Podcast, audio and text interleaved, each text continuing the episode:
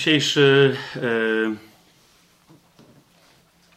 wykład, dzisiejsze studium zaczniemy od modlitwy mm, z pierwszego rozdziału e, Pawła Apostoła do Efezjan e, i skończymy modlitwą, którą Paweł kontynuuje swoje rozważania w trzecim rozdziale mm, tego samego listu do Efezjan. Znaczy, zaczniemy trawestacją i skończymy też trawestacją, niedokładnym cytatem. A dlaczego tak? Dlaczego ten y, ostatni, to nie jest ostatni y, y, wykład, czy ostatnie rozważanie na temat drugiego listu do Koryntian, czy ani nawet nie ostatnie w tym sezonie, bo jeszcze mamy jedno spotkanie, ale ostatnie na temat cierpienia, rozumienia cierpienia w życiu chrześcijańskim.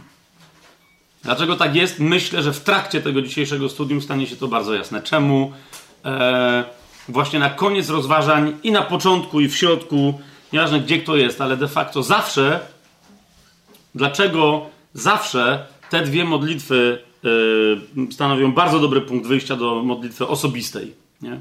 Na dowolnym etapie doświadczania czegoś, co uważamy za cierpienie, e, zmagania się z czyimś cierpieniem, próbowania pomagania komuś, kto cierpi i tak dalej, i tak dalej.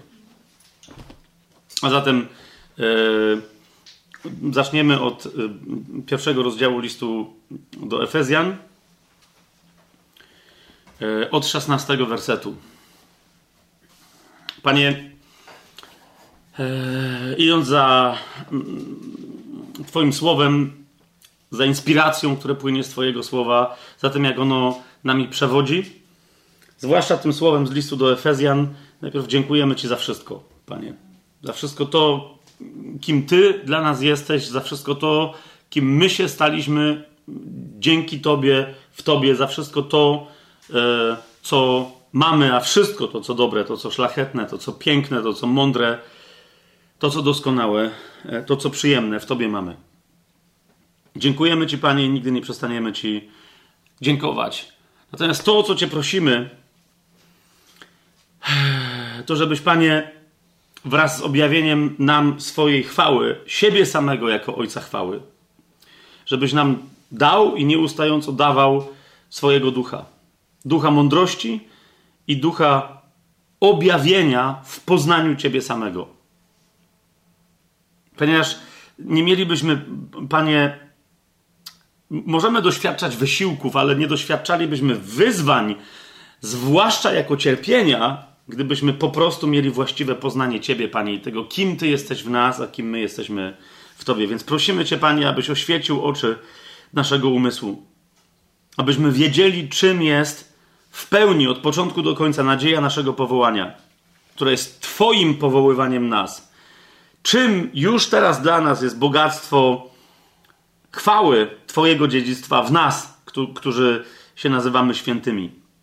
I czym jest przemożna wielkość Twojej mocy, Panie, wobec nas, którzy wierzymy, według działania potęgi Twojej siły. Panie, w tym finałowym rozważaniu, w ostatniej lekcji, którą pobieramy od Ciebie z Twojego słowa na temat tego, czym jest czym może być, czym powinno i nie powinno być cierpienie dla nas. Prosimy Cię, Panie, oświeć nas. Oświeć nas, abyśmy się stali zgodnie z Twoją wolą, tak wolni od cierpienia, jak Ty chcesz, abyśmy byli jeszcze w tym życiu wolni od cierpienia i przynoszący wolność od cierpienia wszystkim innym. Amen. Amen. E, jak powiedziałem, finałowa lekcja. Ostatnio żeśmy zaczęli od tyłu się rozprawiać z tym, co nazwałem e, źródłami e, cierpienia. Zasadniczo były trzy, czyli cielesność w znaczeniu materialnym, nie zmysłowość, tak? nie ciało jako pewien aspekt walki przeciwko duchowi, tylko sam fakt, że, że żyjemy wciąż w materii, potem wynikające z cielesności ciało, ale w sensie zmysłowości, w sensie duszewności i wszystkie z nim związane problemy, i wreszcie grzech, jeżeli ktoś chciałby pójść za porządliwością cielesną. Jak to są trzy zasadnicze e, źródła cierpienia. E, rozważaliśmy ostatnio, czy źródłem cierpienia może być diabeł, e, i w odpowiedzi na to, że no zasadniczo nie, ale jeżeli już pośrednio tak, to jak sobie z tym poradzić? Dzisiaj, zgodnie z tym, co powiedziałem, możemy dopiero wrócić do odpowiedzi na pytanie, jak poradzić sobie z cierpieniem, które pochodzi z tych trzech źródeł, o których mówiłem już jakiś czas temu.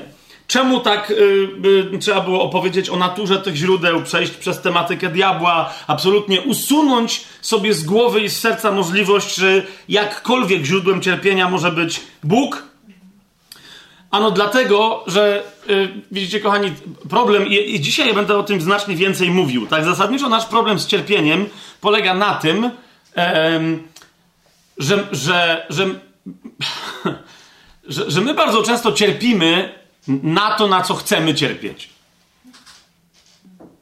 Nie? I, I bywa często, że zmiana perspektywy patrzenia na coś powoduje, że nagle coś przestaje być cierpieniem. A nie zmienia się charakter doświadczenia. Nie wiem, czy rozumiecie, co, co mówię, tak? E, e, e, dawaj dziecku zieloną sałatę. Nie wiem, jak jest teraz, bo dzisiaj dzieci są trochę inaczej wychowywane, ale kiedyś ja na przykład zawsze lubiłem szpinak, ale miałem całą masę kumpli, którzy nienawidzili szpinaku. Nie? Zasadniczo bardziej niż szatana, piekła i nie wiadomo jeszcze, i, i Niemców.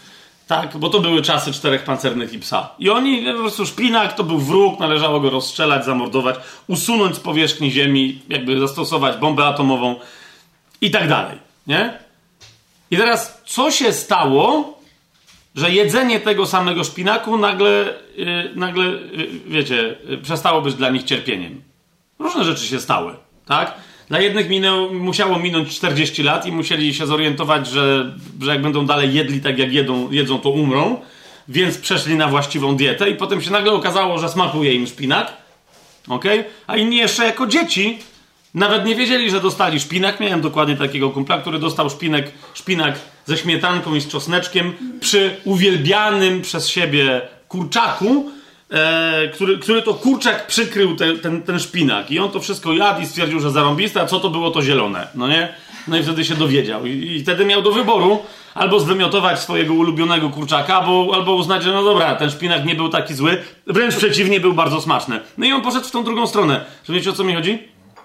I ostatnio, e, więc pierwsza rzecz to jest jakby kwestia zorientowania się, co się naprawdę dzieje. Dlaczego ja twierdzę, że cierpię, albo ktoś twierdzi, że cierpi? Nie? Co, co się tak naprawdę dzieje? Kiedyś, e, pamiętam, miałem taką rozmowę w języku angielskim. E, jakieś 20 lat temu pracowałem w, w Irlandii w szkole. Po angielsku czasem tak jest, że jak ktoś jest bardzo głodny, jest jak, jakoś to się utarło w pewnym momencie. Pytałem starszych y, Anglików, Irlandczyków, wiem, że kiedyś tak nie było. Ale razie utarło się teraz mówić, jak ktoś jest bardzo głodny, żeby, żeby, żeby ktoś wyraził to twierdząc I'm starving. Co dosłownie znaczy umieram z, z głodu, tak? E, właśnie czeznę z powodu tego, że już dawno nic nie jadłem. E, ja pamiętam jak raz, czy drugi, czy trzeci rozmawiałem na ten temat z, mm, e, z, z chłopakami, którzy ktoś tam nie dojadł rano, potem był jakiś trening rugby, e, nie było go na lunchu i potem idąc na kolację, ja tam jednego poprosiłem, żeby jeszcze posprzątał tam jedną rzecz, bo nie była niedosprzątana i on powiedział, czy mógłby tu wrócić po kolacji, gdyż właśnie umiera z głodu. I'm starving, sir, to było, nie? I'm starving. Wiesz, nie, nie, nie. Ja, wiesz, znam parę historii o ludziach, którzy umierali z głodu, ty mi na takiego nie wyglądasz, no nie? Więc najpierw to posprzątaj.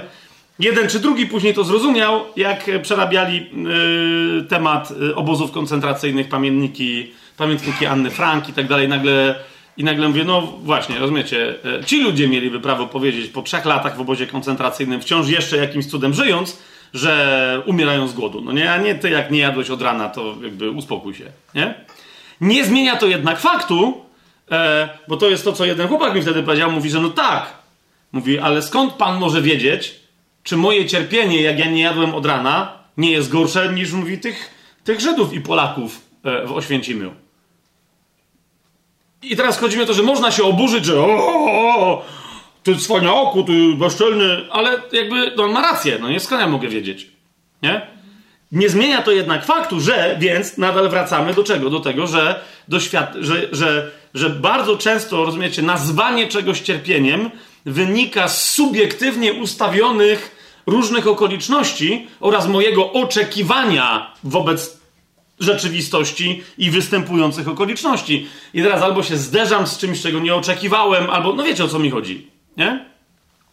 Więc teraz, w momencie, kiedy my, y, ktoś przychodzi i mówi cierpię, albo ja mam takie doświadczenie, że hej, zdaje mi się, że cierpię jako chrześcijanin czy jako chrześcijanka, potrzebujemy, zanim zaczniemy jakoś reagować, typu wołać do Boga o zbawienie, wyratowanie nas z tego ciężkiego cierpienia, albo coś, potrzebujemy zdiagnozować sytuację, odpowiedzieć sobie na pytanie, co się teraz dzieje. Nie? Czyli to, czego ja doświadczam, w wyniku czego doświadczam czego. Są dwie rzeczy, tak? Czyli co powoduje to, że mnie się teraz wydaje, że cierpię. I teraz jeszcze raz, ja nie chcę bagatelizować niczyjego cierpienia. Czy to jest jasne? Tak? Ale może się okazać, że dzisiaj będziemy troszeczkę do tego zmierzać, parę przykładów sobie pokażemy, że w pewnych okolicznościach cierpienie przestaje być cierpieniem, kiedy dostrzegasz sens całej sytuacji, w której bierzesz udział i wydaje ci się, że cierpisz. Ok? Są też takie sytuacje, które rzeczywiście e, źródła, które powodują cierpienie, obiektywnie rzecz ujmując, tak? Ehm, i, I teraz sęk w tym, co z nimi zrobić. Otóż, pierwsza e, rzecz, o której mówiliśmy, pierwsze źródło, teraz dlatego mówiliśmy o, o naturach innych źródeł, po co? Po to, żebyśmy byli e, w stanie, e, żeby, żeby, żebyśmy mogli łatwiej diagnozować. Nie? Co się teraz dzieje? Ten ktoś jest chory. Tak? I, a więc cierpi. Ale teraz widzisz, pytanie brzmi, ale z jakiego powodu jest chory? Niektórzy mówią, no jest chory, bo jest chory. No właśnie nie. Tak? Czyli na przykład y, ktoś przychodzi i mówi, moja babcia jest chora, czy możesz się za nią pomodlić? Ale co się stało? Teraz widzisz, ta babcia nie była właściwie, jak się dzisiaj mówi, zaopiekowana przez swoją rodzinę. W jednym momencie nie posłuchała też e, ich tam pewnych porad. Nie, może nie mogła, bo, bo ma też Alzheimera. W każdym razie zrobi, gdzieś tam poszła, kiedy nie powinna pójść i gdzie nie powinna pójść. Przewróciła się, złamała sobie biodro, a więc nie jest chora. Rozumiecie o co mi chodzi? Ona nie jest, ona cierpi fizycznie, boli ją to biodro, tak? Ale w dużej mierze całe to cierpienie wynika z czego? Z braku opieki, a więc to może być czyjś grzech, czyjeś zaniedbanie, albo po prostu, ale też z drugiej strony wynika z czego? Ze starości. Nie? Nadal, to, to nie znaczy, że a, no to skoro starość, to, to, niech, to niech, skoro starość, to niech ona cierpi. Nie, nie wierzę, to mamy coś nadal zrobić. Idzie mi tylko o to, żebyśmy wtedy na przykład nie wychodzili szybko do koncepcji, że ona jest prześladowana e, przez, przez jakiegoś ducha utrapienia fizycznego. Czy wiesz o co mi chodzi? Nagle, żeby się modlić o uwolnienie, że coś. Nie, nie.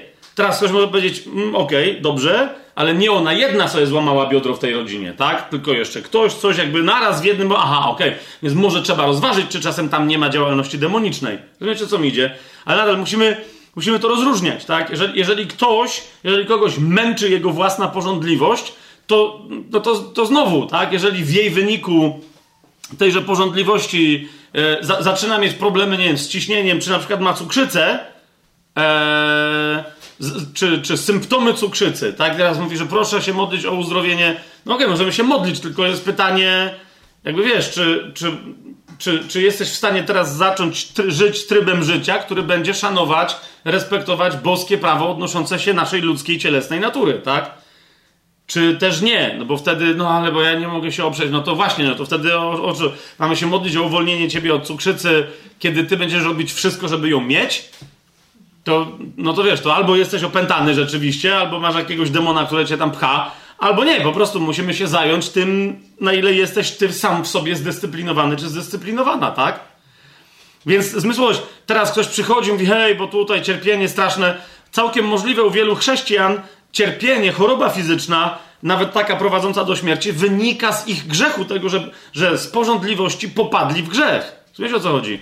Słowo Boże jest w tej kwestii absolutnie jasne. Tak? Paweł do Koryntian mówi, że przez ich nierozpoznawanie ciała pańskiego, mówi, wielu z was choruje, a niektórzy nawet pomarli, i tak dalej, i tak dalej. My o tym też będziemy więcej mówić. A więc wtedy nie ma co, wiecie, e, się zastanawiać e, nad e, modlitwą o uzdrowienie, czy, wiecie, proszenie o cud, bo istotniejszym cudem, no, nie cudem, tylko to nie jest cud, ale, ale nadprzyrodzonym działaniem, którego potrzebujemy, to jest uwolnienie się tego człowieka od grzechu, a to jest kwestia jego woli. Rozumiecie? Bo jeżeli on grzeszy bezwolnie, to nie grzeszy. Tak? Po prostu. Jak ja teraz walnę Piotrka w głowę i on będzie nieprzytomny, włożę mu pistolet do ręki i tym pistoletem zaszczelę Anię, wiecie o co chodzi? No to kto zaszczelił Anię? Piotrek? Co z tego, że będą odciski palców na, na tym pistolecie jego? Rozumiecie o co, o co idzie? Ja, on nawet nic nie wiedział. Tak? Nawet nic nie wiedział. Podobnie jakbym go zrzucił i by spadł na Marcina i, go, i niechcący Marcina zabił. No ale to, no to ja, nie Piotrek go zabił, no nie? Ale to było ciało Piotra. Uspokój się. Tak? Co ma do rzeczy? Więc e, kiedy rozważamy, e, rozumiecie, czy to pomagając innym, czy pomagając sobie, potrzebujemy naprawdę uczciwie przebadać siebie samych, co jest grane. Nie? Co się naprawdę teraz dzieje, że ja cierpię? I teraz widzicie, często, często, gęsto się okaże, że ja cierpię z żadnego z tych powodów tutaj, bo ktoś powie, grzech nie, e, porządliwość nie, nie, nie doświadczam pokus. Świat e, w sensie cie, e, cielesności, materialności, no nie, no bo to nie, nie wynika z mojej starości, z czegoś, że nie, to co się w takim razie dzieje? No właśnie, może się jeszcze coś dzieje, o czym dzisiaj będziemy mówić, e, czego nie rozpoznajesz we właściwy sposób i nie widząc sensu tego czegoś, opierasz się temu czemuś. Hmm? Okej. Okay. Ale, ale, ale, jak sobie radzić, to będzie pierwsza rzecz, z cielesnością, a więc z materią. A więc, yy, yy, krótko mówiąc, jak zapobiec, wiecie, pierwsze trzy rzeczy, o których będę mówić, to jest nie jak e, nie tyle, nie, nie, jak nie cierpieć z powodu tych trzech rzeczy, ale jak nie dopuścić, żeby ty, te trzy rzeczy wywołały w nas cierpienie. Czyli jaką prewencję zastosować wobec tych trzech rzeczy i ich natury, żeby one nie wywoływały w nas cierpienia. Czy to jest jasne? I jeżeli już niestety te rzeczy dojdą do głosu, no to wtedy jest pytanie, co zrobić z efektami e, tych trzech rzeczy, gdy doszły do głosu. Ale najpierw, jak nie dopuścić, żeby te rzeczy doszły do głosu. Pierwsza rzecz to jest, jak nie dopuścić, żeby to, że jesteśmy w materii, doszło do głosu. No bo jak nie dopuścić, żeby doszło do głosu moje ciało? No przecież to jest.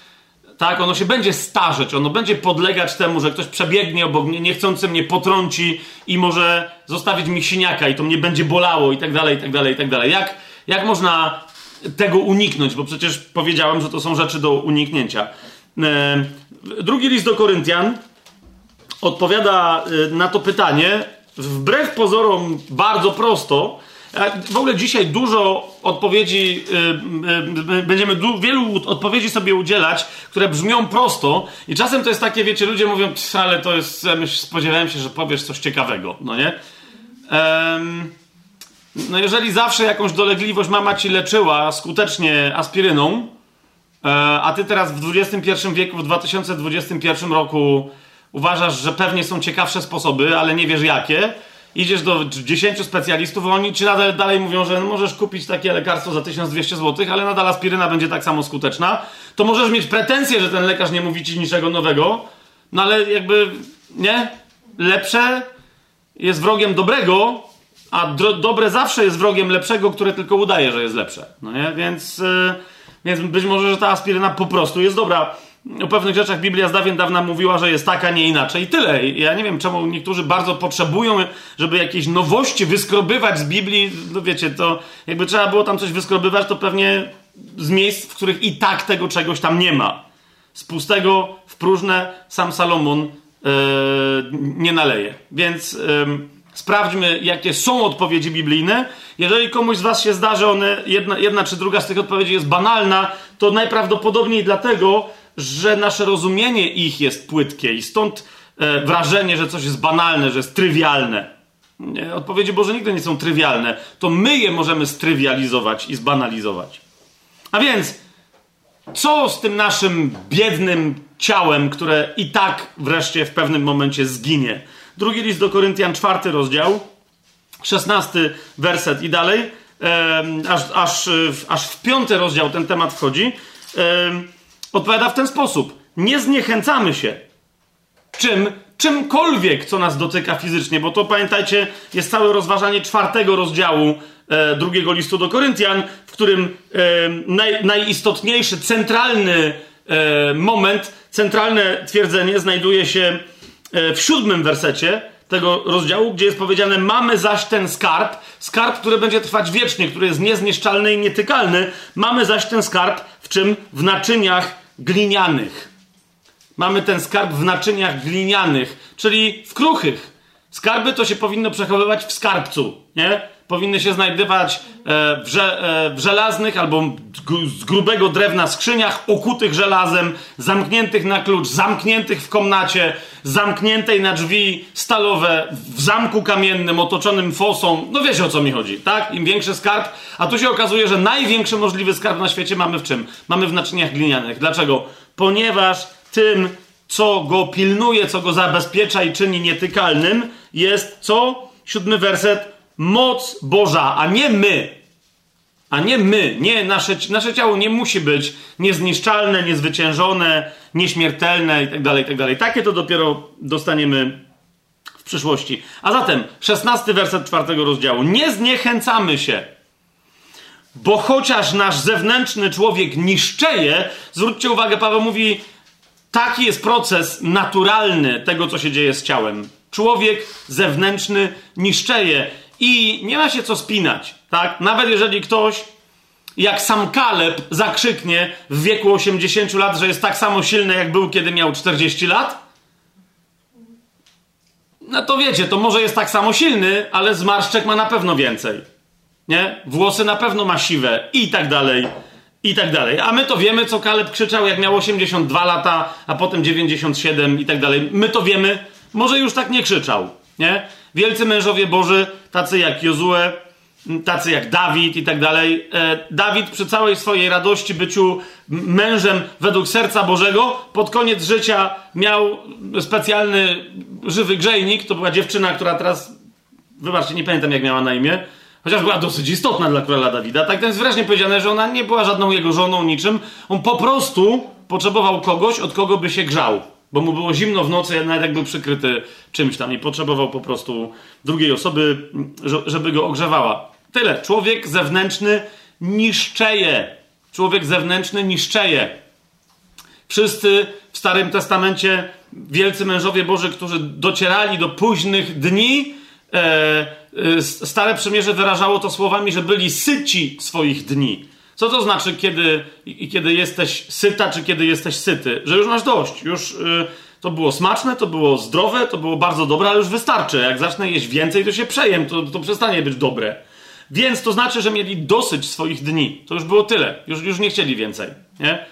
Wynikiem, to, to wrażenie jest, jest głównie wynikiem czego? Zniszczenia zewnętrznego człowieka, który już nie masz się czym cieszyć. No nie? Nie masz narzędzia, przy pomocy którego możesz się cieszyć. Nie? Jeśli powie, patrz jaka ładna pogoda, wyjdźmy na spacer, a to już no fajnie, ja już nie chodziłem od trzech lat. I tak dalej, i tak dalej. No, więc, więc fajnie, że jest ładna pogoda, nie? A nie odróżniam, czy jest noc, czy dzień, bo jestem ślepy i tak dalej, i tak dalej. Więc Paweł mówi, nie zniechęcamy się, bo, mówi, chociaż w sposób naturalny, z dnia na dzień nasz zewnętrzny człowiek niszczeje, to jednak wewnętrzny odnawia się z dnia na dzień. A więc zauważcie, że na pytanie, co zrobić ze, ze, ze zmęczeniem materiału, ze starzeniem się materii, nie tylko naszej, ale materii całego świata. To jest trochę inny temat, nie, nie na drugi list do Koryntian i nie w związku z cierpieniem, ale cały świat doświadcza starzenia się materialny. I o tym Biblia mówi w wielu miejscach, ale o tym jeszcze raz, kiedy indziej. To dlatego musi być odnowiony raz na zawsze. Ta, ta natura materialnego świata musi być odnowiona. To Paweł mówi, to co nas utrzymuje w pełni żywotności, zwróćcie na to uwagę, to jest patrzenie nie na treść widzialną, ale treść niewidzialną. Wsłuchiwanie się nie w proces naturalny, według którego żyje, a raczej umiera ciało, lecz wpatrywanie się i wsłuchiwanie się w proces nadprzyrodzony, okay? w proces naturalny dla ducha, w którym co się dzieje? Dzieje się tylko lepiej. Nie? W którym duch dojrzewa, dorasta, już się nie może doczekać do momentu, w którym, w którym doświadczy pełni mocy. Tak? Yy, zresztą Paweł Yy, za chwilę dokładnie o tym wspomina, zauważcie, mówi, bo ten nasz chwilowy i lekki ucisk przynosi nam przeogromną i wieczną wagę chwały. Kiedy teraz, A więc nawet to, co się wydarzy w przyszłości, to na co dopiero duchowo oczekujemy, już teraz obciąża nas chwałą pod jednym warunkiem. Zauważcie, że 18 werset. Nie patrzymy na to, co widzialne, ale na to, co niewidzialne. Paweł mówi, wtedy jesteś wolny od cierpienia, które może wyniknąć z, yy, z obserwacji procesu starzenia się swojego ciała, zmęczenia materiału, jakim jesteś, zmęczenia materiału wokół ciebie, wręcz materiału kosmicznego i tak dalej, i tak dalej. Nie? Więc Paweł mówi, co trzeba robić? Należy patrzeć na to, co, co duchowe i słuchać z tego, co jest duchowe, a nie patrzeć na to, co jest, yy, co jest materialne, bo to nie jest prawda. Patrzymy na to, co widzialne, co niewidzialne, a nie na to, co, e, co widzialne. I to stanowi rozwiązanie według, według Pawła. Dalej, w piątym rozdziale Paweł kontynuuje, jeszcze dwa wersety przeczytamy. Wiemy bowiem, zobaczcie, że dalej on mówi, bo, bo, a, bo. Dlaczego, dlaczego to wystarczy? Bo wiemy, że jeśli zostanie zniszczony ten namiot naszego ziemskiego mieszkania, to mamy budowlę od Boga, dom nie ręką uczyniony, wieczny w niebiosach. Nie? I on mówi: Ten dom jest we mnie w oczekiwaniu na pełne objawienie się. Tak, we zmartwychwstałym, we zmartwychwstałym ciele. Więc mówi, jedyne, co może spowodować w tobie cierpienie, i to jest pierwsze cierpienie, pamiętacie, o jakim mówiliśmy, tak? Absolutnie pierwsze, które jest nieuchronne. To jest wzdychanie, że jeszcze tego wiecznego namiotu nie mamy. Więc paradoksalnie, zwróćcie uwagę, co cię leczy z jakiegokolwiek cierpienia wynikającego z tego, że, że twoje ciało słabnie, leczy cię to nieuchronne cierpienie, którym jest wzdychanie do ciała nieśmiertelnego, wskrzeszonego na wieki wieków. Nie? Tam, więc lekarstwem i, patrzenie w duchu, nie branie przez wiarę tych rzeczy, które widzimy przez wiarę, bo tego się nie da wziąć. Ok, ale, ale, ale, ale oczekiwanie przez nadzieję, tak? E, i czerpanie z mocy tej, tej, tego, co w przyszłości, już teraz przez nadzieję, to jest czerpanie przez nadzieję, nie przez wiarę. No my jeszcze raz powtarzam, przez wiarę możemy pewne sprowadzić rzeczy do tej rzeczywistości. Przez nadzieję możemy tylko czerpać z mocy rzeczywistości, które nadejdą, ale których nie możemy przyspieszyć. Tak? Więc Paweł mówi, dlatego w, w tym wzdychamy, piąty rozdział, drugi werset, pragnąc przeodziać się w nasz dom z nieba co cię uwolni. Od... I wtedy widzisz, y, y, zmienia się perspektywa i co się wtedy dzieje? E, postrzeganie niszczenia tego, co Paweł nazwał tym namiotem zewnętrznym, przestaje powodować u ciebie cierpienie. Rozumiesz, w momencie, kiedy widzisz, że to jest naturalny proces, im większe tu zniszczenie, tym bliżej prawdopodobnie jesteś tamtego chwalebnego powstania z martwych. Nie? Więc więc to jest tylko kwestia, Paweł mówi, twojej perspektywy. Patrz na to, co niewidzialne, a to, co widzialne, przestanie do ciebie przemawiać. W momencie, kiedy przestanie do ciebie przemawiać, wówczas przestanie cię dotykać. Jasność? Y, otwórzmy sobie Ewangelię Łukasza, ona będzie znacząca. Wiem, że często nie w tym kontekście ludzie ten fragment, który teraz przeczytam, i nie tylko ten, czytają, no ale czytajmy rzeczy, jak są napisane. Tak? To jest Łukasz 21, 21 rozdział. Spójrzcie, jaki jest kontekst. Pan Jezus mówi o tym, że są pewne rzeczy, które przeminą i rzeczy, które absolutnie nie przeminą. Tak? Pamiętacie, Jan później w pierwszym liście o tym powie, że wszystko, co jest ze świata, przeminie, bo cały świat przeminie. Tak? A kto pełni wolę Boga, będzie trwać na wieki, bo to, co się dzieje w wyniku, bo, bo wola Boża trwa na wieki. A więc to, co się dzieje w, w, jej wyniku, to się robi w jej wyniku, kim się człowiek staje w jej wyniku, będzie trwać na wieki. No amen? Teraz popatrzcie na tą sytuację. Łukasz 21, 21 rozdział, 33 werset. Pan Jezus mówi o różnych rzeczach, które przeminą i nie przeminą.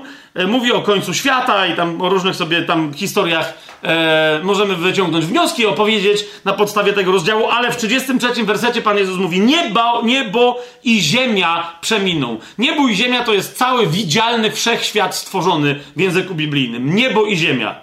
Amen? Niebo i ziemia. I wszystko to, co się dzieje na niebie, pod tym niebem, na ziemi, pod ziemią, w, w odniesieniu do nieba i ziemi. To jest cały widzialny wszechświat stworzony. Ja mówię, to wszystko przeminie, ale moje słowa nie przeminą. No amen? Amen. I teraz patrzcie, co się dzieje. W tym kontekście Pan Jezus co mówi? 34 werset. Pilnujcie się, aby wasze serca nie były obciążone. I teraz zwróćcie uwagę, co ma być obciążone? Serce? Czym? Obżarstwem? No chyba raczej bandzioch. No nie. Zauważ, Pan Jezus mówi, że zaspokajanie potrzeb ciała, zwłaszcza kiedy ciało do, do ciebie mówi, hej, bo ja cierpię, i w sposób nadmierny, a nawet nienadmierny, skoncentrowanie się na tym, żeby twoje ciało za bardzo nie cierpiało, albo żeby w ogóle nie cierpiało, Pan Jezus mówi, że obciąży twoje serce. Ok? Mówi, pilnujcie się, aby wasze serca nie były obciążone, zwróćcie uwagę, obżarstwem, pijaństwem, no to ktoś powie, to, ale to są grzechy, to są grzechy ekscesywne. Jedzenie jest dobre, obżeranie się jest złe. Picie jest dobre, opijanie się, zwłaszcza alkoholami, czymś tam jest złe. No to w takim razie mamy y, trzeci bardzo y, interesujący wyraz, czyli y, żeby pilnujcie się, aby wasze serca nie były obciążone czym? Troską o to życie. Bardzo interesujące, bo ja się zastanawiałem, e, pamiętam kiedyś, jak byłem bardzo zaskoczony, jaki tu jest wyraz, nie? Bo, bo w wielu e, tłumaczeniach tu jest przetłumaczone jako życie. Czy tu jest wyraz bios, czyli e, troską o życie biologiczne, czy też wyraz psyche, które czasem się, jakby wiecie, zamiennie się pojawiają, czyli e, troską o waszą duszę. Ku mojemu zdumieniu odkryłem, że, że znajduje się tu wyraz e, biotikos, który oznacza życie biologiczne i wszystko, co się z nim wiąże. Ok?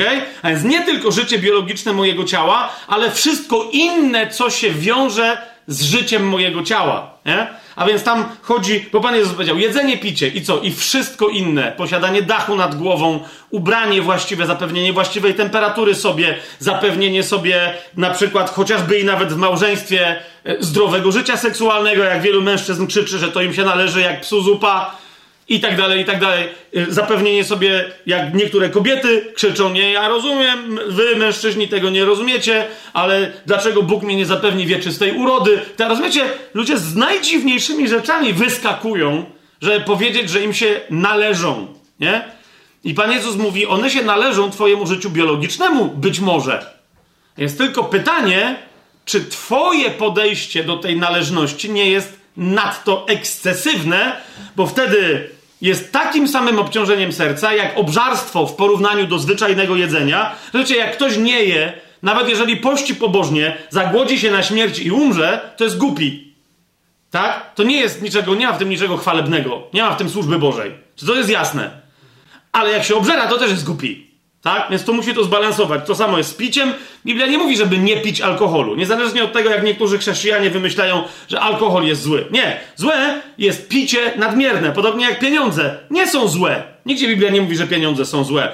Co jest źródłem wszelkiego zła? Miłość, do pieniędzy. I to, do, widzicie, i to dokładnie jest ten biotikos. To jest biotikos, kiedy ktoś mówi to, co jest absolutnie potrzebne do mojego życia, a gdy, gdy tymczasem to jest potrzebne, niekoniecznie absolutnie, czemu? Mojemu życiu biologicznemu. Nie? Więc Jezus tutaj mówi: pilnujcie się, aby wasze serca nie były obciążone obżarstwem, pijaństwem, troską o to życie biologiczne i wszystko, co się z nim wiąże, aby ten dzień was nie zaskoczył.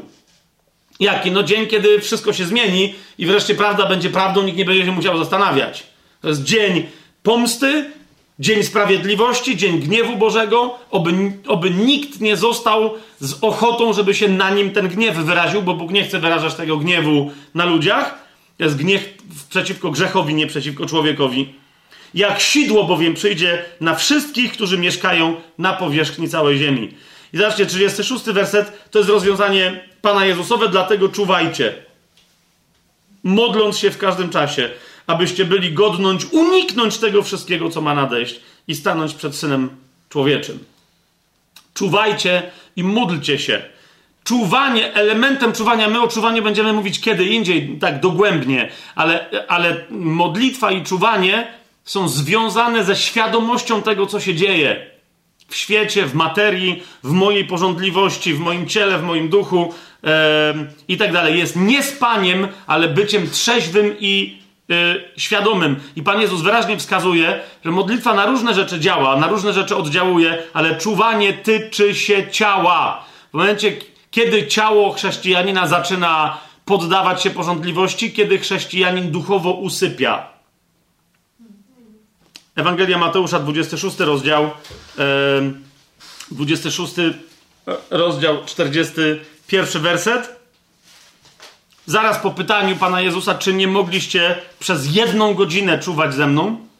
Pan Jezus mówi, to jest kwestia, to jest problem waszego ducha, nie waszego ciała. Ktoś powie, nie, no zaraz, przecież Pan Jezus mówi, że to jest problem ciała. Nie, Pan Jezus nie mówi, że to jest problem ciała. To jest 26 rozdział mm, Ewangelii Mateusza. Jeszcze raz, zwróćcie uwagę, co Pan Jezus mówi, 41 werset. Czuwajcie i módlcie się, abyście nie ulegli pokusie. I co mówi? Duch wprawdzie jest ochoczy, ale ciało słabe.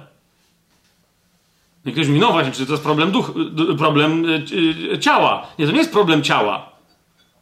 Bo byłby to. Problem się rozwiązuje. To nie jest problem do rozwiązania. Ciało nigdy nie przestanie być słabe. Czy to jest jasne? Po prostu ciało takie będzie. Chodzi o co? Że chodzi o to, żeby duch był silniejszy niż ciało, które zawsze będzie słabe. Żeby duch miał siłę ulecieć wzwyż, ciągnąć za sobą ciało, które będzie grawitować w stronę tego, co niskie, w stronę ziemi. Jasne? I dlatego Pan Jezus mówi, czuwajcie i módlcie się. Nie po to, żeby wzmocnić ciało, bo jest słabe, ale żeby ducha ochoczego wzmocnić, żeby na ochocie nie poprzestał, ale żeby ochotę realizował. Amen? A więc jeszcze raz o pokusie to dopiero za chwilę będziemy mówić, ale jeszcze raz zwróćcie uwagę, Pan Jezus nie mówi, żeby zmieniać ciało. Jego natura jest jaka jest i taką jaka jest pozostanie. Otwórzmy sobie Księgę Kaznodziei, bo jeżeli już o tym mówimy, Pamiętam kiedyś rozmowę z jednym filozofem takim lewicującym, to interesująca bardzo rozmowa. On tam się ekscytował, że, że nawet w Biblii y, znajdziemy marksizm. No nie? Marksizm nie jest, jakby wiecie, zbyt modną dzisiaj filozofią, ale to była rozmowa z filozofem w Warszawie ponad 15 lat temu i on wtedy trochę krył się z tym marksizmem, to nazywał to jakimś tam filozoficznym materializmem czegoś tam czegoś. Ale chodziło o marksizm, no nie? Jak już wreszcie powiedziałem, że stary, ale co się tam spinasz, no nie? Mnie możesz nazwać jak chcesz, siebie też możesz, no, jesteś marksistą, nie? Ja mówię, a jestem, nie? No to, no właśnie, nie? I on mówi, że no, ale wiesz, ale są, nawet, nawet w Biblii są autorzy, którzy są marksistami. Mówię, to jest ciekawe, no nie? Bo wszyscy autorzy według mnie są natchnieni przez jednego, a ten jeden, jakby trudno, żeby był marksistą, czyli materialistą, skoro sam jest duchem. I on mówi, no nie, no jest przecież trzeci rozdział Koheleta, czyli Księgi Kaznodziei, nie? gdzie y, mówi y, y, trzeci rozdział, dziewiętnasty werset. Mówi, przecież, przecież to Biblia stwierdza. Niektórzy się boją tych fragmentów tutaj, bo mówią, no rzeczywiście Biblia to stwierdza.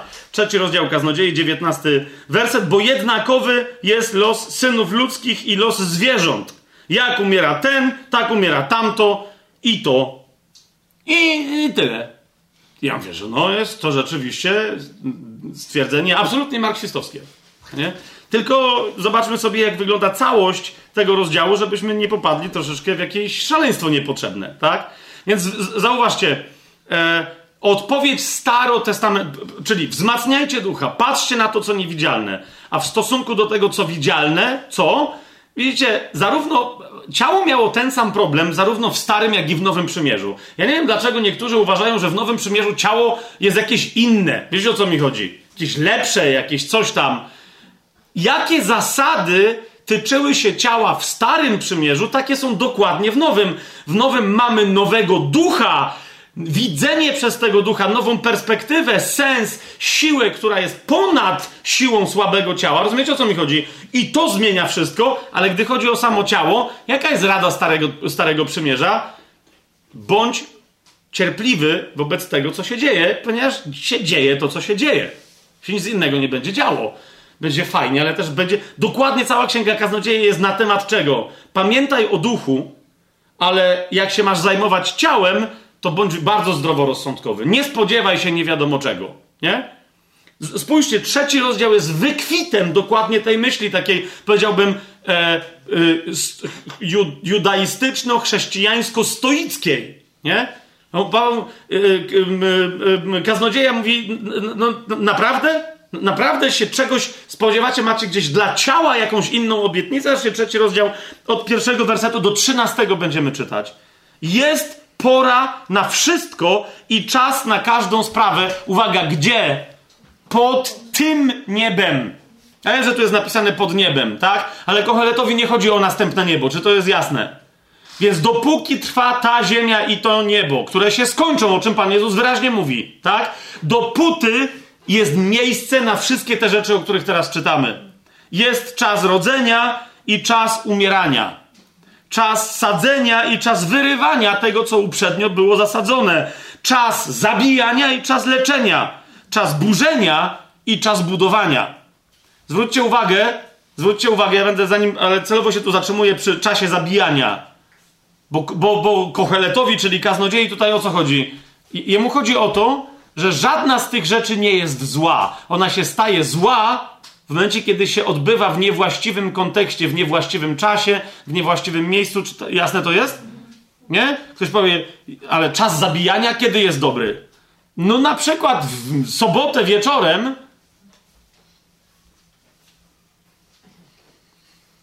jak wiesz, że w niedzielę chcesz zjeść rosół. To jest bardzo dobry czas na zabijanie kury. Wiecie o co mi chodzi? Ja, że ktoś chce zjeść kiedy... Rozumiecie o co mi idzie? I to jest, to jest czas zabijania. Nie ma się co oszukiwać, że my mm, nie posyłamy koguta na łono Abrahama. No nie! Tak? Bo, bo myślał kogut o niedzieli, a w sobotę mu łeb ucięli, a nie posłali go na żadne łono Abrahama. Więc czas zabijania, tylko on mówi, ale są też momenty, kiedy, no nie. Wiesz, jest kwestia, na które momenty jesteś gotowy, na które nie. Hmm? Czas zabijania i czas leczenia, czas burzenia i czas budowania, czas płaczu i czas śmiechu, czas smutku i czas pląsów, czas rzucania kamieni i czas zbierania kamieni, czas uścisków i czas powstrzymywania się od jakichkolwiek uścisków, czas szukania i czas tracenia, czas zachowania i czas wyrzucania, czas rozdzierania i czas zszywania, czas milczenia i czas mówienia, czas miłowania i czas nienawiści, czas wojny i czas pokoju. I teraz zauważcie, po tej do, dokładnie zwróćcie uwagę, w jakim kontekście najpierw zadaje kaznodzieja pytanie, jaki pożytek ma ten, kto pracuje z całego swojego trudu. To akurat nie jest pytanie, jak wiele pytań u Kocheleta traktowane jest jako pytania retoryczne. Pada u niego z rzadka pytanie retoryczne, tam gdzie już wcześniej udzielił odpowiedzi, to potem zadaje pytanie retoryczne. Tu trochę udzielił, trochę nie, więc to nie jest pytanie retoryczne. On się naprawdę pyta, skoro tak jest, że na wszystko jest czas, czyli no to sadziłeś, potem zbierzesz, no nie? Ale, ale, ale, ale, ale może to, co zbierzesz, ma być zniszczone przez kogoś, bo Bóg to tak zaplanował, jakby po co się trudzić? Jaki jest sens, żeby się trudzić? I, I popatrzcie teraz dalej, jaka jest jego odpowiedź. Widziałem pracę, którą Bóg dał synom ludzkim, aby się nią trudzili. To jest, to jest jasna odpowiedź jego.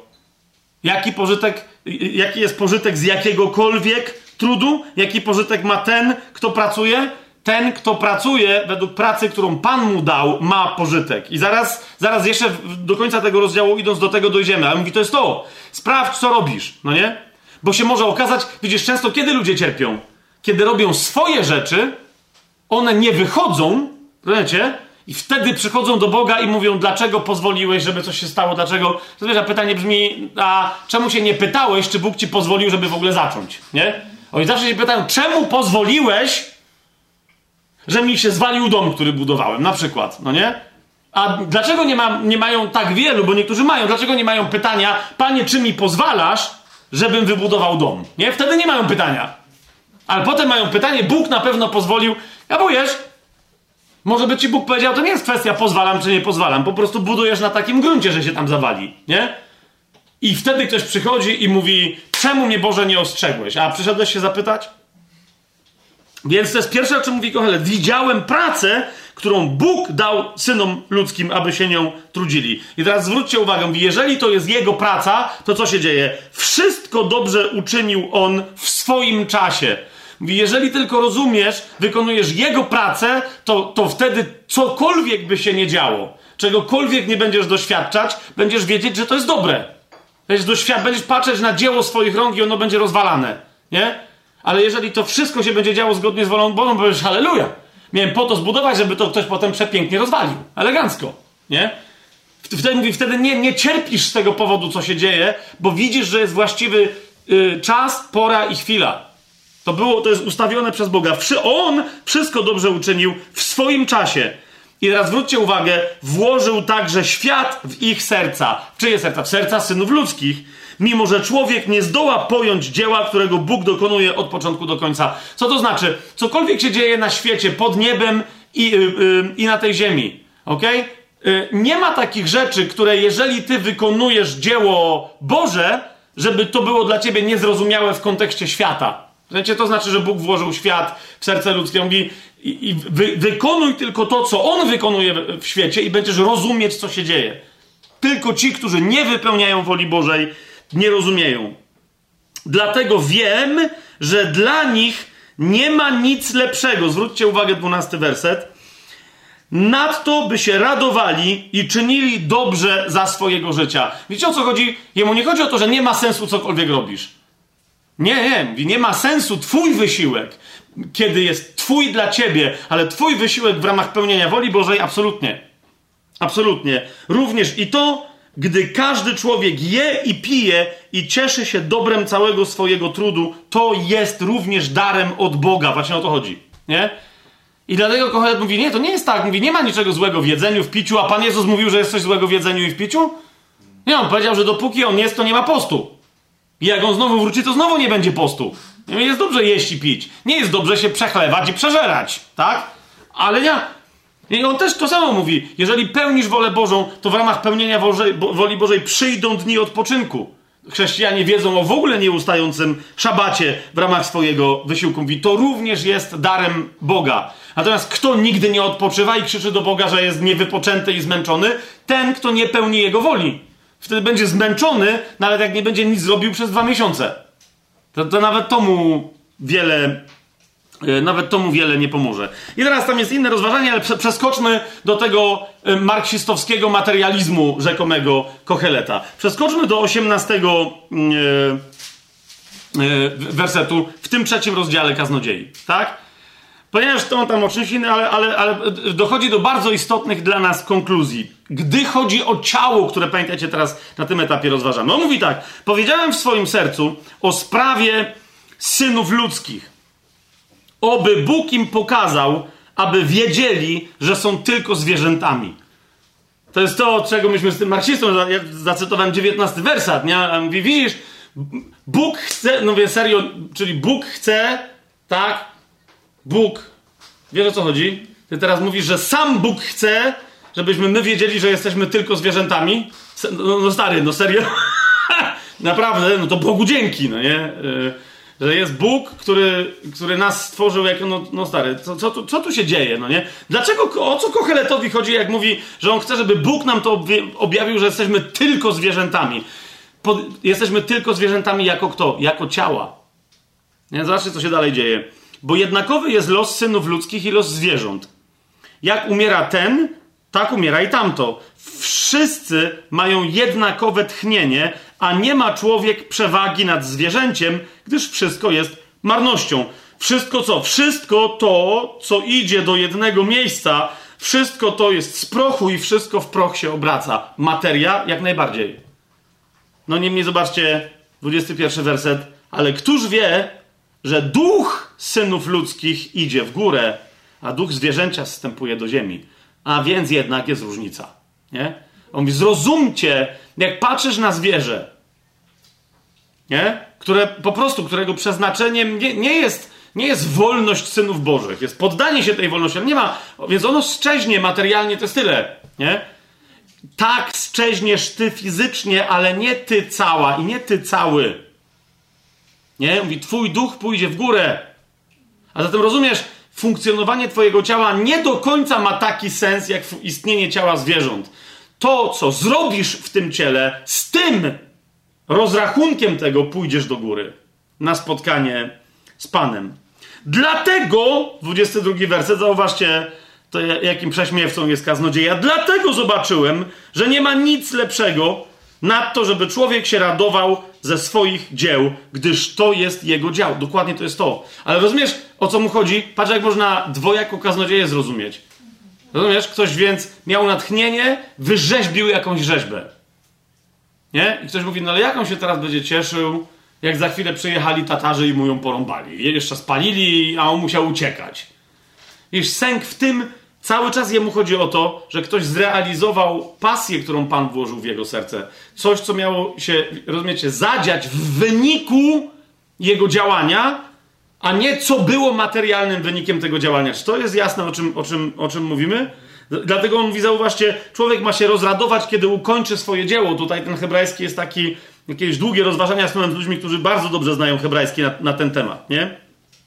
E, I że tu jest bardzo jasne, że chodzi o pewien stan ducha człowieka, który dokończy dzieła, że go dokończył, a nie fakt, że potem to dzieło będzie trwać. Bo to nie ma żadnego dla Boga, yy, ani dla tego kogoś nie powinno mieć żadnego znaczenia. Nie? Zwróćcie uwagę na samo ostatnie zdanie 22 wersetu trzeciego rozdziału. Któż bowiem doprowadzi go do tego, aby poznał to, co ma być po nim? Właśnie o to chodzi, tak? Sęk w tym, że jedynym sensem naszych działań jest to jest zrobienie części tej całości, którą zna tylko Bóg. Nie? Którą zna tylko Bóg, o której była mowa w tej pierwszej części tego trzeciego y, rozdziału. On ma ogląd całości. Nie? On ma ogląd całości. I dlatego, kochani, tylko o tyle coś rzeczywistym jest cierpieniem, jeżeli wynika ze słabości naszego ciała, i ta słabość zaczyna przeszkadzać nam w pełnieniu woli Bożej. Czy to jest jasne, co, co ja mówię? To, to jest to, co często Reinhardt, wiecie, podnosi z giełk. Eee, on, on, miał parę takich nauczań w Stanach Zjednoczonych, czy dla Amerykanów. Eee, nie pamiętam teraz dokładnie, jak się to jedno z nich nazywało, które, które mi teraz przychodzi na myśl, ale to było coś w stylu temat tego, czy tytuł wręcz tego kazania, które Reinhardt tam wtedy wygłaszał, że nie może ktoś mówić o czymkolwiek duchowym, o dyscyplinie duchowej, o owocach duchowych, nie może się spodziewać skuteczności duchowej, jeżeli nie potrafi powstrzymać się przed pączkiem. Nie? To było jego. No i tam wiecie, było, że co ma wspólnego jedno z drugim, tak? To zwłaszcza, że większość głosicieli, no nie większość, ale bardzo dużo, coraz więcej głosicieli, nauczycieli, ewangelistów, ewangelistek, innych tam usługujących osób w Stanach to są osoby bardzo otyłe tak? Niektórzy z nich albo zrezygnowali ze służby e, ze względu na otyłość, albo e, po prostu umarli ze względu na otyłość. To ja wiem, że o tym się mało w Polsce mówi, ale taka jest prawda. Nie? Ja teraz konkretne nazwiska mógłbym wam podać, nie chcę, nie chcę ich mówić. Ludzi, którzy żyją, dzięki którym e, na przykład na język polski było, były przetłumaczone bardzo dobre książki e, zostały opowiedziane historie na przykład z kościoła podziemnego dzięki śmiałym, odważnym, wiesz o kim mówię, e, Tymek, e, misjonarzom amerykańskim, którzy dzisiaj dalej żyją, ale są wyłączeni ze służby, bo na przykład taki misjonarz waży dzisiaj 180 kilo i ledwo żyje. Rozumiecie, nie? Mając zaledwie tam 50 e, parę lat, więc o to mi chodzi, nie? Yy, ten sam Reinhard, ale nie tylko on, bo już słyszałem paru innych kaznodziejów, zwłaszcza w Stanach, krzyczą o tym, że, że, że, że wielu usługujących i nie wielu ludzi w kościele odchodzi przedwcześnie, niezgodnie z wolą Bożą, gdyż w sposób oczywisty, niezgodnie z wolą Bożą popełniają powolne samobójstwo przy pomocy noża i widelca. Nie? I to jest dokładnie to. Ja się, co potem, wiecie, że ktoś potem powie, no ale moje ciało, wiesz, mi nie pozwala.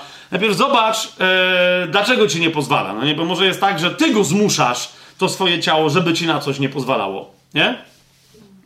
Um, otwórzmy sobie jeszcze na, na sam koniec list Jakubowy, bo myślę, że co miało być powiedziane, to jest powiedziane, mamy, się, mamy o to, co cielesne mamy dbać, o tyle, o ile nie przesadzać y, z walką o doskonałość ciała, ale nie doprowadzać też tego ciała niepotrzebnie z naszej winy do choroby.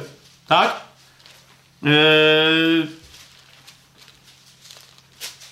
Pamiętam taką rozmowę y, z, z jednym y, bratem, się zatrzymaliśmy i do mnie tam coś zaczepiał, ja jego też, tak żartobliwie. Ale wreszcie tak przeszliśmy z żartów do poważnych rozważań, nie opozycyjnych, tak? Bo się nie, no, nie kłóciliśmy, ale to było, to były jeszcze czasy, jak, jak za, zaglądałem czasami, zwłaszcza po drodze, gdzieś tam w trasie będąc do fast foodów, żeby coś zjeść i czegoś się napić. E, I stwierdziliśmy, że Pan Jezus dał obietnicę e, swoim uczniom, że cokolwiek zatrutego wypiją, nie zaszkodzi im. Więc możemy pić kole. Ale jest pytanie, czy do tej coli, aby na pewno e, smażone frytki z hamburgerami, z czymś tam jeszcze, czy to. Nie, i wtedy rozważaliśmy, co tam jest złe, co nie jest złe i tak dalej. Czy, czy, czy w to picie wchodzi jedzenie? Uznaliśmy, że no jednak nie. No więc. No ale potem ja sam miałem takie rozważanie, że dobrze, fakt, wiecie, czy fakt, że skoro wypijemy coś zatrutego, nam nie zaszkodzi, czy nas rozgrzesza ze świadomego picia trucizny. I teraz nie chodzi mi o to, żeby zaś mnie Coca-Cola tam nie oskarżała, czy Pepsi, no nie? Że ja teraz mówię, że, że jak ktoś pije tego typu rzeczy, to że od razu koniecznie umrze, bo to jest trucizna. Ale wiecie o co mi chodzi, tak? Bo chodzi też o inne rzeczy, które ewidentnie są trujące. Nie? I, i, więc jeżeli ty masz taką obietnicę, że od tego nie umrzesz, to jest pytanie, że no, no okej, okay, ale, ale o jakie sytuacje Panu Jezusowi chodziło? O, o takie, które my sprokurowaliśmy i za które jesteśmy odpowiedzialni, czy o takie, które są e, rzadkie, zwłaszcza takie, gdzie ktoś nas atakuje, chce nas otruć i to na nas nie działa. Nie? Bo to samo się tyczy, to jest dokładnie ten sam fragment, to jest 16 rozdział Marka, tak? Na samym końcu. Węże brać będą do rąk i teraz jakby wiecie, Paweł, nigdzie w Biblii nie widzimy nikogo, kto szuka węża, żeby go wziąć do rąk, a do widego powiedzieć, ha, ha, zobaczcie, mam znak, nie? Ale jak już Paweł wziął na ręcze suchych gałęzi i z nich wylazła żmija i go ukąsiła, to ją wziął do ręki i ją wywalił i mu się nic nie stało, tak? Więc jak teraz, wiecie, tu i ówdzie, cały czas jak słyszę w Stanach Zjednoczonych, zwłaszcza, że wiecie, wracają do gry te takie dziwaczne kościółki niby zielonoświątkowe, gdzie najważniejszą rzeczą jest demonstracja, że ktoś tam wężami macha na nabożeństwie, no to jakby to serio o to chodzi, no to jak tak, to jeszcze pijcie jakąś, nie wiem, e, ropę z rtęcią albo tak, no bo to też wam nie zaszkodzi i jeszcze parę innych rzeczy róbcie. Jak, jak machacie wężami, to też uzdrawiajcie chorych od razu i tak, a nie tylko wybraliście sobie jedną rzecz, bo, bo złapaliście na czym trik polega, nie? Zatem jeszcze raz, nasza odpowiedzialność. E, I teraz otwórzmy, ale w tym wszystkim, w tym wszystkim jest jedna, ta, to jest ta cecha, o której cały czas de facto mówi kaznodzieja pański. Zwróćcie uwagę. I Jakub do tego się odwołuje, mianowicie, gdy chodzi o to, co się tyczy materialności tego świata, co się tyczy wszystkiego, co jest związane z tym materialnym światem, nade wszystko, bracia i siostry, miejmy cierpliwość. Ok? Jakub w piątym y, rozdziale, w siódmym i w ósmym wersecie powiada, i to jest najważniejsza zasada, tak? Bądźcie więc cierpliwi, bracia, aż do przyjścia Pana. Oto rolnik cierpliwie czeka na cenny plon ziemi, dopóki nie spadnie deszcz wczesny i późny. Bądźcie i wy cierpliwi i umacniajcie swoje serca, bo przyjście Pana jest bliskie. Widzisz, to patrzenie E, to patrzenie na, na powrót Pana, na to, co jeszcze niewidzialne, wgląd i opieranie się dokładnie na tym, co niematerialne, powoduje w nas cierpliwość wobec tego wszystkiego, co niekomfortowe w tym, co materialne. Jest, jest, to, jest to jasne? E, temat cierpliwości to jest w ogóle jakby jeszcze osobny temat, a, ale zwróć uwagę, wpatry, Wpatrywanie się w powrót Pana jest wpatrywaniem się w Pana. Jest częścią naśladowania Go. Pierwszy, który cierpi, i uważajcie na to, co teraz powiem, biorę odpowiedzialność za to, co mówię. Pierwszym, który cierpi z powodu tego materialnego świata, jest nadal Jezus. Dlaczego? Bo w tym materialnym świecie wciąż jest miejsce, ten materialny świat, jako świat daje przestrzeń grzechowi, diabłu, piekłu, śmierci i niesprawiedliwości. Nie? A więc yy, zobaczcie, jak na przykład Jan na początku potężnej księgi objawienia Jezusa zmartwychwstałego, tego kim on jest, a zwłaszcza kim jest jako ten, który przychodzi i kim on będzie, gdy przyjdzie, w pierwszym rozdziale yy, Jan, jako ten, który ma obwieszczać to, co mu ten Jezus przekazał, pozdrawia nas w następujący yy, sposób. To jest pierwszy rozdział księgi objawienia, dziewiąty werset. Ja Jan, który też jestem waszym bratem współuczestnik, i współuczestnikiem w ucisku i królestwie, uważajcie, oraz w cierpliwości Jezusa Chrystusa. Powiada, byłem na wyspie zwanej Patmos i zaczyna opowieść, nie? Więc Jakub mówi, bądźcie cierpliwi, naśladujcie rolnika, który rzucił... Yy, zwróćcie uwagę, Pan jest siewcą. On rzucił ziarno w ziemię, ono wzrasta i tak dalej, on przyjdzie na żniwo. Nie? Ale dopóki to żniwo, nie, on nie powie, dobra, to już jest tyle, już nie będzie więcej dojrzałe, nie będzie więcej dojrzałego żniwa. Do tej pory cierpliwie czeka i pozwala pomiędzy jego błogosławionymi roślinami rosnąć też wszelkiego rodzaju badziewiu, chwastą. I on cierpliwie czeka. Nie? Taki jest ten świat. On się zmieni. Skoro on jest cierpliwy, to my też bądźmy cierpliwi. Jeżeli ktoś powiada, no na co ja mam patrzeć, na powrót Pana, na królestwo, zauważcie, jestem waszym współuczestnikiem w cierpieniu całym tego świata, w ucisku, w królestwie, które ma nadejść, ale nade wszystko w, w cierpliwości Jezusa Chrystusa. Bądźmy my cierpliwi, tak jak On jest cierpliwy wobec tego, jaka jest natura tego świata, która ma swój czas, a ten czas jest skończony. Amen? Ok. Dwa. Zmysłowość. Zmysłowość. Ok? Zmysłowość. O zmysłowości zwróćcie uwagę. Niechcący i chcący. E, de facto mówiliśmy ostatnio. Ponieważ w jaki sposób przemawia Twoja zmysłowość, Twoja cielesność, kiedy już przemawia? A więc kiedy z jakiegoś powodu dopuścisz ją do głosu.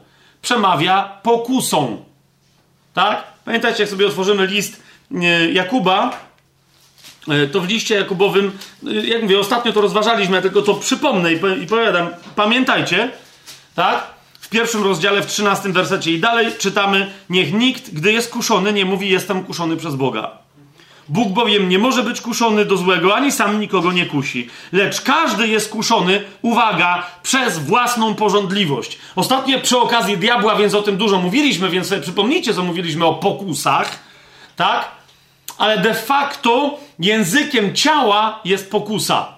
Czyja jest pokusa? Jest moja. Tak na to ja sam siebie kuszę. Znaczy, z drugiej strony nie ja sam, bo jeżeli umarłem dla tego świata, to moje ciało jest martwe, a więc kusi mnie pozostałość po tym, kim kiedyś byłem. To nie jestem ja. Jasne? Problem się zaczyna, kiedy ja, duchowy, zaczynam się utożsamiać z tym czymś, co powinno być kupą martwego łajna, a z jakiegoś powodu zaczyna mi pachnieć zamiast śmierdzieć. Tak?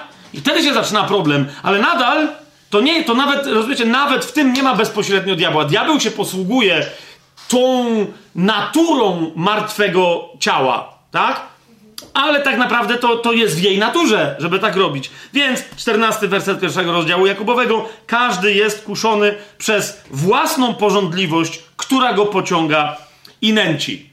I jeżeli e, powstaje w wyniku e, ulegania pokusom grzech, to znowu to on dokładnie w tym procesie powstaje. 15 werset, następnie porządliwość, gdy pocznie, rodzi grzech, a grzech, gdy będzie wykonany, rodzi śmierć.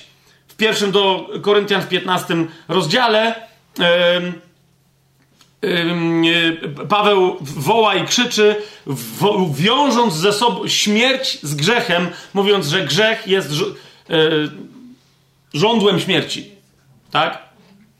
Więc y, czy to jest czymś, czym ona y, kuje? Jak ktoś jest tym ukłuty, to potem umiera.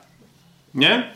Ale jeszcze raz, przecież my powinniśmy być już martwi, więc śmierć nas nie powinna dotykać. No właśnie, jak zaczniemy my pseudo wskrzeszać swoje cialątko, czyli małe ciałko, małe, drobne, niewinne, to ono się zamienia w cialisko.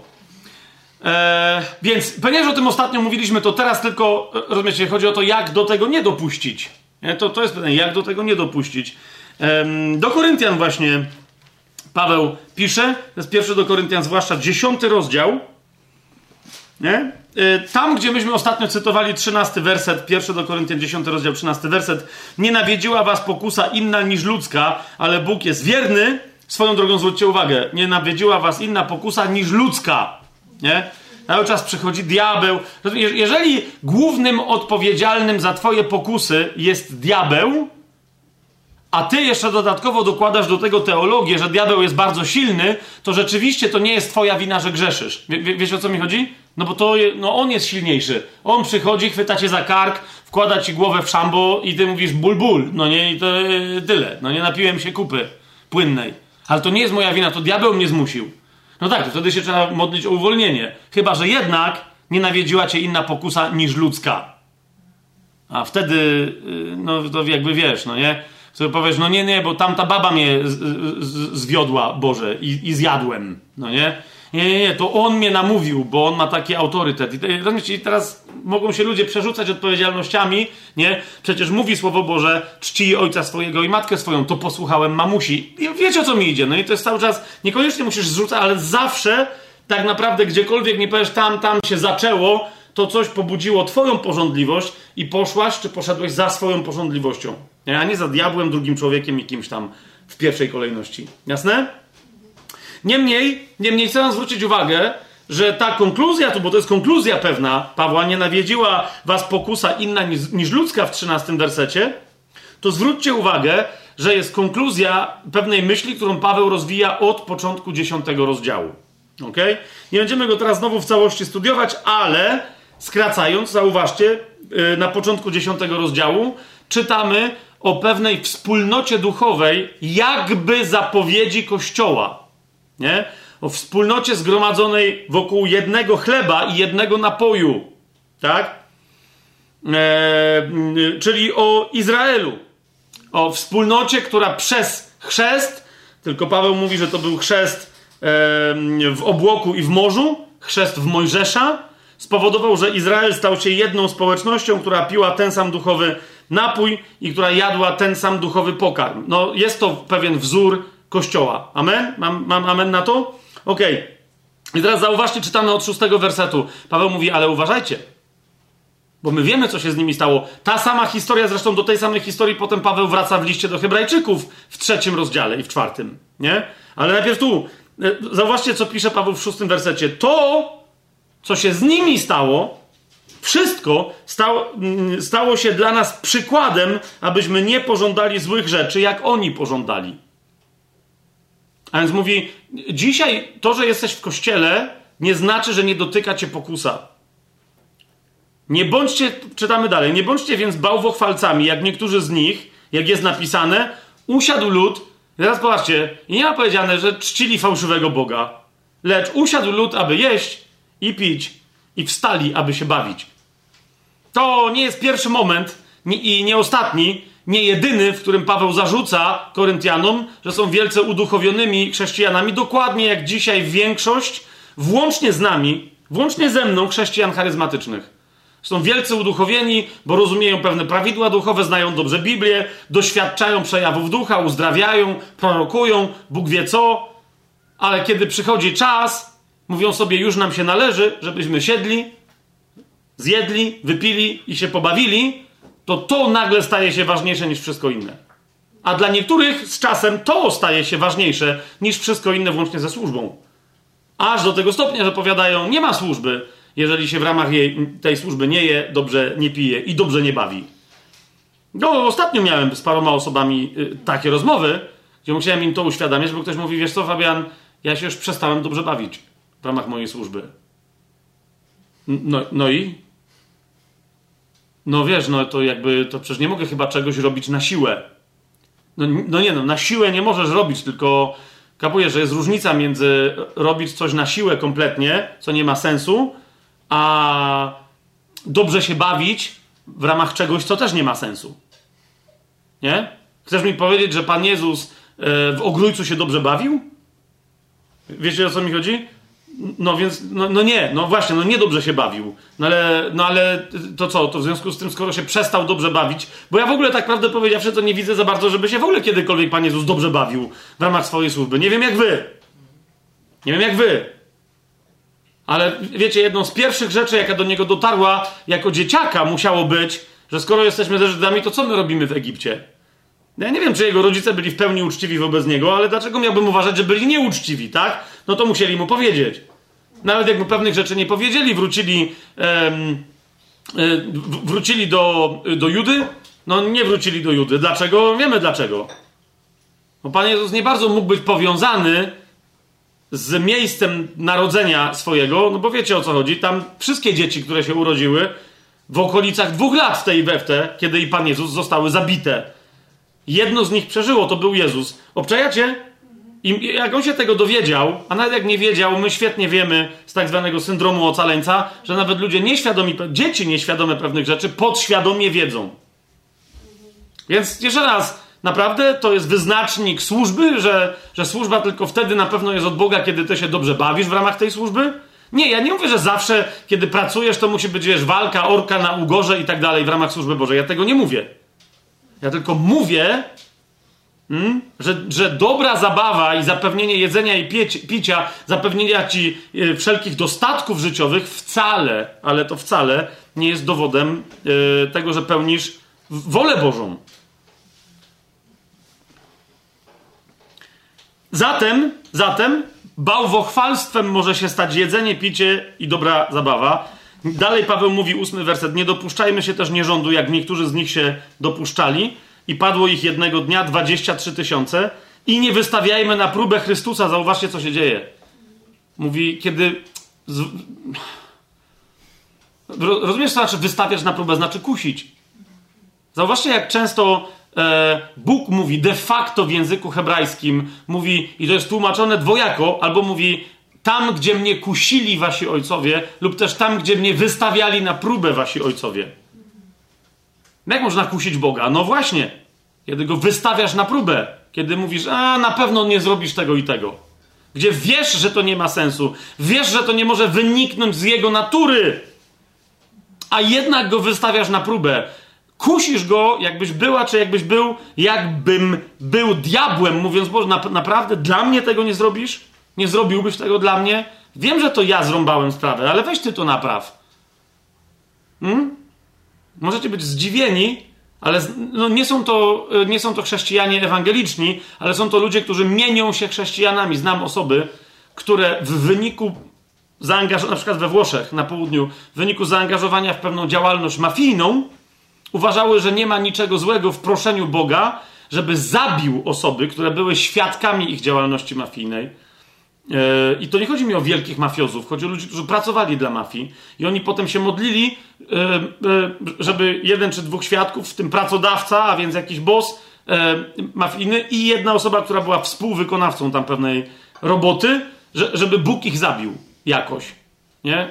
Dlaczego? No bo nie chcieli pójść do więzienia, gdyby się to wydało, a mieli wątpliwość, czy czasem jedna z tych dwóch osób nie pęka. Wiesz o co mi chodzi? Teraz ja mówię, stary, na, naprawdę ty się o to modlisz do Boga? Czy też jeden, jedna z takich osób powiedziała mi wprost, mówi, ja się modlę do tego, kto mnie wysłucha. Jak mnie diabeł wysłucha, to niech będzie. Niech mnie ktoś wysłucha. Hmm? Pytanie tylko brzmi moje, ile razy chrześcijanie mają w sobie taki odruch? Panie, weź ukryj jakoś, e, weź ukryj jakoś e, i, i mój grzech, bo mi wstyd, ale też weź rozwiąż jakoś kosztem kogoś innego konsekwencje mojego grzechu dzisiejsze. Nie? Weź coś z tym zrób. Nie będę teraz wspominać o księżach, ale i o pastorach, którzy są kuszeni do tego, żeby namówić dziewczynę, która nie jest ich i nigdy nie była ich żoną, żeby ją namówić do aborcji, bo w wyniku zdrady małżeńskiej y, ona jest w ciąży, a nagle im się odwidziało, żeby, żeby no bo była fajna do łóżka na, na przygodę seksualną, ale nie jako partnerka. I teraz wiecie o co chodzi? Nie? Jak ona się będzie teraz do, dopóki jest dziecko, dopóki ona w każdej chwili może powiedzieć przecież żonie, że stało się to i to, nie? Jak nie będzie dziecka, to nie będzie dowodu. Ona sobie potem może opowiadać, co chce. Więc znam takich, co byli kuszeni i, i, i znam takich... Ym, nie, nie znam na szczęście. Nie, chciałem powiedzieć, że znam, ale nie znam. Ale wiem o takich, o, w ten sposób. Nie, nie znam ich osobiście, ale wiem o takich, którzy w, w, w paru przypadkach dali się skusić na to, żeby zabić dziecko, żeby, wiecie, to jest... I teraz cała historia, że no w sumie trochę podobną rzecz, tylko nie zabił dziecka Dawid, tylko zabił e, męża kobiety, którą temu mężowi uwiódł. E, pamiętacie Uriasza Hetytę? No to właśnie, to, ale to jest to samo, no nie? Rozumiecie, ludzie mówią, że jak może ktoś wierzący chcieć kogoś zabić? No jeszcze raz. Nagle się okazuje, że aborcja wchodzi w grę. Nagle całe krzyczenie pro-life nagle wiecie, y, grzęźnie komuś w gardle, bo stwierdza, ok, ogólnie pro-life, tak, tak, ale no to dziecko stanowi mój wyrzut sumienia. Więc chyba lepiej, żeby na, naprawdę ludzie się zapędzają w stronę, że może to wręcz być wola Boża. No przecież nie, przecież chyba nie jest wolą Bożą, prawda Boże? Chyba nie jest Twoją wolą, żeby się okazało, że ja taki dobry, usługujący, mąż Boży, sławny w całym królestwie tu na ziemi Twoim, żeby się okazało, że zdradziłem żonę, prawda? Przecież tyle osób może się odwrócić nie ode mnie, ale od Ciebie, Boże, hej! Nie, żebym Cię szantażował, ale jakby wiesz o co chodzi. Nie? Bo jak już to wyjdzie, to jeszcze inne rzeczy. Ja sam mogę powiedzieć, jaki to byłem zły. I wiesz, ile ludzi się straci z kościoła? To jest, no jeszcze raz, mówię wam, że ludzie mają takie, taką tendencję, żeby myśleć w tą stronę. Więc yy, Paweł wobec, wobec tego mówi, hej, to, że jesteście kościołem, że macie kościół, że jesteście w kościele, nie chroni was przed powstaniem waszej natury cielesnej, jeżeli wy jej nie utrzymacie martwej. Więc mamy Dziesiąty rozdział od dwunastego wersetu. Zobaczcie. I patrzcie na tamtych. Oni też uważali, że już Pana Boga chwycili za nogi. Więc wy też się ogarnijcie. Siebie najpierw chwyćcie za nogi. Tak więc kto myśli, że stoi, niechaj uważa, aby nie upadł.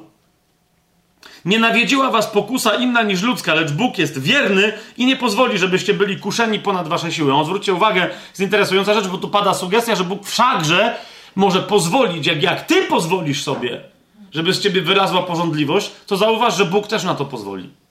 Ciekawe, co?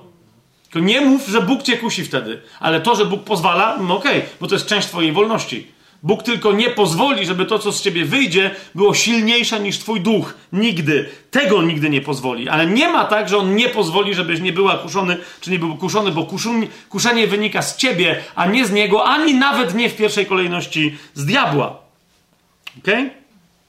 Bóg jest wierny i nie pozwoli, żebyście byli kuszeni ponad wasze siły, ale wraz z pokusą da wyjście, żebyście mogli ją znieść. Co więcej, mamy tu sugestię, że Bóg sam może czasem cię dziubnąć w jakąś słabszą, miejsc, yy, jakąś słabszą miejscóweczkę w twoim ciele i de facto prędzej Bóg, bo zauważcie, że tu jest sugestia jasna, że to Bóg daje pokusę. Co? A, przecież Bóg nie może kusić. No nie. Bóg tego nie robi, no nie? Bóg tylko daje ci być kuszoną czy kuszonym. Ok? Dlatego, jeszcze raz, Paweł powtarza, najmilsi, uciekajcie, moi najmilsi, uciekajcie od bałwochwalstwa. E, Jakub, e, teraz jak sobie z tym radzić? Po pierwsze, e, Jakub mówi, e, najważniejsza rzecz to jest postawa twojego serca w momencie, kiedy dostrzegasz pokusę dowolnego rodzaju. Nie? My wiemy, jakie są nasze grzechy, jakie były w sensie, i jakie są te, do których bywamy na powrót kuszeni. To jest to. Jak zaczynasz myśleć, to, to już jest to. To już jest to. To, to już jest pokusa, nawet jak myślisz, czy to jest pokusa? Ja tylko rozważam. Nie, to już jest pokusa, tak? Jakub mówi, pierwsza podstawowa rzecz, zauważ, że wtedy nigdy, nigdy twoje serce nie jest rozradowane. Bo radość jest duchowa, no nie? Możesz mieć obietnicę przyjemności w sobie, albo wręcz możesz już zacząć doświadczać jakiejś dzikiej, perwersyjnej przyjemności, a nie. Więc co? Mówi, szukaj radości, która jest duchowa. Nie? Zobaczcie, pierwszy rozdział Jakuba, drugi werset. Poczytujcie to sobie za największą radość, moi bracia, gdy rozmaite próby przechodzicie, wiedząc, że doświadczenie waszej wiary wyrabia cierpliwość. Ale zrozumiesz, przychodzi pokusa, to, to, jest to, albo myślisz sobie, o, to jest pokusa, a pokusa do czego prowadzi? Do grzechu. To koncentrujesz się na, twoje myśli koncentrują się na grzechu. Natomiast, jeżeli skoncentrujesz się na tym, czym to naprawdę jest, a więc czym to naprawdę jest, nie, ja, ja nie doświadczam żadnych pokus, Jakub mówi. Ja doświadczam próby wiary. Ok? W momencie, kiedy się pojawia to coś, co inni nazywają pokusą, ja mówię, okej, okay, czas na kolejny trening. Aha!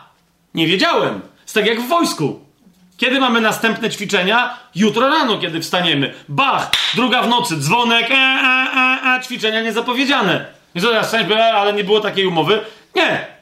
Jeżeli jesteś z musu w tym wojsku, to okej, okay, ale jeżeli to jest twoja pasja, zrywasz się i mówisz, a pospałoby się jeszcze. Ale dobra, otrząsasz się i ciśniesz, no nie? Czemu? Bo kiedy kiedyś przyjdzie realna walka i trzeba będzie w ramach alarmu wstać o drugiej w nocy, to wiesz, jak to się robi. Jasne to jest? Radość duchowa, radość z tego, że ćwiczymy. Dwunasty werset pierwszego rozdziału Jakuba, jeszcze raz przywołajmy. Błogosławiony, a więc szczęśliwy człowiek, który co? Który znosi pokusę, bo gdy zostanie wypróbowany, otrzyma koronę życia, którą obiecał Pan tym, którzy go miłują. Uważajcie!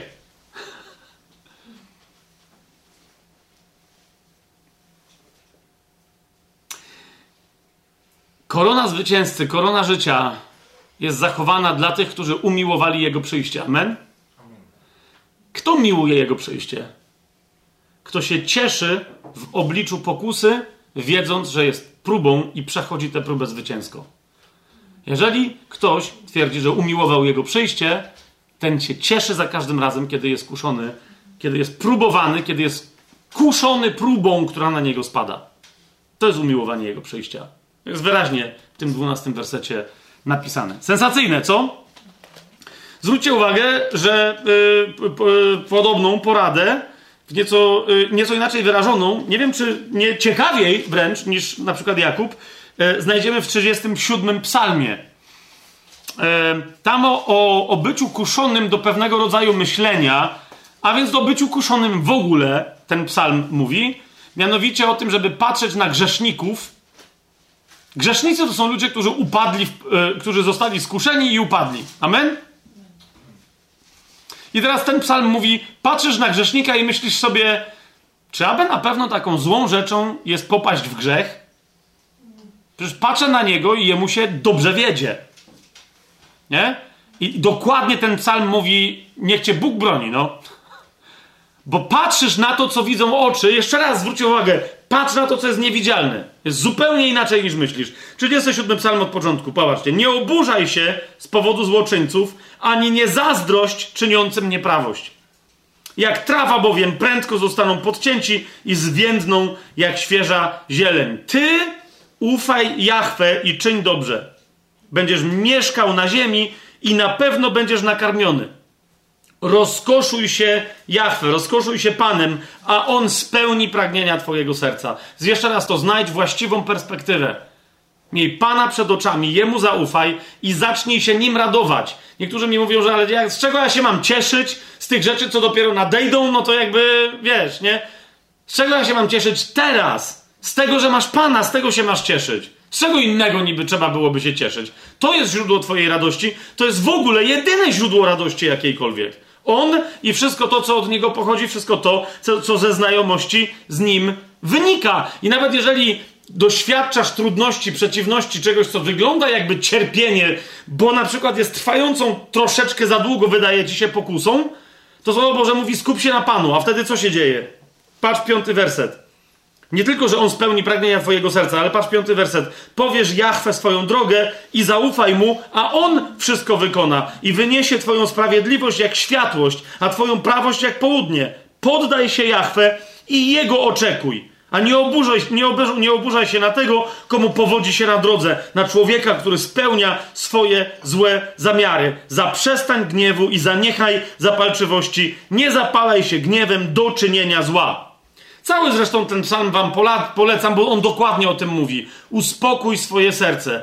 Zwróć swoje oblicze na to, co niewidzialne, na tego, który jest niewidzialny, na Pana, a wszystko, wszystko, absolutnie wszystko e, mm, będzie e, dobrze.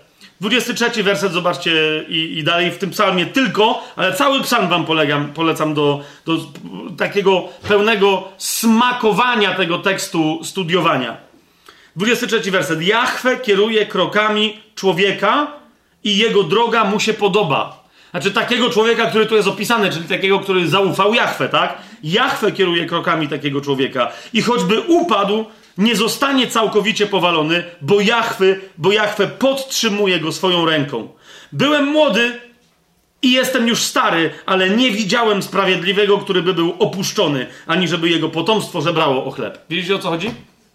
Więc niech nawet nie, nie tłumacz się, że skusiły cię życiowe potrzeby i tak dalej. Nie ma takiej możliwości. Stare przymierze już o tym wiedziało, a co dopiero my w nowym. Amen? Okej, okay, to jeszcze tylko na zupełnie sam koniec w tej kwestii, bo mówię o, o, o, mówiliśmy o pokusach ostatnio odpowiednio dużo. List Jakuba, jeszcze do niego powróćmy. Otóż, kochani, w jaki sposób nie dać się zaprowadzić w stronę żywo palącej pokusy. Patrzeć na to, co niewidzialne, mieć jachwę przed oczami, w nim się radować, nawet kiedy ona, bo jak się pokusa podnosi, to jest próba, to jeszcze się nic nie dzieje, tak? Ale być cały czas, to jest to, o czym mówi Psalm 37, na drodze pełnienia woli Bożej. Ok? Jakub kiedy powiada o tym, że jaka jest pokusa w pierwszym rozdziale, zauważcie, później mówi o tym, że żeby nie ulegać pokusie, trzeba być zajętym czymś innym. Ok? To jest 22 werset i dalej. Nie? Zaraz po tym, jak on mówi, odrzućcie wszelką plugawość, bezmar, bezmiar zła i tak dalej, i tak dalej, i tak dalej, y, y, co powiada? Bądźcie zatem, z tego wszystkiego, co do tej pory powiedziałem, o walce z pokusą, że to jest próba i tak dalej, mówi, bądźcie zatem, uwaga, wykonawcami słowa, a nie tylko słuchaczami oszukującymi samych siebie. Ok? I dalej cały ten fragment aż do, aż do końca pierwszego rozdziału listu Jakobowego do 27 wersetu. Bądźcie wykonawcami słowa, nie tylko słuchaczami. Ok? Jak czytacie Ewangelię, yy, to powinno być zasadnicze nastawienie chrześcijanina, żeby czytając pytać, co Pan robi, a nie o czym mówi. Co Pan robi i nawet kiedy mówi, to po co to mówi, żeby co zrobić, żeby co wykonać tym swoim, swoim słowem. To jest jasne? Bo my wtedy wiemy, rozumiecie, naśladowanie Jezusa nie polega na tym, żeby przyjąć doktryny, które sądzimy, że on wypowiedział. I następnie stać na ich straży i bić, bić Biblią po głowie innych. On był tym, który był wzorem miłowania innych. Więc jeżeli twoje doktryny nie pogłębiają innych doświadczenia, że ich kochasz, to znaczy, że nie naśladujesz Jezusa i w ogóle źle cała Ewangelia jest przeczytana przez ciebie. To wszystko. W czwartym rozdziale mm, e, wręcz tu jest taki topik, który Paweł, e, Jakub pomiędzy innymi troszkę rozwija. Znaczy, on, dla niego on jest oczywisty, nie? Bo mówi wyraźnie, że wiara to nie jest słuchanie słów, wiara to, to nie jest twierdzenie, że coś, to nie jest przekonywanie innych, że ja jestem do czegoś przekonany, tylko to jest, to, to, to jest siła, która się natychmiast wyraża w działaniu. Paweł powie, że, ym, że wiara działa przez miłość aktywnie, tak? Przez uczynki miłości. Jakub też mówi, mówi, możesz gadać, że masz wiarę, ale jak ja nie widzę uczynków wiary, to nie masz żadnej wiary. Po, po prostu, nie? Do tego stopnia Jakub rozwija tę myśl, nie żeby inni o tym nie wiedzieli, tylko Jakub jest, y, jest takim miejscem, ten jego list, gdzie to jest najbardziej drastycznie w całej Biblii wyrażone, że w czwartym rozdziale, w siedemnastym wersecie wręcz powiada, kto więc umie dobrze czynić, a tak nie czyni, popełnia grzech. Więc rozumiecie, to już jest to, to. Już jest to nie? Do czego cię, ku... po co się w ogóle podnoszą porządliwości? Kiedy się w ogóle podnoszą? Wtedy, kiedy się nie zastanawiasz nad tym, co dobrego umiesz i chcesz i pragniesz w swoim sercu czynić. Nie? I wtedy ciało się podnosi i ono cię często kusi do czego? Do innych dobrych rzeczy, które nie są tak dobre, jak te twoje dobre rzeczy. Nie? I potem ty mówisz, hej, ale no całe mam pełne ręce roboty, służę ludziom i tak dalej. Ale czy to jest to, do czego Bóg cię powołał? Czy to jest to, co wszyscy ci mówią, że robisz najlepiej? No nie, nie mam czasu tego robić, bo robię to coś, nie? No i Jakub ci wtedy odpowiada, kto więc umie dobrze czynić, a tak nie czyni, a robi coś innego, co jest nazywane dobrym, ale wcale w jego wykonaniu nie jest najlepsze, to grzeszy już został zwiedziony przez porządliwość swojego. Rozumiecie, to niekoniecznie muszą być rzeczy, które są ewidentnymi grzechami. Zaniechanie tego dobra, do którego nas Pan stworzył, również jest grzechem i ciało bardzo często podnosi się. Rozumiecie, są ludzie, którzy. Żebyście mnie dobrze zrozumieli, co ja to, to jest bardzo ważny temat. Ja widzę dużo ludzi, osób w kościele na przykład, które są powołane do służby ewangelizacyjnej, do służby ewangelistycznej i ponieważ z tą służbą jest związane na przykład modlenie się za chorych, przechodzenie z ulgą w cierpieniu ludziom, którzy cierpią fizycznie, widzę, jak dar ewangelizacyjny dziś już dosyć sporej liczby ewangelistów, których znam, mm, e, Y, jest albo kompletnie zaprzepaszczony, albo na jakiś czas był zaprzepaszczony przez pokusę, żeby zamiast głosić Ewangelię i uczyć w kościele, jak się głosi Ewangelię, jak się wyprowadza ludzi ze śmiertelnej choroby grzechu do życia wiecznego, wolnego od cierpienia, to oni się koncentrują na uzdrawianiu.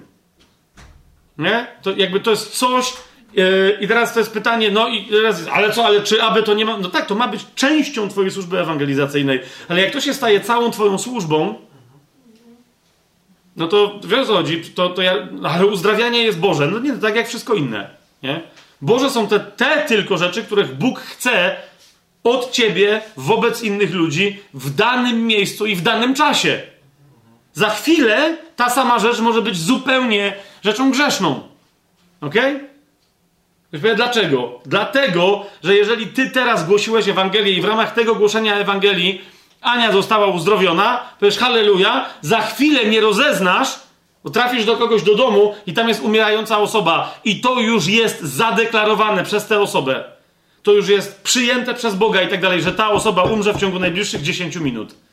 Rozumiesz? Ale jak ty teraz cwaniakujesz, że zaraz, zaraz, bo teraz ja uzdrawiam, jestem na fazie i na fali uzdrawiania i 10 minut poświęcisz na uzdrawianie tej osoby, to ona umrze, a nie będzie przyprowadzona przez ciebie do Boga.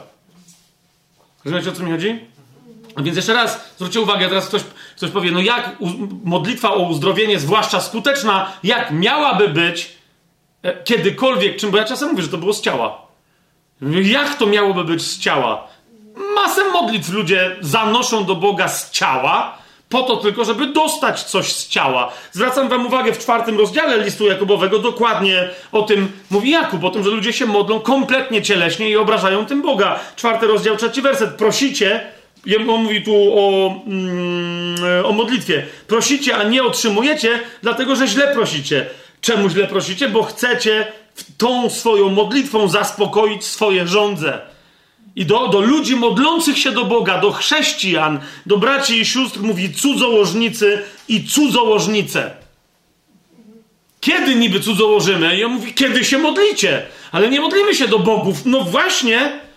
Tylko widzisz, kiedy ty się modlisz do Boga, ale celem jest twoja chuć. I teraz widzisz, twoja chuć nie musi być zaspokojeniem nie, jakiejś chęci seksualnej czy chciwości może być zaspokojeniem czego? Twojej potrzeby cielesnej, żeby potwierdziło się, że jesteś uzdrowicielem. Że się odwołam tylko do tego przykładu teraz. Nie? Nie będziesz cisnąć, że muszą być uzdrowieni. Muszą aż włącznie z tym, że ludzie w pewnym momencie, jak ich nie ma, no bo jak coraz bardziej są w tym porządliwi, tym bardziej Bóg się do tego nie przyznaje, zaczynają wręcz popadać w oszustwa i zaczynają kłamać, że ktoś jest uzdrowiony pod wpływem ich o modlitwę i tak dalej, i tak dalej. Tak znamy te historie, wszyscy znają w kościele, tak? To, to widzicie, to, więc, więc ludzie mogą wręcz do rzeczy, które wyglądają na absolutnie Boże i chrześcijańskie, być kuszeni. Po prostu. Nie? No, nie będę teraz tego rozwijać, ale po prostu. I teraz trzecia rzecz, czyli grzech, yy, zanim pójdziemy dalej. Yy, to jest, to jest bardzo skomplikowany temat, prawda? To jest, czyli jak teraz walczyć, jak oprzeć się grzechowi. Serio? Ja, ja, ostatnio słyszę takie, jak już ktoś mówi, no grzech, to jest ciężki temat, trudny, skomplikowany, e, z, złożony. Po, po pierwsze, jak, jak, to ma być złożony grzech? Grzech się pojawia, kapujecie, w wyniku tego, że człowiek już się po, poplątał i, i po, pofanzolił, po, tam się podział z, z, z wcześniejszymi dwoma rzeczami, tak? Czyli po pierwsze, nic nie zrobił ze swoją cielesnością stricte materialną. To spowodowało, że ta cielesność odezwała się na sposób zmysłowy, duszewny, porządliwością. Diabeł tam znalazł miejsce, bam, ważył palucha i wtedy co? Z tego powstał grzech. Rozumiecie, o co mi chodzi? Więc jakby, o, co, co jest tak czy siak się musisz zająć ścieżką, skąd się to wzięło? Co ten grzech, nie? Ale jak on już się pojawił, no to, rozumiecie, nie wiem jak wy, ale ja e, w Słowie Bożym znajduję w ogóle widzę, że Słowo Boże znajduje ten temat dosyć prostym i ja w związku z tym znajduję rozwiązania również jako dosyć proste. Jakie mianowicie jest rozwiązanie na to, kiedy ktoś grzeszy? Otóż Paweł powiada, nie grzeszcie. Mówi, to jakby taka jest, nie, nie wiem, mówi, może was zaskoczę, ale powiem, jakby przestańcie, nie? Zobaczcie czwarty rozdział listu do ym, Efezjan. Do, dokładnie, ja teraz dokładnie zacytowałem Pawła. Tak? Paweł mówi, nie grzeszcie. Teraz sobie, tak, ale to jest w całym kontekście. No cały kontekst niczego nie zmienia. To mówi, nie grzeszcie. On mówi, ja rozumiem, że mogą wami targać najpotężniejsze emocje i żadna z nich nie jest usprawiedliwieniem, żeby to było jasne. On mówi, y, y, y, wbrew pozorom, niepożądanie seksualne, niechciwość i tak dalej, ale wygląda na to, że jedną z najbardziej takich, wiecie, odpowiedzialnych za grzech sił w Biblii, bo jak mówię, chciwość, pożądanie pieniędzy, pożądanie przyjemności wszelkiego rodzaju, okej, okay, ale jedną z takich sił, która wręcz wychodzi ponad nawet te bardzo silne, jest to jest gniew. Nie? I Paweł nawet na to, mówi to jest czwarty rozdział, 26 werset, mówi gniewajcie się, ale nie grzeszcie. Nie ma żadnego, mówi, mówi gniew, okej, okay, ale niech on się nie zamieni w gniew, który będzie grzechem. Niech się gniew nie skończy przemocą żadnego rodzaju. Niech nad waszym gniewem nie zachodzi słońce i komentują, nie dawajcie miejsca diabłu. Nic nie jest w tobie usprawiedliwieniem, nic nie usprawiedliwia tego, że dajesz miejsce diabłu. W liście do Efezjan w szóstym, e, do, przepraszam najmocniej, w liście do Rzymian w szóstym rozdziale, e, Paweł, jakby ktoś miał wątpliwość, to Paweł nie pozostawia żadnych wątpliwości. Paweł mówi: Macie w sobie siłę od momentu, kiedy jesteście zanurzeni w imieniu Jezusa Chrystusa, macie w sobie siłę Jego śmierci i Jego zmartwychwstania i od tej pory nie macie żadnego usprawiedliwienia, gdy chodzi o grzech. To jest zwłaszcza szósty rozdział, dwunasty werset i dalej. Nie? Od, w jedenastym, niech będzie jedenasty werset. Paweł mówi, tak i wy, jak, jak, jak i wy, tak jak i wcześniej napisałem w tym szóstym rozdziale, tak i wy uważajcie siebie za martwych dla grzechu a żywych dla Boga w Jezusie Chrystusie, naszym Panu. Nie? I to jest cały problem, że się tak uważacie, czy nie? A skoro tak, mówi, to nie ma tematu grzechu, tylko po prostu przestańcie grzeszyć, bo on nie ma większej siły niż wy od tego momentu. Zauważcie, dwunasty werset i dalej czytam. Niech więc grzech nie króluje w waszym śmiertelnym ciele. Dokładnie o to chodzi. O to ciało. Mówi, w duchu nie może królować, on tam nie ma dostępu. Nie? Co znaczy królować? Przejmować panowanie nad duszewnością, nad zmysłowością i nad cielesnością. Niech więc grzech nie króluje w waszym śmiertelnym ciele, żebyście mieli jemu być posłuszni w jego porządliwościach. I skoro nie tylko to, ale mówi, nie oddawajcie waszych członków jako oręża niesprawiedliwości grzechowi. Ale co? Ale oddawajcie samych siebie Bogu jako ożywieni z martwych i wasze członki jako oręż sprawiedliwości Bogu. Jeszcze raz. To samo. Przestań grzeszyć. Jak? Zacznij robić, zacznij pełnić wolę Bożą. To jest jego odpowiedź. Jak, pełni, jak robisz jedno, to nie będziesz robił drugiego. To jest proste. Ale bo ja nie mogę się wyrwać, ależ możesz. To już nie jest usprawiedliwienie po twoim chrzcie. Po prostu nie jest. List Jakuba, jeszcze raz czwarty rozdział sobie otwórzmy i to będzie, y, to będzie tyle. W liście Jakuba w czwartym rozdziale, dokładnie tam, gdzie Jakub E, krzyczał cudzołożnicy e, i cudzołożnice. Od siódmego wersetu Jakub mówi, mówi, to jest cały czas kwestia, gdzie jesteś zwrócony. I skoro grzeszysz, znaczy, że jesteś odwrócony od Boga, to, to musisz wiedzieć. To się zwróć do Niego. Nie udawaj, że się do Niego zwracasz. Widzicie, są chrześcijanie, którzy się źle czują z tym, że zgrzeszyli. I wtedy udają, że się zwracają do Boga, zwracają się do Niego, ale wybaczcie mi, zadem nadal kłaniają się swojemu grzechowi. Odwracają się do Boga nie po to, żeby się do Niego odwrócić, lecz żeby przeprosić i z góry szukać usprawiedliwienia na zaś. To jest to, Boże, zgrzeszyłem, jak mi jest bardzo przykro, jak mi jest, a Boże, muszę pokutować za to, muszę coś, ja teraz we łzach. Zresztą co próbujesz robić? Sam siebie odkupić. Sama siebie zbawić. Pokuta na czym polega? Na stanięciu w świadomości, że Jezus za to umarł, dokładnie za to. Za ten grzech też. I co w związku z tym? Co to oznacza, że on już za to umarł? To oznacza, że masz siłę robić cokolwiek innego, a że w sobie gdzieś masz smak, jak się na powrót przez krzyż zwrócisz do Ojca i przyjdziesz przed Ojca, przechodząc przez krzyż. Ok? Że znajdziesz na powrót smak, w ramach którego będzie ci smakować pełnienie woli Bożej, a do wymiotów będziecie doprowadzać sama choćby myśl o tym, żeby zrobić to, co przed chwilą było zrobione. Czy to jest jasne? O tym dokładnie mówi Jakub, kiedy powiada w czwartym rozdziale swojego listu, w siódmym wersecie i dalej. Poddajcie się więc Bogu, przeciwstawcie się diabłu, a ucieknie od was. To jest, to jest cała jego robota. Zbliżcie się do Boga, a on zbliży się do was. Obmyjcie ręce grzesznicy, i oczyśćcie serca ludzie umysłu rozdwojonego lub też dwoistego. Wiem o to mówi. Wyprostuj swój umysł. Bo niby zwracasz do Boga się i mówisz, ale druga część ciebie myśli, ale w sumie było trochę fajnie. Kapujesz, to, w, to nie udawaj, że gdzieś przychodzisz. Nie? Nie możesz być rozdwojonego umysłu. Paweł, Jakub zresztą tutaj y, zaraz na początku o tym mówi y, tego listu, jeszcze dzisiaj może do tego wrócimy, do tego wątku. Y, on mówi o tym, że, że Kapujesz, ani do Boga nie wracasz, ani też skoro do Niego nie wracasz, to Ty nic od Niego nie dostaniesz. W pierwszym rozdziale, mm, yy, yy, w szóstym wersecie Jakub mówi, że jak ktoś prosi Boga, ale tak nie jest pewny o co mu chodzi, nie jest pewny, czy Bóg odpowiada na prośby i tak dalej, to, to mówi, żeby prosić z wiarą bez powątpiewania. Kto bowiem wątpi, podobny jest do fali morskiej, pędzonej przez wiatr i miotanej tu i tam. Człowiek taki niech nie myśli, że cokolwiek otrzyma od Pana. I zauważcie komentarz yy, w ósmym wersecie do tego Jakuba. Człowiek umysłu dwoistego jest niestały we wszystkich swoich drogach.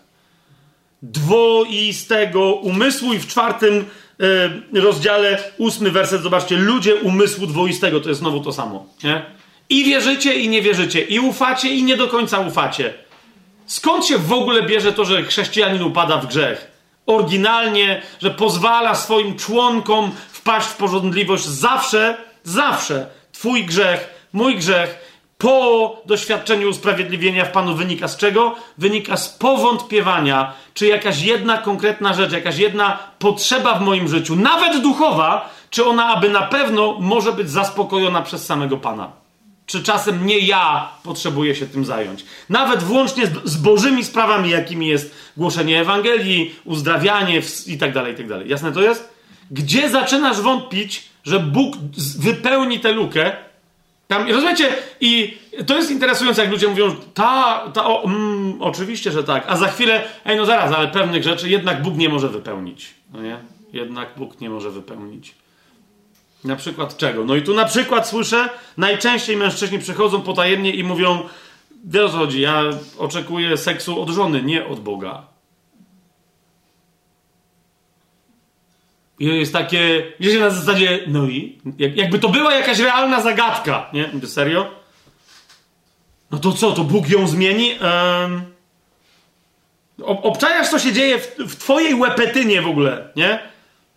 Bóg ją zmieni. Te... Znaczy, ty się chcesz z nią kochać, czy potrzebujesz lalki? Może co kup lalkę. Ale to jest grzech. A robienie lalki ze swojej żony to nie jest grzech? Dmuchane, która po prostu nieważne, co ona tam czuje, co się jej dzieje, i tak, tylko to jest istotne to, że ty teraz masz ciśnienia jakieś. Yy, no, no i od tego yy, zacznijmy, no nie? Jak Bóg gdzieś coś ma zaspokoić, to dokładnie to, co jest przyczyną tego, że robisz yy, to jest dokładnie ten moment. To jest dokładnie ten moment. Nie? Ale ja potrzebuję, powiada mi jedna siostra, potrzebuję takiego rodzaju atencji, ta przynajmniej uczciwa była, której Bóg mi na pewno nie zapewni. To jest tylko pytanie, czy ty potrzebujesz takiego rodzaju, bo ja rzeczywiście, jak ona mi powiedziała, jaką atencję chodzi, to mówię, mm, Bóg taki rzeczywiście nie jest, no nie? Tylko jest pytanie, czy nowonarodzona osoba taka jest, że potrzebuje takiej atencji, nie? A tam chodziło o pewien rodzaj, wiecie, atencji, zdumienia wywołanego spojrzeniem, ej, nie wiedziałem, że e, no, w momencie, kiedy ona, ona mówi, że jest uzależniona od tego, że żeby, żeby drobnymi, w swoim rozumieniu, drobnymi złośliwościami, żeby ranić innych, no nie? I ona wie, że to jest niedobre i no, jakby, co mam, Boga ranić, to jego się nie da. No mówię, no rzeczywiście, tylko jest pytanie, jakby wiesz o co chodzi, czy to jest realna potrzeba, czy też to jest to, co buddyści nazywają głodnym duchem, który cię opanował. No nie? Na, na, naprawdę, jak nie, nie, nie spojrzą na ciebie ludzie zdumieni, że mogłaś kogoś tak zranić, e, to, to, to, to, czegoś ci zabraknie w życiu, czy jakby, wiecie o co chodzi, nie? Ona w ogóle, no właśnie, ona w ogóle grzech, w którym już tkwiła, postrzegała jako rodzaj potrzeby, no nie? Którą ona e, zaspokaja innym e, grzechem. Mm Mamy jasność? Teraz, kochani, wszystko to, co mówiłem, najlepiej, y, zauważcie, Biblia mówi stosujcie prewencję wobec grzechu, stosujcie prewencję. Jaką? No, żeby nie uruchamiać cielesności, więc wobec cielesności stosujcie prewencję. Żeby nie, wobec całego swojego, całej swojej materialności stosujcie prewencję. Jaką? Oczy wpatrzone w to, co niewidzialne. Przede wszystkim prewencja. Ale jeżeli się, bo teraz jest druga e, istotna rzecz, nie? kiedy ja to mówię, niektórzy uważają, że kiedy się usunie źródło jakiegoś cierpienia w swoim życiu, to że to automatycznie usunie cierpienie. Kochani, cierpienie jest konsekwencją tego, że ulegliśmy jakiemuś źródłu i niekoniecznie ma zawsze bezpośredni wpływ. Nie? Żebyście mnie dobrze zrozumieli. Eee, Miałem w rodzinie taką jedną osobę, y, której, y, mniejsza o to, kto to tam był, ale której rodzice powtarzali, żeby nie jadła landrynek tak jak je, bo w momencie jak, jak odkryła landrynki, to zaczęła, wiecie, nie je tam ssać czy coś, tylko od razu była w stanie zjeść w pół godziny całą paczkę landrynek. Wiecie, chrupiąc, no nie? I ktoś na mnie zwrócił uwagę, chyba, chyba rodzice, nie, nie o to, że, że no, popęka jej szkliwo, ponieważ to jest słodkie, to jest zaraz próchnica, nie? I teraz tak się stało. Zaczął ją boleć jeden ząb, drugi. E, ta, ta, się bała iść do dentysty, bo to był lęk śmiertelny, to wiecie, prawie że mówimy o, o 80 latach. I teraz ta, jakby wiecie, no byłem świadkiem tego rozważania całego. No nie, ona mówi, że to je. Yy, nie wiem, czy to była, to nie do końca była modlitwa do Boga, no nie, ale to było takie, że, że ja się pomodlę, że ja Bogu obiecam, ja mu złożę przyrzeczenie, że już nigdy nie będę jadła landrynek. Nie to, że w ten sposób, tylko w ogóle. Nie, I ja wtedy pamiętam, że miałem takie, że no ale to jakby wiesz, to ci się następne zęby nie popsują, no ale te już się zepsuły, no nie? To jakby z tym coś, to i tak musisz iść z tym, jakby rozumiesz, ty się nie cofniesz w czasie, bo to tak nie działa, nie? I niektórzy myślą, że to tak działa, że, że jak oni teraz, a, na przykład wysłuchali dzisiejszego nauczania do tej pory, a, to mam przestać grzeszyć. Rozumiesz, jeżeli ktoś zachorował w wyniku tego, że grzeszył, to ta choroba, wiecie o co mi chodzi? Ona I teraz on przestanie, to niekoniecznie to wywoła ulgę, czy rozwiąże problem z tą chorobą, nie?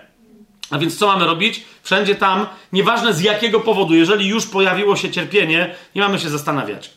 Żeby to było jasne, nie mamy się zastanawiać, ponieważ yy, jakby cierpienia takiego, które wynika z natury cielesności, zmysłowości czy grzechu samego, nie usprawiedliwiają te natury, bo one po prostu nie, to nie ma usprawiedliwienia, więc mamy z nim walczyć, z tym cierpieniem. Mamy się modlić o chorych, mamy stawać E, z ręka, mamy kłaść na nich ręce, mamy walczyć do upadłego, dopóki się nie wydarzy pewien wyjątek od wyjątków, ale o tym za chwilę, no nie? Zasadniczo mamy walczyć. Jeszcze jak już jesteśmy u tego Jakuba, to, to zobaczcie, Jakub, który jest bardzo zdroworozsądkowy, zgodzicie się ze mną, i taki twardy, i taki, on się nie pieści, nie? No i wy, cudzołożnicy, cudzołożnice i tak dalej. Ale stwierdza, no ale ja wiem jaki jest Kościół i ja wiem, że i tak ktoś wśród was był, jest i będzie, że nie posłucha, zezre za dużo, włoży palec do ognia i się struje albo się poparzy i coś innego się mu stanie. I wtedy co? Trzeba mu powiedzieć, dlaczego tak się stało, żeby więcej tak nie robił, ale cierpienie, którego w wyniku pokusy, grzechu i tak dalej doświadczył, trzeba usunąć. List Jakuba, zobaczcie, yy, mówi o tym w bardzo prosty, ale dosadny, be, nie pozostawiający według mnie żadnych wątpliwości sposób. To jest list Jakuba, 5 rozdział, 13 werset i dalej. Cierpi ktoś wśród was, powiada Jakub, niech się modli. Nie, nie, nie, po, nie, jakby jak nie wiadomo, co tam się dzieje, jak, nie, nieważne, tak? Cierpienie ma być usunięte. Czemu? Bo człowiek, który cierpi w takim sensie, że wiecie, że cierpienie, od, po prostu ból i tak dalej, nie, nie da się, wiecie, prawdziwe cierpienie, o niczym innym nie myśleć, tylko o tym, co jest przyczyną cierpienia, nie? Więc to nie, no nie możesz pełnić woli Bożej wtedy. Więc cierpi ktoś, niech się modli. Raduje, niech śpiewa. Choruje ktoś wśród was, zwróćcie uwagę, jak mówimy, wiemy skąd się biorą choroby wśród chrześcijan bardzo często, nie zawsze, ale bardzo, bardzo, bardzo często, powiedziałbym częściej niż chcemy myśleć, choruje ktoś wśród Was, niech przywoła starszych kościoła i niech się modlą nad nim, namaszczając go olejem w imię Pana.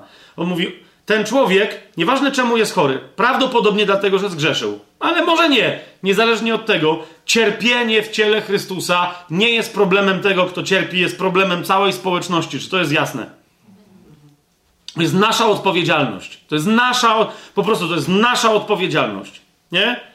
Niech przywoła starszych zboru, starszych kościoła, niech się modlą nad nim, namaszczając go olejem w imię Pana. I zobaczcie, co Jakub mówi, a modlitwa wiary, jeszcze raz, co jest potrzebne, nie, bo niektórzy mówią, e, my mamy starszych i oni raz czy drugi poszli do chorych i nic się nie stało.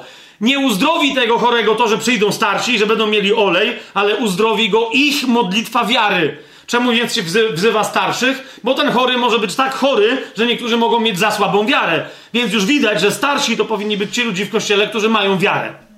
Którzy się charakteryzują modlitwą pełną wiary. Amen? Więc modlitwa wiary uzdrowi chorego i zwróćcie uwagę, o kim tu mówimy. O kimś, kto naprawdę cierpiał, a więc był chory obłożnie, bo jest powiedziane, że Pan go podźwignie.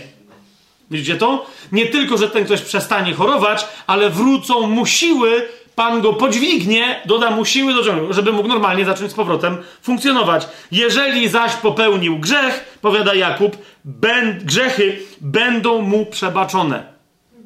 Żeby czasem, to jest dodatkowa prewencja, ktoś w wyniku swojego grzeszenia nie zaczął chorować. My znamy dzisiaj, e, wiecie, w wyniku poczucia winy, wszelkiego rodzaju i innych rzeczy, które ludzie przeżywają jako problemy psychiczne, znamy mechanizm psychosomatyczny, jak e, te mm, doświadczenia psychiczne przekształcają się w problemy fizyczne, choroby ewidentnie związane z zarazkami, e, wirusami itd., tak itd. Tak ludzie, wiecie, którzy nie doświadczają pewnego problemu psychicznego, mimo że mają te same wirusy, co wszyscy, inaczej, wszyscy mają jakiegoś wirusa czy jakąś bakterię, tak? Jak ktoś nie ma pewnego problemu psychicznego, który odpala tego wirusa czy tą bakterię, to nie ma choroby, nie?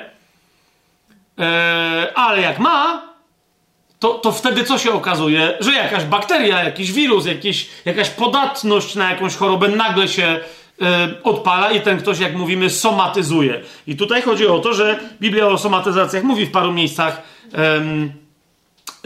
No, ale my ją dzisiaj w, w, w medycynie i w psychologii klinicznej e, zjawisko psychosomatyzacji przecież bardzo dobrze, e, bardzo dobrze znamy, tak?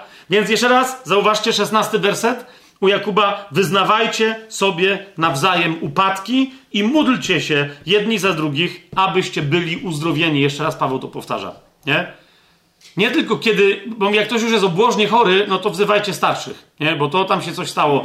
Ale zanim coś, mówi upadek i tak dalej, miejcie taką praktykę. O niej będziemy więcej mówić przy okazji Jakuba i potem jeszcze przy okazji pierwszego listu Janowego. O tej praktyce, bo, bo tu nie chodzi o spowiedź, żeby to było, żeby to było jasne, tak? Ale o co chodzi? No właśnie, to wtedy się zorientujemy. Wiele może usilna modlitwa sprawiedliwego, w tym wypadku sprawiedliwego za niesprawiedliwego.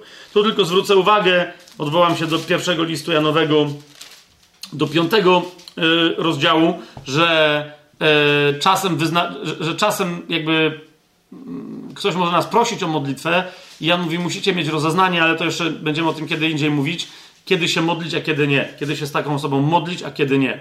Nie? I dlatego, nie, jak ktoś mówi, że, że coś mu się dzieje, sprawdź, czy nie ma tam grzechu. Jak jest grzech, musisz go dopytać o ten grzech. Dlaczego? Bo jeżeli to jest grzech, który należy do kategorii grzechów na śmierć, czyli wywołujących śmierć fizyczną albo prowadzących do śmierci fizycznej, wtedy Jan mówi co? Żeby za taką osobę się nie modlić. Ona najpierw musi przestać grzeszyć. Musi się nawrócić. Ok? Um, zobaczcie, pierwszy list Jana, czwarty rozdział. E, mm, e, werset. Jeżeli ktoś widzi swojego brata, który popełnia grzech, nie na śmierć, niech się za niego modli, a Bóg da tam temu życie. To jest tylko tym, którzy popełniają grzech, nie na śmierć. Jest, jest też grzech na śmierć. Nie mówię więc, żeby się ktoś wtedy o to modlił, kiedy, kiedy jest grzech na śmierć. Czy to jest jasne? Ok? I teraz, słucham? 5, 5, a co ja powiedziałem? 5, przepraszam, 5,16, 5,16. E, I wracamy do listu Jakubowego. 5. Bo wiecie, czasem niektórzy powiadają jakieś takie bzdurne historie, że jak ktoś był wierzący, odpadnie od wiary, pamiętacie list do Hebrajczyków, no nie? To już wtedy nie ma, na pewno idzie do piekła, utracił zbawienie, nie wiadomo co. Bo tam jest napisane, że nie ma już dla tego kogoś e, powtórnej ofiary. Oczywiście, że tak bo ona jest jednorazowa, ta osoba jest nadal osobą usprawiedliwioną. Natomiast to nie znaczy, że my nie możemy sprowadzić tej drogi na powrót tej osoby, na powrót na drogę wiary. I jeżeli ktoś ma wątpliwości, to wróćmy jeszcze raz do Jakuba. Jakub mówi wyraźnie, odwołując się ewidentnie do tego, o czym mówił Jan, ja wam potem pokażę, y, y, jak to jest, nie? Y, czyli ja mówię, trzeba się modlić, ale Jan mówi, ale jak ktoś popełnia grzech na śmierć, to nie ma się co modlić. I Jakub mówi, no właśnie, są tacy, z którymi nie ma się co modlić, ani o ich uzdrowienie, ani razem z nimi. Jak oni wyznają pewne grzechy, trzeba co zrobić? Trzeba ich nawrócić. On mówi, jest to możliwe. Nie? Więc niech nie opowiadają bzdur ci, co mówią, że nie ma, jak ktoś odpadnie od wiary, to już nie ma co, to on już idzie do piekła. Nie, nie idzie. Nadal mamy odpowiedzialność za tych, którzy przyszli, stali się chrześcijanami, są nowonarodzeni, ale zaczynają blaknąć e, w swojej wierze, e, tleć w tej wierze, letnieć w tej wierze, aż kompletnie wyzimnieją. To jest nasza odpowiedzialność. Zauważcie, co pisze Jakub. Bracia, 19 werset. Jeżeli ktoś z was, czyli ktoś z kogo? Chrześcijanin czy nie chrześcijanin? To jest 19 werset, Piotrze. Piąty rozdział Jakuba, 19 werset. Bo tak widzę, że tam się coś zagubiło. O, jest. Nie? Czyli jeżeli ktoś z was, czyli kto? Z chrześcijan, zejdzie z drogi prawdy, a ktoś inny go nawróci, niech wie, że to kto nawróci grzesznika z jego błędnej drogi, wybawi duszę od śmierci i zakryje mnóstwo grzechów. No, interesujące bardzo. Ok? Wybawi duszę od jakiejś od śmierci fizycznej, to, to, to jest bardzo istotne, nie od śmierci wiecznej, tak? Skąd to wiemy, to jak dojdziemy tu, to będziemy. Ale teraz jeszcze raz, dlatego właśnie ja mówię, że wszyscy usprawiedliwieni są no, nowonarodzeni, są usprawiedliwieni, a usprawiedliwieni są nowonarodzeni. Ale nie wszyscy oni żyją w zgodzie z prawdą o swoim zbawieniu, a więc nie wszyscy usprawiedliwieni nowonarodzeni są nawróceni. Niektórych trzeba dopiero nawrócić. No mam na to amen w, ty, w tym kontekście i, i to jest to podstawą do tego twierdzenia jest między innymi ten fragment z Jakuba tutaj, ok? Nadal osobę, która schodzi z drogi prawdy, będąc nowonarodzoną, można nawrócić na co? Na tę drogę prawdy. Tak? Ok. A, no i teraz dochodzimy do pewnego, i tu w zasadzie moglibyśmy skończyć cały temat cierpienia, czyli tyle, tak? Nie dopuszczać do tego, aby się pojawiało cierpienie w wyniku tych e, tych źródeł, o których mówiłem, cierpienia, dlatego to jest cierpienie uchronne. Nawet jak to cierpienie się pojawi, my nadal możemy je odrzucić. Co jednak, teraz uważajcie, bo zadam pytanie zdumiewające, co jednak z cierpieniem, którego źródłem nie jest Bóg, ale które się pojawia, a Bóg je dopuszcza, a wręcz z niego korzysta. I tu się zaczyna, wiecie, takie zaraz, bo my byśmy bardzo chcieli mieć wszystko bardzo czarno-białe, a tu się pojawia trochę jakby szara strefa, czyli może jednak Bóg... I są tacy, którzy mówią, no więc widzisz, czyli Bóg jest suwerenny, w ramach suwerenności jednak Bóg bije swoje dzieci po twarzach, bo wiadomo, że bicie dzieci po twarzach i znęcanie się nad nimi jest najlepszym sposobem nauczenia ich czegokolwiek. Prawda? No wszyscy wiedzą, że nie, ale gdy chodzi o Boga, no z jakiegoś powodu cudownie to niby ma działać. Bzdura. Więc inni mówią, nie, w ogóle to jest niemożliwe, nie ma czegoś takiego, Bóg nie ma żadnego związku z cierpieniem. Dobra, otwórzmy sobie Ewangelię Jana, chociaż tego typu przykładów możemy znaleźć mnóstwo, ale żeby znów tę dyskusję też raz na zawsze skończyć, wobec tych, którzy tam twierdzą, że Bóg jakieś cierpienia na ludzi zsyła, nie, ale wobec tych, którzy twierdzą, że Bóg w ogóle nie chce, żeby ktokolwiek, gdziekolwiek, jakkolwiek, pod żadnym pozorem nie cierpiał, zaraz, też mówię, hej, powoli. Ponieważ Bóg z czegoś, co i tak jest nieuchronne. No zauważcie, co ja powiedziałem. Nawet jeżeli w wyniku tych trzech rzeczy, o których teraz mówiliśmy, i pośrednio diabła ktoś będzie cierpieć, nadal to cierpienie można usunąć. Amen? Więc teraz rozumiecie, Bóg nie chce, żeby na kogoś spadło cierpienie, rozumiecie, z jakiegokolwiek źródła, i on tego nie chce, tak, żeby ono spadłszy, miało trwać. Ale nigdzie Biblia nie mówi, że Bóg nie dopuszcza, jak już o tym mówiliśmy przy okazji pokusy, że Bóg nie dopuszcza tego, żeby na kogoś cierpienie spadło czasowo, a żeby jego usunięcie było momentem wzrostu dla danego człowieka albo momentem objawienia Bożej chwały. Czy jest jasne, co ja teraz mówię? Bóg nie chce, aby człowiek trwał w cierpieniu, aby był wrzucony w cierpienie, które po pierwsze nie miałoby sensu, po drugie miałoby trwać aż do jego śmierci. To takie twierdzenie nie ma sensu. Ale nie ma również sensu twierdzenie, że jakiekolwiek cierpienie, które przetrafia się człowiekowi, jest niezgodne z wolą Bożą. Dlaczego? Czytamy. Dziewiąty rozdział Ewangelii Jana od pierwszego do trzeciego wersetu. Przechodząc, Jezus zobaczył człowieka ślepego od urodzenia. I pytali go jego uczniowie, mistrzu, kto zgrzeszył, on czy jego rodzice, że się urodził ślepy. No ja już pomijam co, jak on miałby zgrzeszyć, żeby się urodził ślepy? Wiecie o co mi chodzi, no nie? Miałby, nie wiem, mamę kuć od środka szpikulcem, bo byłby złośliwy w łonie, czy jakby coś by tam miało dziać. No więc to jest takie pytanie, ja wiem z czego ono wynika w ramach tego, w co oni tam wtedy wierzyli i w co dzisiaj wielu Żydów wierzy. Niech będzie. Ale to jest pytanie on, czy, czy może jego rodzic? W każdym razie, czyj grzech jest źródłem choroby? Bo ich przekonanie brzmiało, choroba e, jest wynikiem grzechu. Słyszycie to, nie?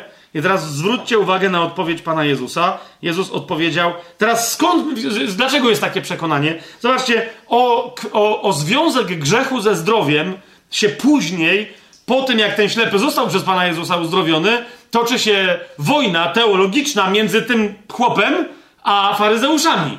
Nie? I ona jest tam, to jest najzabawniejsze zdarzenie w ogóle w całej Biblii, według mnie ono jest przezabawne jak on wreszcie zaczyna się na nich wkurzać i ich oskarża, że oni się pytają, niby, niby szukają Jezusa, żeby go zaatakować, a tak naprawdę chcą zostać jego uczniami. I oni tam wychodzą z równowagi i tam go atakują.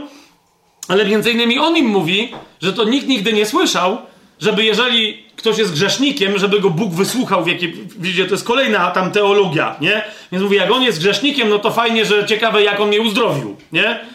E, na co on się dowiaduje od nich, żeby nie cwaniakował, bo on sam był chory nieuleczalnie, nie do końca chory, ale był ślepy, był upośledzony fizycznie, więc to znaczy, że albo on, albo jego rodzice w każdym razie urodził się w grzechu, który jest też jego winą. Zobaczcie 34 werset. W 33 on mówi do faryzeuszy, gdyby on nie był od Boga, czyli Chrystus, nie mógłby nic uczynić, na przykład mnie uzdrowić, nie?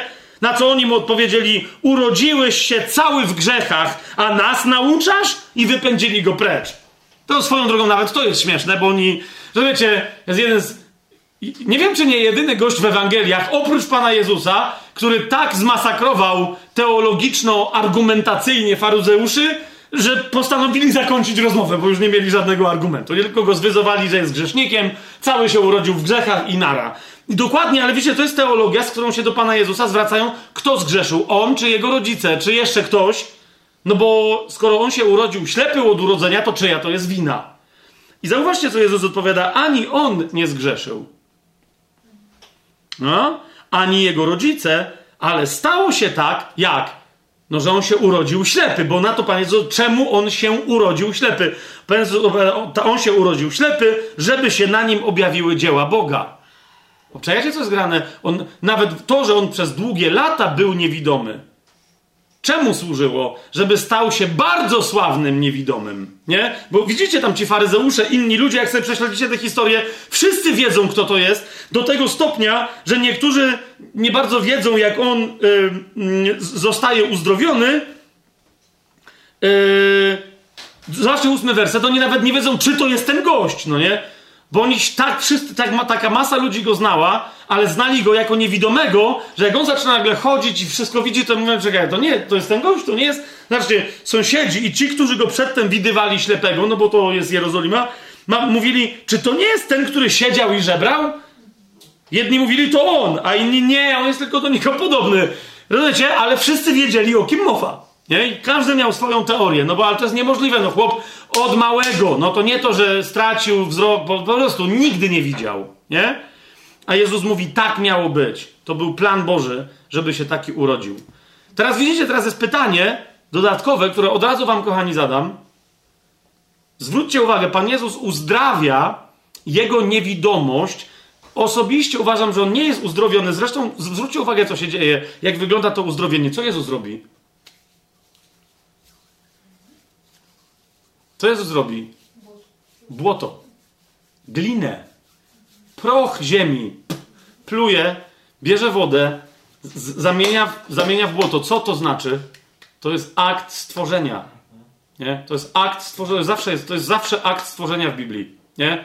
Jezus mówi, idź teraz, umyj się. To jest jasne, ale co on zrobił? On mu dał nowe oczy. To, to, to, więc to nie do końca jest uzdrowienie według mnie sensu stricto. Nie? Bo, nawet Biblia tego nie przedstawia. Każdy cud jest swoistym znakiem w Ewangelii Jana i to akurat sądzę, że na, jakby w porównaniu z innymi to nie jest, to nie jest cud uzdrowieniowy stricte, ale jest, jest to uzdrowienie, ale raczej stworzeniowe. To jest cud stworzycielski.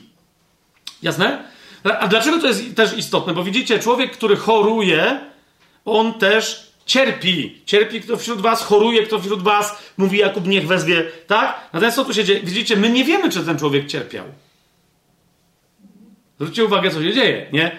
My mówimy, gdybyśmy, gdyby, bo my często współczujemy ludziom, którzy, wiecie, cierpią i mówię, to już ten człowiek cierpi, nie? Pamiętam jak kiedyś to było w Warszawie, no nie szło to, to w Warszawie, ale w każdym razie ktoś tam mi mówił, że no jak Bóg może pozwolić, żeby się rodziły takie dzieci z Downem, nie?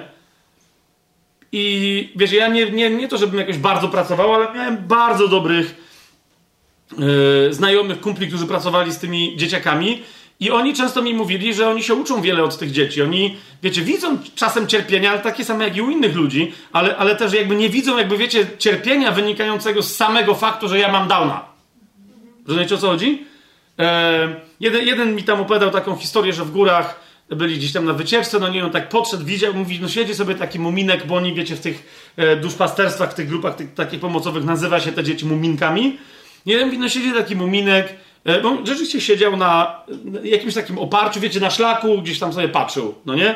I mówi, tak podszedłem, no bo sobie myślałem, taka bida siedzi, nie? On, tam byli rodzice z niektórymi, z niektórymi nie, ten był sam i mówi, no na pewno... Więc wiedział, co mi chodzi, co, co on, on potem, co zrozumiał, co on miał w sercu. Gdyby on nagle miał, on się stać takim muminkiem, być upośledzonym jakoś umysłowo i fizycznie i, i teraz, to on by pewnie siedział i by płakał, żeby nikt nie widział, nie? I on mówi, że tak do niego podchodzi taki na tym skoncentrowany, na jego biedzie, na tej jego nędzy, miał już go pocieszać, podchodzi, nie? I, i oparł się obok niego na, na, bo tam były jakieś takie drewna, jak on mi opowiadał, jakieś takie, wiecie, bale takie, jakieś, jakieś, jakiś taki płot, oparł się, a ten muminek się do niego odwrócił i on, i on mówi, patrzy, mówi, to, był, to był moment, no nie? Mówi, że, że nie, po prostu wstrząśnie, bo zobaczył absolutnie szczęśliwą osobę, nie? I ten muminek do niego powiedział, mówi, Zobacz, jakie piękne góry, jaki piękny dzień nam Bóg dzisiaj dał. Nie? I gość. No wiecie, to był jezuita, ale taki porządny chłopak, no nie? Jak, jak, jako człowiek, no nie? I on, on, on mówi, stary, po prostu ja sobie pomyślałem od początku, ja od rana się nie modliłem, no bo wiesz, bo tam coś mamy robić, tam jakieś rzeczy, tu jest praca, dzieci, tu wiesz, trzeba harować. I mówi, no, i, i nagle mnie muminek nawraca, nie? Mówi, że to robię, zobacz, że to jest dzień, to, że ja nagle się zorientowałem, te dzieci mi coś dają. Ja, nad kim ja się użalam? Nad nimi? Ja jeszcze ani jednego dziecka nieszczęśliwego to nie wiedziałem. One od samego rana są szczęśliwe i wtedy on sobie uświadomił, że mówi, ja cały czas się zastanawiam nad sobą, jak ja bym się czuł, gdybym był muminkiem. No ale mówi, jakbym nim był, to bym nie wiedział, że ja był, nie bym się zastanawiał, to ja bym nie wiedział, że byłbym kimś takim, jak, no jakby bez sensu. Co się w ogóle dzieje, nie? I my zawsze zakładamy, że biedni ludzie, którzy nie mają internetu w dżungli amazońskiej, no że są biedni, no nie, że są nieszczęśliwi, bo nie mają internetu. Po czym jest zawsze, wiesz, zdumiewające, jak się, wiecie, o, o, ostatnio dopiero ludzie zaczęli się tym nad tym zastanawiać, czemu większość tych ludów robi się nieszczęśliwa dopiero w momencie, kiedy przyjeżdżają biali ludzie albo inni, ale wiecie, bardziej cywilizowani i zaczynają wzbudzać w nich chciwość na rzeczy, których oni nigdy nie wiedzieli, że w ogóle trzeba było ich chcieć. Nie? I wtedy się stają nieszczęśliwi, kiedy, kiedy zaczyna pracować w nich, no właśnie, sztuczna potrzeba. Nie? Więc yy, jeszcze raz, po pierwsze zauważcie, my nie wiemy, czy ten człowiek był nieszczęśliwy. Był niewidomy, ale radził sobie, wszyscy go znali. Zwróćcie uwagę, że on zaraz po uzdrowieniu nie objawia cech jakiegoś niepewnego siebie, zahukanego inwalidy. Nie wiem, czy widzicie. Nie? Co rodzice jego są zahukani. Oni mówią, e, nie, co z nami gadacie? Z nim gadajcie. I on mówi, to ja chętnie. Jeszcze raz. Nie? Oddaj chwałę Bogu w 26 wersecie na niego krzyczą. My wiemy, że ten człowiek jest grzeszny, ten, co go uzdrowił. A on odpowiedział, czy on jest grzeszny, to ja nie wiem. Ja tylko wiem, że byłem ślepy, a teraz widzę. Taka ci zagadka. No rozumiecie, to nie jest gość, który to jest pewny siebie facet tak? Który dopiero co był ślepy od urodzenia, nie? Więc, yy, no, rozumiecie o co mi idzie? To jest kwestia perspektywy, ale, ale to jest jedna bardzo ważna rzecz. Pan Jezus mówi, on od początku był niewidomy, czyli miał pewien brak w porównaniu z innymi, ale miało to służyć chwale. Jest jeszcze jedna sytuacja, jest więcej takich, ale jest jeszcze jedna, do której się chcę odwołać, to jest jedenasty rozdział Ewangelii Janowej. Siostry Łazarza posłały do Pana Jezusa, jedenasty rozdział, trzeci werset. Panie, oto ten, którego miłujesz, choruje. Czwarty werset. A gdy Jezus to usłyszał, powiedział: Ta choroba nie jest na śmierć, ale na chwałę Bożą, aby przez nią był uwielbiony syn Boży. Ta choroba, zwróćcie uwagę, nie jest na śmierć, ale na chwałę Bożą, powiedział Pan Jezus. Po czym Łazarz umarł.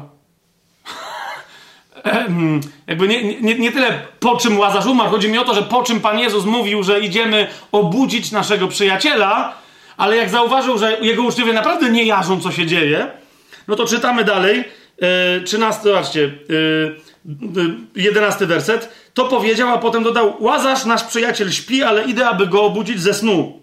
Wtedy jego uczniowie powiedzieli, no to pewnie jak śpi, to będzie zdrowy. No to jest dokładnie, czyli ja, nie ma się czym przejmować. Wtedy Jezus, widząc, że oni nie jarzą naprawdę, co to się dzieje, wtedy... Ale Jezus mówił o jego śmierci, tylko oni myśleli, że mówił o zasni- zaśnięciu zwykłym snem. Wówczas Jezus powiedział im już otwarcie, Łazarz umarł. I oni wtedy, o mój Boże. Ale zauważcie, Pan Jezus dopiero co powiedział, ta choroba nie jest na śmierć. Po czym Jezus mówi, Łazarz umarł. I nagle jest, hmm. To jest moje pytanie, czy Jezus się pomylił? Widzicie, jak często my słuchamy proroctw i chcemy usłyszeć w nich nie to, co wcale w nich jest powiedziane? Nie? Trzy osoby, cztery osoby wyruszają w misję, którą dostają od Boga i dostają jasne proroctwo. Jedna z was nie dotrze na miejsce. Jedna z tych osób nie dotrze na miejsce. Ok? Wszyscy wiemy, bo i oni wiedzą, że ktoś z nich umrze i nie wypełni misji. Ok? Po czym co się dzieje? Dokładnie te trzy osoby, które wypełniają misję, umierają. A ta jedna, która nie dotarła na miejsce i de facto tej misji nie wypełniła, żyje. Bo proroctwo powiedziało tylko tyle, że jedna osoba nie dotrze na miejsce, a nie, że nie wypełni misji. Tak? Nie, niektórzy z Was wiedzą, o czym mówię? No, no właśnie, no właśnie, nie? Moja żona na tym, na tym się przyłapała. Ja mówię, ej, słuchaj uważnie. Nie? Jak brzmi proroctwo? To samo jest tu, Pan Jezus. Zauważcie, czy Pan Jezus powiedział, że Łazarz nie umrze? Powiedział, że ta choroba nie jest na śmierć. A nie, że on nie umrze. On tylko powiedział, że ta choroba nie jest na jego śmierć. W ramach tej choroby umarł, ale wrócił do życia. Więc to nie było na tę śmierć, która mu była pisana. Czy to jest jasne? Jezus, Pan Jezus powiedział prawdę, mówiąc, ta choroba nie jest na śmierć, po czym powiedział prawdę, że ale Łazarz tymczasem umarł. To, to jedno i drugie, jedno i drugie było prawdą. Zwracam wam też uwagę, więc jeszcze raz, przy okazji, wiecie, cierpienia, czasem my jako chrześcijanie doświadczamy cierpienia, bo nie rozumiemy tego, co Bóg do nas mówi. Z tego wynika cierpienie. Panie, nie tego się spodziewałem. A, a dlaczego się czegoś spodziewałeś? No bo ty mi powiedziałeś. A czy ja ci to powiedziałem? Wiecie, o co mi chodzi? Czy ja ci to powiedziałem? Znam e, osoby, które się dowiedziały, że kiedy dotrą na miejsce e, misjonarzy, że kiedy dotrą na miejsce, mogą się spodziewać pełni błogosławieństwa Bożego. Rozumiecie? I prawie, że tuż przed wyjazdem cały zbór się pokłócił, ponieważ oni uważali, że jadą, żeby ich tam zabili na miejscu. Że, że natychmiast mogą się spodziewać pełni błogosławieństwa, nie? I teraz zbór mówił, no nie, wy jedziecie tam, więc na pewno się tysiące ludzi nawrócą i mówią, nie, na pewno nas zabiją.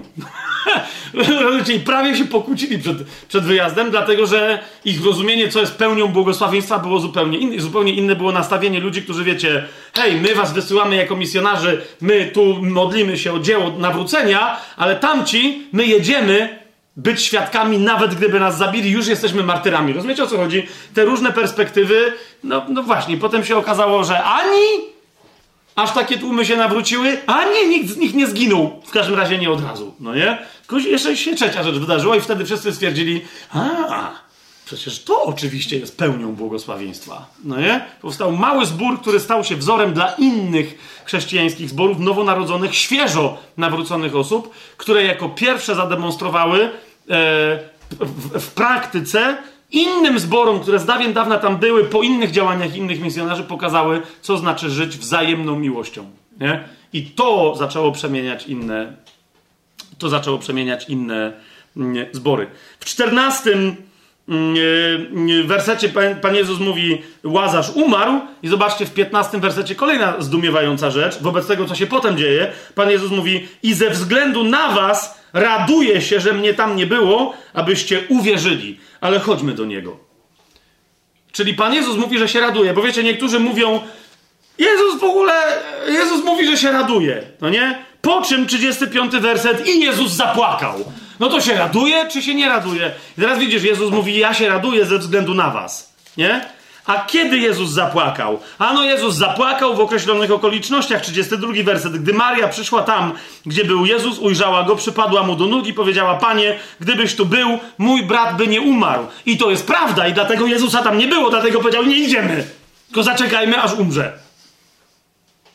Kiedy Jezus zobaczył ją płaczącą, raz, dwa, i płaczących Żydów, którzy z nią przyszli, sam rozrzewnił się w duchu i zasmucił i zapytał, gdzie go położyliście. I odpowiedzieli mu, panie, chodź i zobacz. I w tym momencie Jezus zapłakał. No, nie będę teraz w to wchodził, jakby jaka jest waga ich odpowiedzi, ale zwróćcie uwagę na chodź i zobacz. Chodźcie i zobaczcie, jakby co Żydzi mówią, nie? Rozumiecie, oni płaczą, ale co jest istotne, ich odpowiedź jednocześnie ogarnia jego. Nie? Oni wiedzą, że on się nie pyta, bo jest zainteresowany. Oni wiedzą, oni wiedzą, co ich łączyło. Nie? I że on bardziej ma prawo płakać niż oni, a nawet siostry nad łazarzem. Nie? I on to widząc, że oni to wiedzą, rozumiecie? Na to reaguje płaczem. Zresztą wtedy Żydzi powiedzieli: Zobaczcie, jak go miłował. Nie? Ale jeszcze raz, jeszcze raz zwracam Wam uwagę, że Jezus mówi: 15 werset. Raduje się, że mnie tam nie było, abyście uwierzyli. Czyli Jezus widzi, wie, że Łazarz jest włączony w dzieło budowy wiary jego apostołów, jego uczniów. Widzicie to? Ktoś musiał umrzeć, że się tak wyrażę. I, I my znowu mówimy, no i naprawdę Łazarz musiał umrzeć i się zaśmierdzieć tam w tym grobie. Zrozum, teraz wyobraź sobie, że, że przychodzi Pan do nas i się pyta nas, nie? Ale nie wszystkich, tylko niektórych. I my o tym wiemy. No nie Pan przychodzi i mówi, słuchajcie, muszę zapytać niektórych z was, którzy są gotowi na taką próbę. Czy chciałabyś dla mnie umrzeć, żeby być wskrzeszoną jeszcze z powrotem do tego życia? Czy chciałbyś? I nie wszyscy, zna, jakby pokazując jednocześnie, z czym to się będzie wiązać, że to będzie prawdziwa śmierć, w ramach której twoja dusza nie pójdzie do nieba. Dlaczego? Bo będziesz zaraz wracać tutaj, no nie? Ale przejdziesz całą masakrę śmierci, którą znowu potem przejdziesz, no nie? Zwłaszcza, że wiecie, to jest przed krzyżem, bo to Łazarz nie był, rozumiecie, usprawiedliwiony w tym sensie. I teraz ja nie wiem, czy Pan zapytał Łazarza, czy nie. To wiecie, o co mi chodzi. Ale myślę, że tam się coś takiego w nim odbyło, że on był gotowy to zrobić dla Pana. Właśnie to, że Jezus go tak miłował, kapujecie, spowodowało, że, że umarł, nie mając w sobie zawodu, że Jezus nie przyszedł go ratować. Kapujecie? Bo Maria, Marta, wszyscy o tym mówią. Gdybyś ty tu był, to by, po prostu my to wiemy. Bez żadnego, bez cienia wątpliwości. Nie? Tylko niektórzy mówią, no skoro on może uzdrawiać, to może i, to może i teraz może mu pomóc. Może go może wskrzesić. I dokładnie to jest to, co Jezus zrobi, ale on znowu mi zauważcie, to cierpienie, choroba i śmierć nawet, które spadły na Łazarza, czemuś innemu służą i dlatego ja je dopuściłem. I teraz zauważcie, nie tylko, że ojciec je dopuścił z nieba, ale Jezus, który, który specjalnie czeka, póki, wiecie, żeby przyjść, kiedy on już umrze, a nie kiedy jeszcze będzie chory. Czy, czy ma, mamy tę czy mamy tę jasność, czy, yy, czy nie?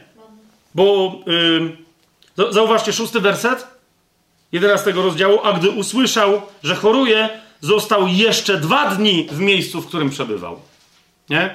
Jest bardzo wyraźnie powiedziane, Jezus zaczekał. Nie? Jakby wyszli wtedy, to by zdążyli i Łazarz by jeszcze żył. Jezus jeszcze zaczekał. Nie? Potem dopiero powiedział do swoich uczniów: chodźmy znowu do Judei. Ok, a więc skoro y, widzimy, że Bóg pewne rzeczy może dopuszczać, to teraz wreszcie możemy przejść. Ile mamy, jaki mamy czas, y, y, y Gosia, żebym się. 18. Okej. Okay. Możemy wreszcie przejść do tego, do kwintesencji, która w sobie według mnie zawiera całość wszystkiego, co można rozważać na temat tego, po co Bóg, dlaczego, jak, gdzie, w jakich, okolic, w jakich okolicznościach dopuszcza na wierzącą osobę jakiś rodzaj cierpienia i jak on to kończy.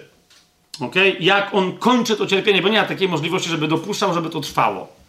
Otóż przykładem tego czegoś, takiego, takiego zdarzenia, bardzo precyzyjnie, bo z pierwszej osoby opisanym jest coś, co jest w teologii nazywane problemem ciernia dla ciała Pawłowego, czy też Pawłowego ciernia dla ciała. Dlaczego Pawłowego? No bo Paweł opisuje takie zjawisko, które przydarzyło się jemu i nazywa to zjawisko cierniem dla ciała. To jest bardzo istotne. Czemu? Bo wyraźnie nam to pokazuje, wyraźnie sugeruje, za każdym razem, kiedy Paweł mówi o, o doświadczaniu trudności w ciele, ma na myśli słabość albo chorobę fizyczną po prostu, a nie nic innego. A nie to, że się czymś zasmucił i to odebrało mu siły. Czy to jest jasne? Nie? On mówi wyraźnie. Więc cierń dla ciała oznacza dolegliwość fizyczną. Tak? I teraz jak ją Paweł opisuje? To jest 12 rozdział drugiego listu do Koryntian od 7, yy, 7 i 8 werset na początek. Dany mi został, mówi w pewnym momencie, no mówi, że, żebym się nie... ale okej, okay. chodzi mi o samo to zjawisko, zauważcie, bo tu każde zdanie, y, każde zdanie, każdy wyraz w tym zdaniu jest ważny. Dany mi został cierń dla ciała, wysłannik szatana, aby mnie policzkował, żebym się ponad miarę nie wynosił. Dlatego trzy razy prosiłem Pana, żeby odstąpił ode mnie. Nie żeby Pan odstąpił, tylko żeby ten cierń dla ciała ustąpił. Ok? I co jest interesujące, dowiadujemy się dalej, że Pan mu powiedział nie.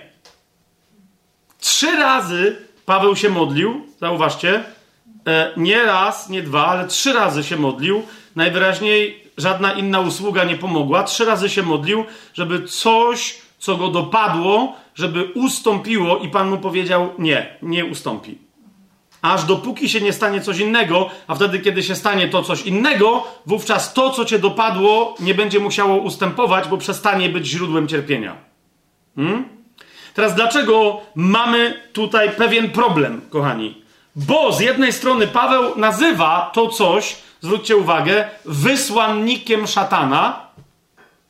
Widzicie to? A z drugiej strony Paweł powiada, i wszyscy egzegeci akurat w tej kwestii są zgodni, Paweł powiada, został mi dany, albo wręcz darowany, niektórzy tłumaczą, tak? Został mi darowany, dany cierń dla ciała, który jest wysłannikiem szatana, aby mnie policzkował. Dlatego pana, a nie szatana, rozumiecie, bo szatan, wiecie co by Paweł zrobił z szatanem, no nie? To by było raz, bam. A więc Paweł sugeruje, że nieważne, że to był wysłannik szatana, ale że pan go dał. Co? I dlatego on prosił Pana, żeby ten wysłannik szatana odstąpił. A Pan mu powiedział, nie powiedział mu wprost nie, ale to co powiedział de facto znaczy no nie, bo nie o to chodzi. Nie rozumiesz, Pawle, co się dzieje. Hmm? Teraz więc, kochani, potrzebujemy się przyjrzeć, co to by miało być, jakby miało funkcjonować, żebyśmy mogli sobie odpowiedzieć na pytanie, co to w ogóle znaczy. Nie? Bo już wiemy z Ewangelii Jana, że mogą być takie rodzaje cierpienia, które się pojawią w życiu człowieka. Teraz wiemy z tego, co Paweł mówi, że w życiu nawet tak wierzącego człowieka jak Paweł może się pojawić fizyczna dolegliwość. Bo tu chodzi o fizyczną dolegliwość. Tak? I teraz co? Dlaczego? Kiedy ona się kończy? Bo Bóg nie chce, żeby jego dzieci cierpiały. Pierwsza rzecz.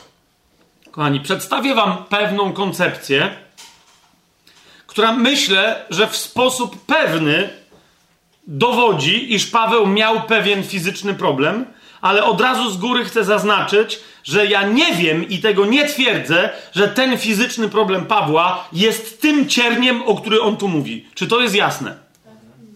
Uważam, że najważniejsza rzecz, jaką możemy powiedzieć przy tej okazji, to jest, że Paweł dopuszcza taką możliwość i my, się, i my z tego mamy wyciągnąć lekcję, że może na jakiś czas dopaść wierzącego chrześcijanina, wierzącą chrześcijankę, jakiś rodzaj nawet fizycznego cierpienia, fizycznej dolegliwości, ok?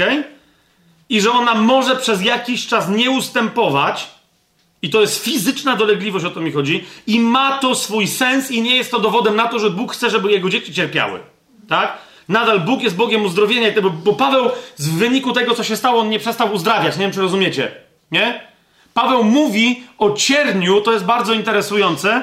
Zwróćcie uwagę, jak będziecie czytać, zwłaszcza kto, ci z was, którzy studiują y, też Grekę, zwróćcie uwagę, że Paweł mówi, bo on w, w 12 rozdziale mówi o czymś, co Koryntianie wiedzą na jego temat i o czymś, czego nie wiedzą.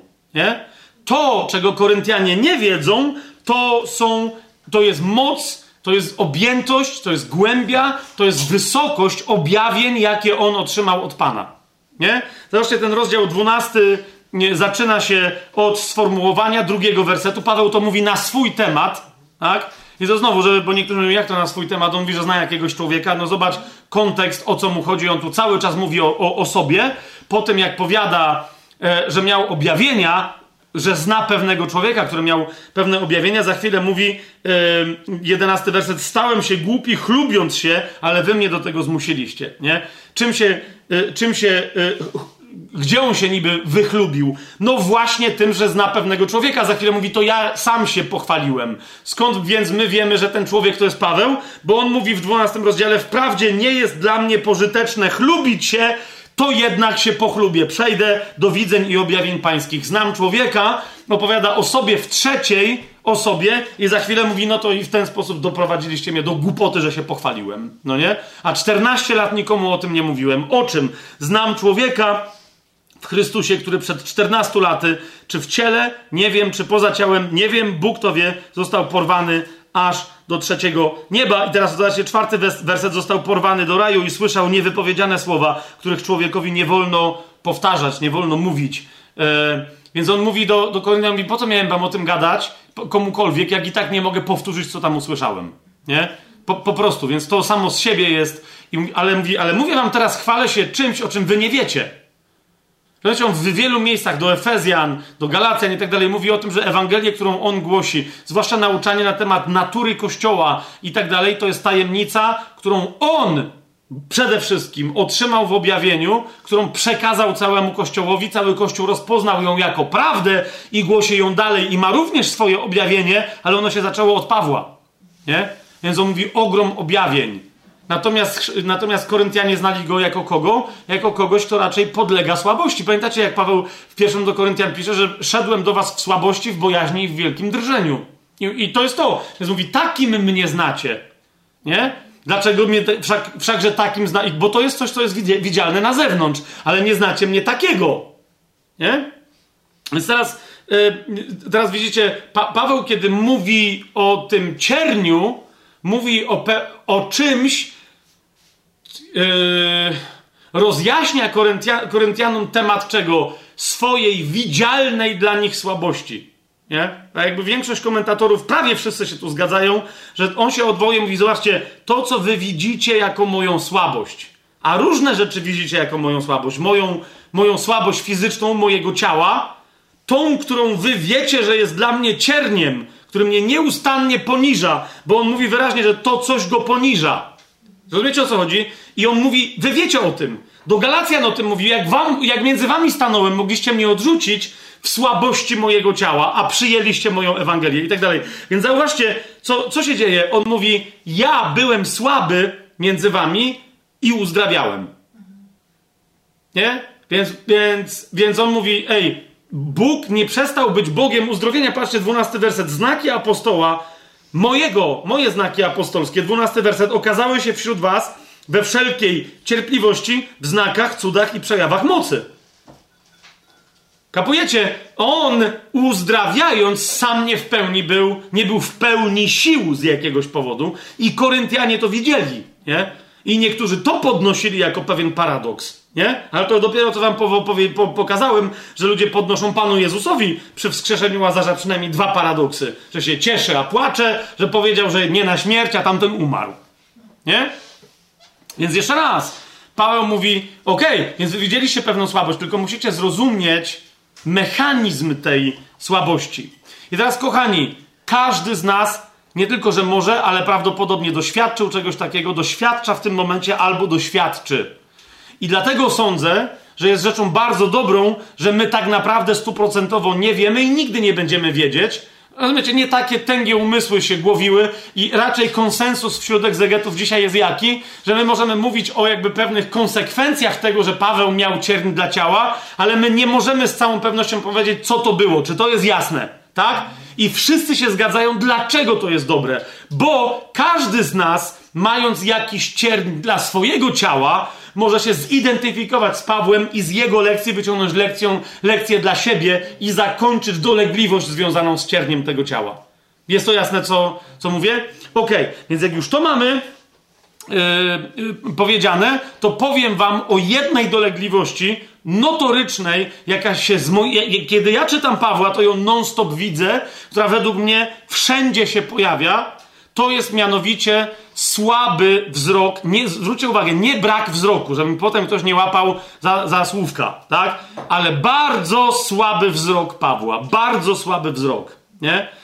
Dlaczego to może stanowić ktoś, bo niektórzy mówią, ale to jaki to jest problem? No to jest taki problem, że mówimy o czasach, gdy nie było okularów. To jest taki problem, że my mówimy o czasach, gdy nie było sztucznego światła. Rozumiecie, Pawła, który wędruje, ludzie, którzy mają słaby wzrok, często zgłaszają, że mają problem, kiedy się pojawia szarówka ranna albo wieczorna. Tak, że już wtedy mają, nie mogą iść dalej. Pochodnia, niewiele światło, jeszcze raz, mam światło, latarki, wiecie, yy, komórki czy czegoś, wtedy mm, to, nie, to, tak, to, to tak nie działało, nie? Więc jest problem z podróżą, jest problem z czytaniem, Zobaczcie, jak, jak widzicie, jak, jakbyście sobie kiedyś zobaczyli, jak wyglądają manuskrypty starożytne, to rozumiecie, pergamin, te wszystkie materiały, na których się pisało, to była drożyzna. Nie? To było naprawdę, to była bardzo droga rzecz. Więc jak już ktoś pisał na tym czymś, to drobił makiem, no nie? Żeby jak najwięcej zapisać na jak najmniejszym skrawku tam pergaminu czy czegoś, nie? Jak ktoś ma problem ze wzrokiem, a jest uczonym w piśmie tak jak Paweł, to nie wiem, czy rozumiecie, co się dzieje, nie? No po prostu, nie? To jest dokładnie jak Beethoven, który był głuchy. On też nie był kompletnie stuprocentowo, nie wiem, w 97% był głuchy, tak? Ale tam pewne rzeczy, brzmienia, tony i tak dalej, on tam, wiecie, czuł ciałem i tak dalej, coś tam odbierał, nie? A tu, to, no, no ja sobie nagle tak pomyślałem, co by się stało, gdybym ja stracił wzrok na tyle, że nawet okulary by nie pomagały, nie? I uwierzcie mi, jak jakby innych rzeczy się nie boję, tak tu miałem ciarki na plecach na zasadzie wow, musiałbym polegać na tym, co ktoś mi poczyta, ale, ale to jest natychmiast poczułem, jak wielkie by to było ograniczenie wolności mojej w studiowaniu Słowa Bożego. Rozumiecie, co, co, co się tu dzieje? No po prostu szoker, nie? Więc to nie jest tak, że, że, że, że słaby wzrok dla Pawła nie miałby być problemem. Skąd, gdzie my to wyczytujemy, że Paweł ma słaby wzrok? No nie wyczytujemy, że on się skarży a, a, w ten sposób, yy, ale no bo nie, bo, bo, właśnie, no właśnie, bo przy tym cierniu nam wyjaśni, jak on postępuje ze słabościami swojego ciała, ale że ma słaby wzrok, to po pierwsze wynika z czego? Z tego, że korzystał z sekretarzy. To znaczy, że nie pisał własnoręcznie, a jak pisał, to wtedy tłumaczy się z pewnej, z pewnej rzeczy, ale o tym za chwilę. Ale wyraźnie mówi, że nie pisał własnoręcznie. Teraz rozumiecie, z takie, no ale to wiesz, to wielu ludzi korzystało z sekretarzy, nawet w XXI wieku. Dzisiaj, tak? Pan prezes dyktuje sekretarce. Czy umie pani szybko pisać? No to nie ma pani pracy. Umie pani? Umiem. No to elegancko. Py, cytuj, dyktuje, tak? Piszący pod dyktando. Ale w tamtych czasach, rozumiecie, to była, to była rzecz, którą albo ktoś robił niewolniczo, albo y, się za to płaciło ciężkie pieniądze. A inna rzecz, że jak ktoś potrafił pisać, to pisał. Rozumiecie, to było niezwykłe, że potrafił czytać i pisać. To był szacunek do innych, że ktoś osobiście coś napisał, nie? A zwróćcie uwagę, że e, na, na przykład w 16 rozdziale listu do Rzymian, w, 20, w 21 wersecie, Paweł mówi Rzymianom, że pozdrawia was mój współpracownik Tymoteusz oraz Lucjusz, Jazon i Sozypater, moi krewni. I w tym momencie, w tym momencie, niejaki tercjusz prawdopodobnie zapytał się Pawle, jak ty pozdrawiasz, czy ja ich też mogę pozdrowić, ale ja bym se napisał. Proszę cię, no nie, nie, nie, nie dyktuj mi, że ja ich pozdrawiam, tylko że ja bym sobie napisał. Ja rozumiecie, wy, tak mi się, jakaś taka rozmowa się odbyła i powiem, jasne, nie? Więc on napisał, pozdrawiam was w Panu ja! Ja, ja tu jestem. Kto? Tercjusz, którym pisał ten list. No, to jest jasne, że nie on pisał ten list, ale on go napisał fizycznie, nie? Po czym wraca głos Pawła, pozdrawia was Gajus, gospodarz mój i całego kościoła. I to jest jasne, że to nie jest gospodarz Tercjusza, tak, tylko Pawła. No wraca głos Pawła. Czy to jest, to jest jasne? Kochani, Paweł nie był, wiecie, zwróćcie uwagę na jego pokorę. To nie był gość, który się wysługiwał, wiecie, ludźmi, którzy mu mieli usługiwać i tak dalej. My go nigdzie takim nie widzimy. On ma współpracowników, ludzi, którzy razem z nim, on zawsze mówi, którzy się ze mną trudzili, ale, ale mówi, nikt się nie trudził bardziej niż ja. I nagle przy pisaniu listu uznałbym, a dobra, to jest, to jest ponad mnie. Proszę, e, sekretarz. No niektórzy takie mają wyobrażenie i tak tłumaczą, mówią naprawdę. Zobaczcie, e, w pierwszym do Koryntian, w 16, e, w 16 rozdziale, e,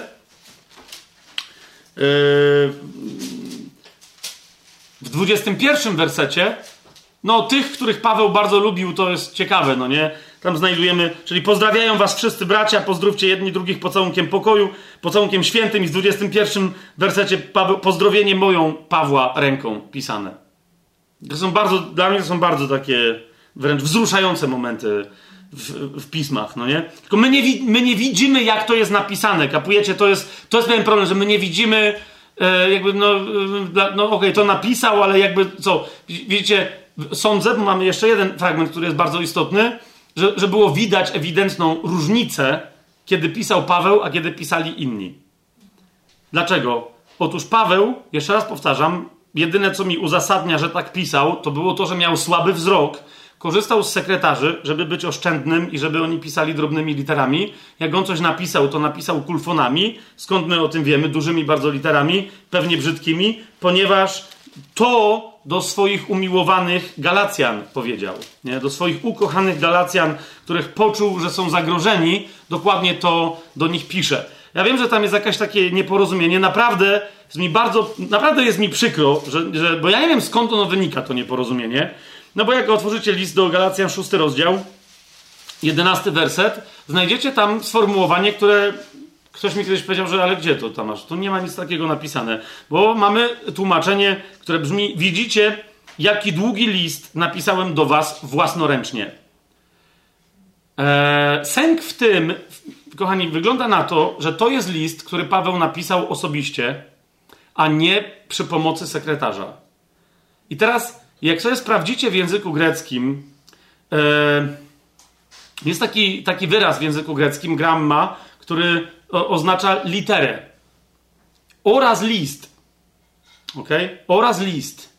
To jest taki sam problem, jaki ma problem język, e, mm, język e, mm, angielski, który, e, bo w języku angielskim słowo lete to jest dokładnie tak jak ta grama e, grecka, oznacza literę albo pojedynczą, wiecie, znak, literę, albo list, całą jakąś tam wypowiedź. Dlatego dlatego y, no, raczej się nazywa w języku y, angielskim listy Pawła, nie literami Pawła, letters of Paul, tylko epistles, epistoły Pawła, żeby to było jasne, że to są, że całe, a nie jakieś tam konkretne litery. dlaczego to rozróżnienie, skąd ono się bierze? No właśnie z tego dokładnie miejsca, nie? Bo w tym miejscu e, podobnie zresztą jak jest przetłumaczony Y, ten fragment, gdzie pamiętacie u Łukasza y, bodaj, że w trzech różnych językach greckim, hebrajskim i łacińskim było napisane Jezus Nazaretu Król Żydowski, nie? A to jest napisane, że trzema różnymi alfabetami, dosłownie trzema różnymi literami hebrajskimi, łacińskimi i greckimi było napisane. I oczywiście, że to znaczy, że w tych trzech językach tak? Ale chodziło o litery, że, że te znaki, tam nie było żadnych transliteracji, były hebrajskie, greckie i łacińskie. I Paweł tu pisze, nawet jak ktoś z was nie zna greki, to jak popatrzycie na, mm, na co możecie popatrzeć, na, e, na kody gramatyczne, zobaczycie, że po pierwsze ten wyraz, który rzekomo jest tutaj listem, jest w liczbie mnogiej. Więc jak już ktoś to tłumaczy, to powinien przetłumaczyć, widzicie, jak długie listy napisałem do was własnoręcznie. No i wtedy byśmy mieli problem, ale które listy? No nie? Po drugie, Paweł nie napisał, że napisał długie listy, ale że napisał wielkie listy. Ok? Że napisał wielkie. I teraz chodzi o to, i w dodatku o co mu chodzi? Że napisał własnoręcznie wielkie litery. Kapujecie to dosłownie to. I zresztą, y, nie wiem, ktoś z Was ma może przy sobie Biblię toruńską. Teraz tak, tak sobie tak. pomyślałem, że prawdopodobnie toruńska będzie to miała właściwie przetłumaczone, bo oni te, te słabsze momenty y, z UBG mają poprawione. Popatrzcie, jak wielkimi literami napisałem Wam swoją ręką. A widzisz, no właśnie. Tak? Popatrzcie, jak wielkimi literami. Zobaczcie, widzicie, jak dużymi, właśnie wielkimi literami napisałem do Was własnoręcznie. O co chodzi? Paweł, e, jakby wiesz, bo, bo to jest takie, ale co? Nie chodzi o to, że on cię wysilił, że pisał do nich. Chociaż też, on mówi, roz, rozumcie, tak, dla mnie jesteście ważni i temat tego listu jest tak ważny, że nie ma znaczenia, ile kosztował zwój, na którym to pisałem. Nie? Bo on zajął mu prawdopodobnie dwa, może trzy razy więcej miejsca, niż by normalnie dyktował skrybie jakiemuś wierzącemu bratu czy siostrze. Nie? Ale mówi, zobaczcie, jak dużymi, mówi, nie, nie dość, że pisze kulfonami dużymi, jest to dla mnie wysiłek. Dlaczego? Bo prawdopodobnie on ma problem z widzeniem, tak? Z patrzeniem. Mówi, więc, więc pisałem duże litery i mówi to, ale, ale mówi, zobaczcie, zobaczcie, jak dużymi literami własnoręcznie do was nie, yy, pisałem. Ci wszyscy, którzy chcą się podobać według ciała, przemuszają was do obrzezania. To mówi, zobaczcie, jak dla mnie jesteście ważni, że pisałem własnoręcznie. Ale z tego fragmentu dowiadujemy się, czego? No, że Paweł własnoręcznie, kiedy pisał, to pisał dużymi literami. Więc rozumiecie, jak Paweł w pierwszym do Koryntian, w tym szesnastym rozdziale, jak y, pisze 21 werset, pozdrowienie moją Pawła ręką, to, to rozumiecie o co chodzi nie? Że, że, nie? Oni od razu mogą zobaczyć, mogą też pokazać innym. Zobaczcie, tu Paweł osobiście, Paweł osobiście to tutaj napisał. Teraz, ja to sobie nie napisałem tego w notatkach, ale wydaje mi się, że w drugim do Tesaloniczan, yy, dokładnie w trzecim rozdziale, w siedemnastym wersecie, zwróćcie uwagę, tam jest jeszcze coś innego, E, bo pamiętacie, że do Tesaloniczan przyszedł fałszywy list, fałszywe informacje. Pamiętacie to, nie? Jak nie, no to tam dotrzemy i on tam mówi, że jakieś fałszywe pogłoski do was przyszły, jakobyśmy my je napisali. I teraz na końcu drugiego listu do Tesaloniczan Paweł do nich mówi pozdrowienie moją, Pawła ręką w, do, w domyśle napisane, tak? I mówi, ono jest znakiem w każdym liście. Tak pisze. Jak? No tak, jak widzicie, że ja tu piszę, no nie? To są jakieś tam jego charakterystyczne kulfony, które nigdy po prostu nie do podrobienia, nie? On coś tam, wiecie, tam coś jest. Niektórzy sugerują, że jest to yy, na przykład yy, zawołanie Maranata, bo my nigdzie go nie widzimy w Biblii, z wyjątkiem Yy, z wyjątkiem pozdrowienie moje Pawła ręką, pierwszy do Koryntian 16 rozdział, 22 werset, że on, on tam pisze Maranata, nie? Że być może tam następny werset też jest przez niego napisany. Co to było, my tego nie wiemy. Chodzi mi tylko o to, że jak Paweł pisze do Galacjan, nie? Mówi, zobaczcie, jak, jakimi dużymi literami do was napisałem, to zwracam wam uwagę, że tylko do Galacjan Paweł pisze następującą rzecz. To jest, yy, to jest czwarty Y, czwarty rozdział, od 13 do 15 wersetu. Jak mamy w, w, drugim do Koryntian sformułowanie cierni dla ciała, to dosłownie tam jest napisane cierń tego ciała. Nie? Cierń tego ciała. Czyli chodzi o to, że to, no, że to jest cierń, który jest dany temu ciału, które bodzie to ciało, który je tam dłubie, który je tam, wiecie, yy, boli. Nie? Podobne, jeżeli nie, że, nie, że, że takie samo sformułowanie pojawia się w, w czwartym rozdziale, w trzynastym wersecie Galacjan, gdzie Paweł nie mówi o cierniu ciała, ale o słabości ciała. Co na to samo wychodzi? Paweł mówi tak. Wiecie przecież, że pierwszy raz głosiłem wam Ewangelię w słabości ciała. Co by to miało znaczyć? Otóż mówi tak, a mojej cielesnej próby nie lekceważyliście, a więc to, ta cielesna próba to nie była ta słabość ciała, tylko mówi, cielesnej próby nie zlekceważyliście sobie, ani nie wzgardziliście, ale przyjęliście mnie jak anioła Boga, jak samego Chrystusa Jezusa. Więc mówi, w wyniku mojej cielesnej próby nie wzgardziliście mną, ale mnie przyjęliście. Pamiętacie, myśmy to rozważali. Wygląda na to, że Paweł tam trafił po akcji, kiedy był kamienowany. Tak? Więc on mówi, po tym, no był pobity, więc mówi, nie wzgardziliście mną, ale mnie przyjęliście. Natomiast mówi, ale moją Ewangelię przyjęliście pomimo słabości mojego ciała. I chcę, żebyście to zobaczyli w tym tekście, tak? I, I, teraz on wraca do słabości ciała. Gdzie? W czternastym, yy, yy, w piętnastym wersecie, nie? Gdzie mówi, gdzież więc się podziało to wasze błogosławieństwo? Jakie? Przyjęcie mnie i przyjęcie mojej Ewangelii, nie? Mówi, daję wam bowiem świadectwo, że gdyby to było możliwe, wtedy, kiedy wam głosiłem Ewangelię, bo tu cały czas chodzi o trzynasty werset, wyłupilibyście sobie oczy i dali je mnie. Dlaczego dla Galacjan byłoby tak istotne, żeby Paweł miał oczy? Kapujecie? On tam trafił sam y, do nich, w pewnym momencie nie miał towarzyszy. Być może, że nie miał ze sobą kogoś, to jest bardzo istotne, kto był z nim. Kapujecie, jak on potrzebował ludzi do pomocy do pisania, jak trzeba było, to sam napisał. Ale do czy... Dlaczego? Bo sobie napisał duże litery. Ale jeżeli miał do czytania małe litery, to nie był w stanie pewnych rzeczy przeczytać.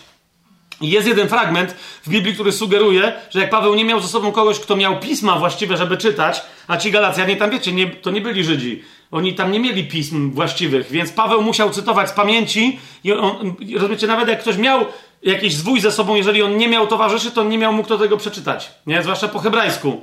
I być może dlatego oni, wiecie, wiedzieli, że sińce e, ustaną, rany się za, zabliźnią i tak dalej, a oczy słabe pozostaną słabe. I być może dlatego Paweł mówi, że nawet byli, gdyby to miało coś pomóc, byliście gotowi wyrwać sobie oczy i dać mnie. Że Paweł ewidentnie potrzebował, według mnie, e, kogoś do pomocy do czytania, no to zauważcie, jest taka sytuacja w drugim e, liście do Tymoteusza, w czwartym, e, w czwartym rozdziale, gdzie e, Paweł, jakby cała historia jest taka, że Paweł w pewnym został przez wszystkich osamotniony, a potem dopiero dołączył do niego Łukasz. Ale Łukasz nie miał ze sobą e, Biblii, że tak powiem, Pawła, czyli zwojów Pawłowych. Nie? Skąd my wiemy, że Paweł w pewnym został sam?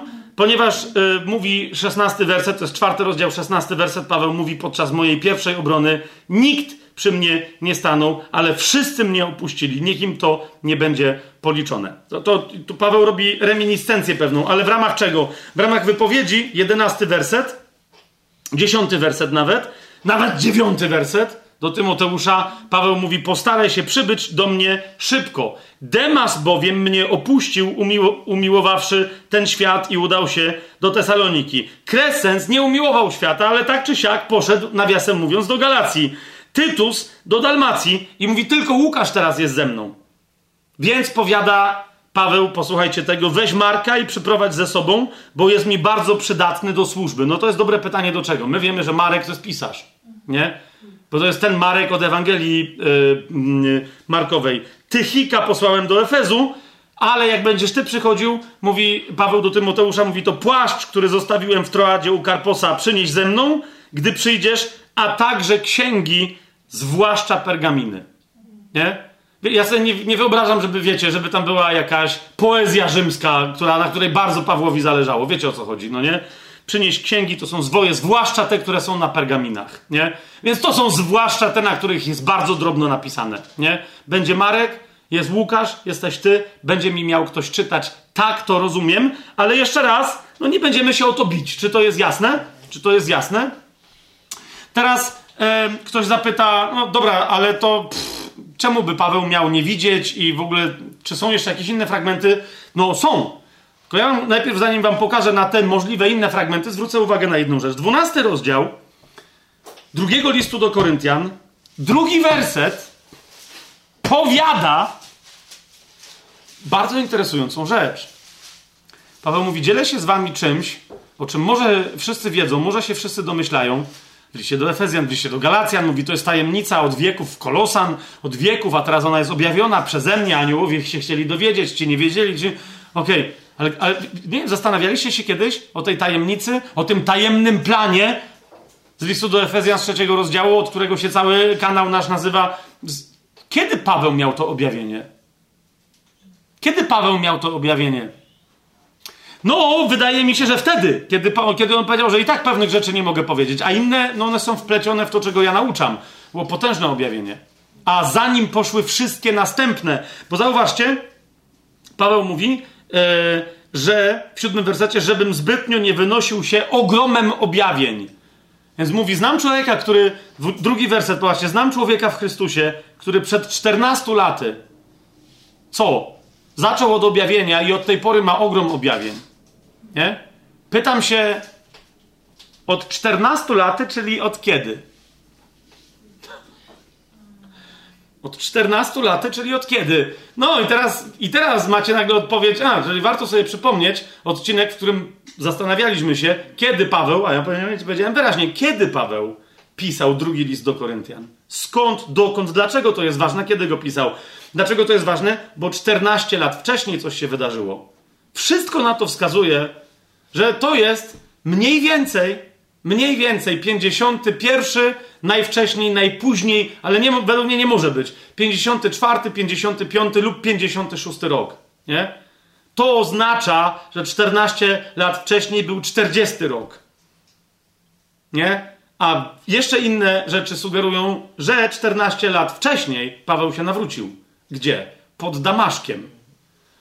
Byłoby więc, kiedy Paweł pisze, Że, że, że, żeby ogrom objawień, który według mnie wtedy się zaczął, że, żeby go nie zabił, został posłany cierń dla ciała, żeby go trzymał w równowadze, byłoby, że ten cierń dla ciała już wtedy się pojawił? Zobaczmy dzieje apostolskie. Przyjrzyjmy się, cóż też dzieje apostolskie na ten temat mówią. Nie? No według mnie, jeszcze raz pamiętajcie, ja teraz nie chodzi mi o to, żeby stuprocentowy dowód to jest cierń dla ciała, ale jest to dla nas ważne, bo wiecie, jak będziemy mieli odniesienie, jeżeli słaby wzrok, zmaganie się ze słabym wzrokiem bez możliwości okulistycznych, jakichkolwiek okularów i tak dalej, rozumiecie, pomocy okulistycznej, jeżeli to by było coś takiego, to jest według mnie dobry przykład słabości yy, ciernia dla ciała, nie jest? Zgodzicie się? Okej. Okay. Ale zobaczmy, jak opisuje to wydarzenie nawrócenia się Pawła, yy, yy, jak, jak opisują dzieje apostolskie. To jest dziewiąty rozdział, trzeci werset dziejów apostolskich. A gdy jadąc zbliżał się do Damaszku, nagle olśniła go światłość z nieba. Zwracam wam tylko uwagę, co się stało. Chłop zobaczył światłość, nie? Jakie są potem zeznania innych, to już kiedyś to rozważaliśmy, co oni widzieli, a co słyszeli i co tam się, i co tam się działo, ale istotne jest, że to, co widział Paweł, to była światłość z nieba, a nie od słońca czy z czegokolwiek innego. To nie był wybuch jakiś, e, jakiś paroksyzm, wiecie, jakaś epilepsja w jego głowie i tak dalej. Słowo Boże jest jasne, to była jasność, to była światłość. Skąd? Z nieba. Upadł na ziemię i usłyszał głos, który powiedział do niego: Saulu, Saulu, dlaczego mnie prześladujesz? Zwróćcie uwagę, że on nie zobaczył tego, kto do niego mówi. Przynajmniej nie ma tu tego w tym opisie, ale go usłyszał. I na bazie tego, co usłyszał, zapytał: Kim jesteś, panie? A pan odpowiedział: Ja jestem Jezus, którego ty prześladujesz. Bam! I tu pojawia się zdanie ni stąd, ni zowąd. Trudno ci wierzgać przeciwko temu ościeniowi. Ja rozumiem, że jak sprawdzicie język grecki, to cierń z siódmego wersetu 12 rozdziału drugiego listu do Koryntian, to nie jest ten oścień, który się, to są dwa różne wyrazy greckie. Pewien problem tylko polega na tym, że ee, że Pan Jezus tu nie mówił po grecku. I teraz nie chodzi mi o to, że ja. Za, za, wrócimy tu zaraz, ale przeskoczmy do 26 rozdziału listu do Rzymian. E, dziejów apostolskich, przepraszam, 26 rozdziału. Tam. E, w czternastym wersecie Paweł mówi następującą rzecz i nie bez przyczyny ją mówi, ponieważ Paweł y, tam mówi do Agrypy i tak dalej. Nie wiadomo, mówi, po, może mówić, wiecie, po łacinie, po grecku, w jakiemukolwiek, ale mówi, to co ja teraz mówię, jakby nie jest istotne, ponieważ to, co ja wam mówię, usłyszałem po hebrajsku. Zobaczcie, to jest czternasty. Gdy wszyscy upadliśmy na ziemię, to jest zeznanie Pawła samego, nie Łukasza. Mówi, usłyszałem głos mówiący do mnie po hebrajsku. Saulu, Saulu, dlaczego mnie prześladujesz? Trudno ci wierzgać ym, temu, przeciw temu ościeniowi. Więc, więc zobaczcie, gdzie indziej Słowo Boże nam zwraca uwagę, Jezus tam mówił po hebrajsku, co rozumiecie, że nawet jakby to nie jest wcale takie oczywiste, że Jezus mówił po hebrajsku, nie? Więc w tym, że my nie wiemy, jakim słowem On się tam posłużył, nie? Nie wiemy, jakim słowem się tam posłużył. Jeżeli się posłużył słowem przetłumaczonym jako oścień, to równie dobrze mógł się posłużyć Słowem, które równie dobrze może być przetłumaczone jako cierń. Dlaczego? Ponieważ ten oścień, o którym to jest mowa, to jest końcówka metalowa tego czegoś, co się w języku greckim nakładało na to coś, co w drugim liście do Koryntian jest nazwane cierniem, a nie jest. Mianowicie, żeby teraz nie mieszać z wyrazami greckimi, ale ten cierń z drugiego listu do Koryntian dokładnie oznacza długi, zaostrzony patyk. Zaostrzony, którym się można było posługiwać na dwa sposoby. Albo coś, albo kogoś kłuć. Tylko wiecie, w czasie, kiedy masz włócznie i inne rzeczy, no to po co masz, co masz kłuć? Tylko zwierzę, tak? Jakieś juczne, jakiegoś wielbłąda. Wiecie, Bliski Wschód to nie, tam nie ma batów stricte na zwierzęta, no nie? Nawet dzisiaj. Tam się kuje, o, no bo tam są osły, woły, wielbłądy. No wiecie, to nie są takie zwierzątka, nasze krówki i nasze inne koniki, które śmigniesz batem i on... tam nie, tam musisz dziubnąć. Gość mówi, a, idziemy, no nie? Swoją drogą ten patyk jest też yy, yy, śledziem dzisiejszym do, do namiotu. No nie? Czyli to jest patyk, który jest zaostrzony po co, żeby go wbić w ziemię, żeby utrzymać namiot. Czyli krótko mówiąc, no, jakby wiecie o co mi chodzi. Nieważne do czego to jest ten patyk, to na pewno nie jest cierń, bo nikt nigdy nikogo, jakby nie wbija ciernia w ziemię, żeby namiot utrzymać. Tak? Ani nie, nie, nie cierniem yy, biczuje o, o, o, osła, żeby szedł. Więc tam jest patyk, którym się coś ku... A tu Paweł y, się dowiaduje, jeszcze nie Paweł, tylko, tylko Szaweł, dowiaduje się od Pana Jezusa, trudno ci wierzgać, jak zwierzę wierzga przeciwko ościeniowi, nie? Swoją drogą to było powiedzenie, wielu mówi, że ono brzmi jak, jak jakieś powiedzenie, jak, jak przysłowie, nie? Tak jak my mamy typu, co się kopiesz z koniem, nie? I tak koń wygra. I chodzi o to, że próżno zwierzęciu wierzgać przeciwko ościeniowi, bo i tak oścień zawsze wygra. No nie? Pamiętajcie, jakby ból zwierzęcia będzie taki, że i tak ono ruszy. Nie? Więc on mówi, Pawle, już się nie rzucaj. No nie? Właśnie przyszedł oścień. I teraz wracamy do... Jasne to jest? Nie? To, Pan Jezus powiedział to po hebrajsku. Sęk w tym, że pewien rodzaj cierni jest tłumaczony takim samym wyrazem, jak ten patyk i stąd się wzięły pewne problemy. Pa Paweł się posługuje nie z myślą o Septuagincie, bo niczego tam nie tłumaczy, tylko dokładnie mówi, że został dany jego ciału e, taki patyk właśnie, no nie? Ale ponieważ ten patyk zawsze służył do wbijania go albo w ciało zwierząt, albo w ziemię, to on wyraźnie mówi nie o cierniu, bo rozumiecie, tam też niektórzy mówią, no ale cierń dla ciała to jest coś takiego jak za przeproszeniem przysłowiowy wrzut na tyłku, no nie? Czyli, że coś jest, przepraszam jeszcze raz, ale upierdliwe, ale jakby no nie jest jakimś wielkim cierpieniem, nie? Co innego natomiast, jak wiesz o co chodzi, jak ktoś podchodzi jako wysłannik szatana i cię łupie zaostrzonym kijem, to wtedy to je, rozumiemy o co idzie? No nie, to nie chodzi o jakieś, jakąś niedogodność w życiu Pawła. Wróćmy więc do dziewiątego, e, do dziewiątego rozdziału, ok? Dziejów apostolskich. Więc Pan Jezus mu mówi, Pawle, możesz wierzgać ile chcesz, ale próżno ci wierzgać przeciwko ościeniowi. I teraz zwróćcie uwagę, Saul drżąc i bojąc się, odpowiada: Panie, co chcesz, żebym zrobił? I niczego się nie dowiaduje. Hmm? Tylko wstań, idź do miasta, a tam ci powiedzą, co masz robić. I teraz, kochani, pierwsza rzecz, jaką widzą świadkowie, która jest skutkiem tego czegoś, co się zdarzyło na drodze, oni nie wiedzą, co się zdarzyło Pawłowi, ale wiedzą jedno. Mianowicie, że Paweł jest niewidomy. Mężczyźni, którzy byli z nim w drodze, stanęli, stanęli oniemiali, słyszeli bowiem głos, ale nikogo nie widzieli, a propos tej światłości z nieba. Rozumiecie? I podniósł się Saul z ziemi, a gdy otworzył oczy, nikogo nie mógł widzieć. Nie tylko Pana Jezusa, ale nikogo. O co chodzi? Był niewidomy. Najwyraźniej jak upadł, miał zamknięte oczy i, i widział światłość i tak dalej. Jak otworzył oczy, był ślepy. Wtedy wzięli go za rękę i zaprowadzili do Damaszku. Zwróćcie uwagę, pierwsza rzecz, pierwsza rzecz, kiedy, kiedy Paweł spotyka się z Panem Jezusem, zostaje uderzony w oczy. Ok? Zostaje uderzony światłością z nieba, która fizycznie wpływa na jego oczy. To jest y, pierwsza rzecz. Dziewiąty werset. Trzy dni nic nie widział i nie jadł ani nie pił. Widzimy, że ta niewidomość Pawła, jego ślepota trwała. Moje pytanie brzmi, co się wtedy z Pawłem działo? Widzisz, Paweł zaczął wtedy mieć serię niesłychanych widzeń. Po pierwsze, skąd inaczej, dwudziesty werset, zaraz w synagogach zaczął głosić Chrystusa, że on jest Synem Bożym. Zauważcie, był ślepy, niczego nie czytał. Rozumiecie, o co mi chodzi? To jest czyste objawienie. Jak on potem do Galacjan mówi, ja, do innych mówi, ja, to jest moje objawienie. Ja to bez... Ja to potem znalazłem w słowie i cytuję słowo, mówię, ale ja to wiem. On mi to wszystko objawiał. Nie tylko to, drobne rzeczy.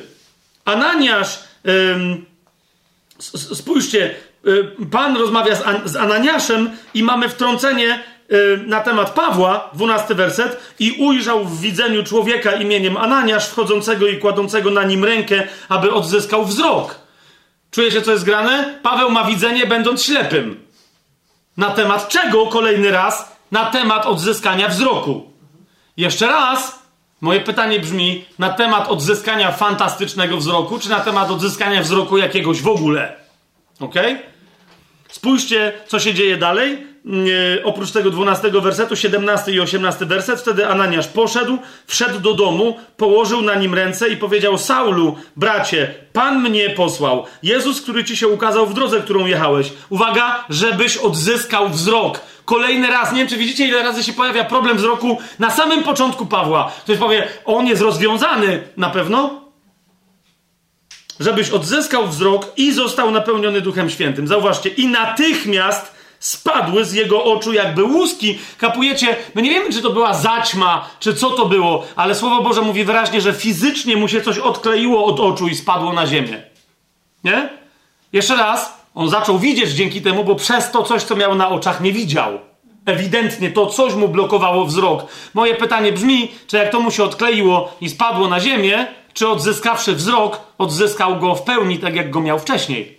A propos, wiecie o co mi idzie? Bo on tu nigdzie nie dostał takiej gwarancji. Nie? I wreszcie, jak o tym mówimy, w dziejach apostolskich, pozwólcie, otworzymy sobie 23 yy, rozdział, gdzie e, e, według mnie ewidentnie e, Paweł znajduje się w bardzo podobnej sytuacji jak Pan Jezus. Jest sądzony przez Sanhedryn, i Sanhedryn, kapujecie, to jest 70 facetów, nawet jak oni mieli tam podwójną reprezentację tak zwaną i tak dalej, to ich nadal nie było więcej jak 150, umówmy się. Każdy z nas był na spotkaniu, na którym było od 70 do 150 osób, tak? Widzisz wszystkich. E, a zwłaszcza ty jesteś, jak ty jesteś w centrum uwagi, i, a odpowiadasz przed szefami tego zgromadzenia, no to po prostu to ty ich widzisz, no nie? A zauważcie, do jakiej sytuacji dochodzi. To jest 23 rozdział w trzecim wersecie. Drugi werset. Ananiasz, najwyższy kapłan, Ananiasz, mm, hello, tak? Więc yy, rozumiecie, kto, kto, tu się znajduje. To nie jest gość, który się to po, tu się pojawia pierwszy raz, ale nawet jeżeli to jest jakiś inny Ananiasz, niech będzie, tak? Niemniej jest to najwyższy, Ananiasz, najwyższy kapłan. Oni mieli specjalne ubrania, nie? Wiecie o co chodzi? E, rozróżnisz dzisiaj w kościele rzymskokatolickim na oficjalnym spotkaniu zwyczajnego księdza od infuata, jak się znasz na oznaczeniach, a infuata odróżnisz od biskupa, a biskupa odróżnisz od kardynała. To jest oczywiste, no nie? I te, Paweł faryzeusz miałby nie odróżnić chłopa, który jest najwyższym kapłanem, ma, ma rozumiecie, siedzenie przeznaczone dla niego, ma ubranie, ma wszystko. Najwyższy kapłan rozkazał tym, którzy przy nim stali, uderzyć go w twarz. I teraz zobaczcie, co się dzieje. Wtedy Paweł powiedział do niego, do kogo? Do, no bo on, nie, rozumiecie, dalej wynika, że on nie wiedział, co się dzieje, tylko usłyszał, że ktoś kazał go uderzyć w twarz. Więc zwraca się do tej osoby, która kazała to zrobić. Uderzy cię Bóg, ściano pobielana. Zasiadłeś, aby mnie sądzić według prawa, a każesz mnie bić wbrew prawu? I wtedy ci zaś, którzy tam stali, powiedzieli: Złorzeczysz najwyższemu kapłanowi Boga. Teraz zauważcie, Paweł odpowiada, bo niektórzy mówią: jakby wiecie, że, to, że, że Paweł sobie w ogóle jaja robi z Sanhedrynu tutaj, z całego tego zgromadzenia. Nie no, później celowo ich napuszcza, yy, saduceuszy na faryzeuszy, tak? Ale, ale od szóstego wersetu. Zobaczcie, wyraźnie jest powiedziane, a Paweł, poznawszy, że jedna część i tak dalej, jakby tu podejmuje, nie, mówi, ej, sami za zobaczcie, w co wy wierzycie. I oni się zaczynają kłócić. Ale ta sytuacja, w tej sytuacji nie mówi, Paweł się powołuje na prawo. Nie? To jest pierwsza bardzo istotna rzecz. Mówi, mówi, powołujesz się ty na prawo, a wbrew prawu każesz mnie bić w twarz, a więc za chwilę mówi, ja jestem faryzeuszem, a więc odwołuje się do prawa. Skoro się odwołuje do prawa, to nie może się odwołać jak idiota i jednocześnie złorzeczyć arcykapłanowi.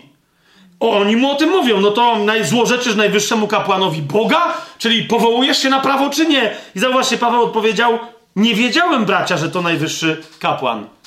I zaraz tłumaczę, ja naprawdę się powołuję, ja nie kłamię, jest bowiem napisane, przełożonemu twojego ludu nie będziesz złorzeczyć, więc mówi, zł, tak, złorzeczyłem mu, ale ja nie wiedziałem, że to jest arcykapłan. Moje pytanie brzmi, serio, jak?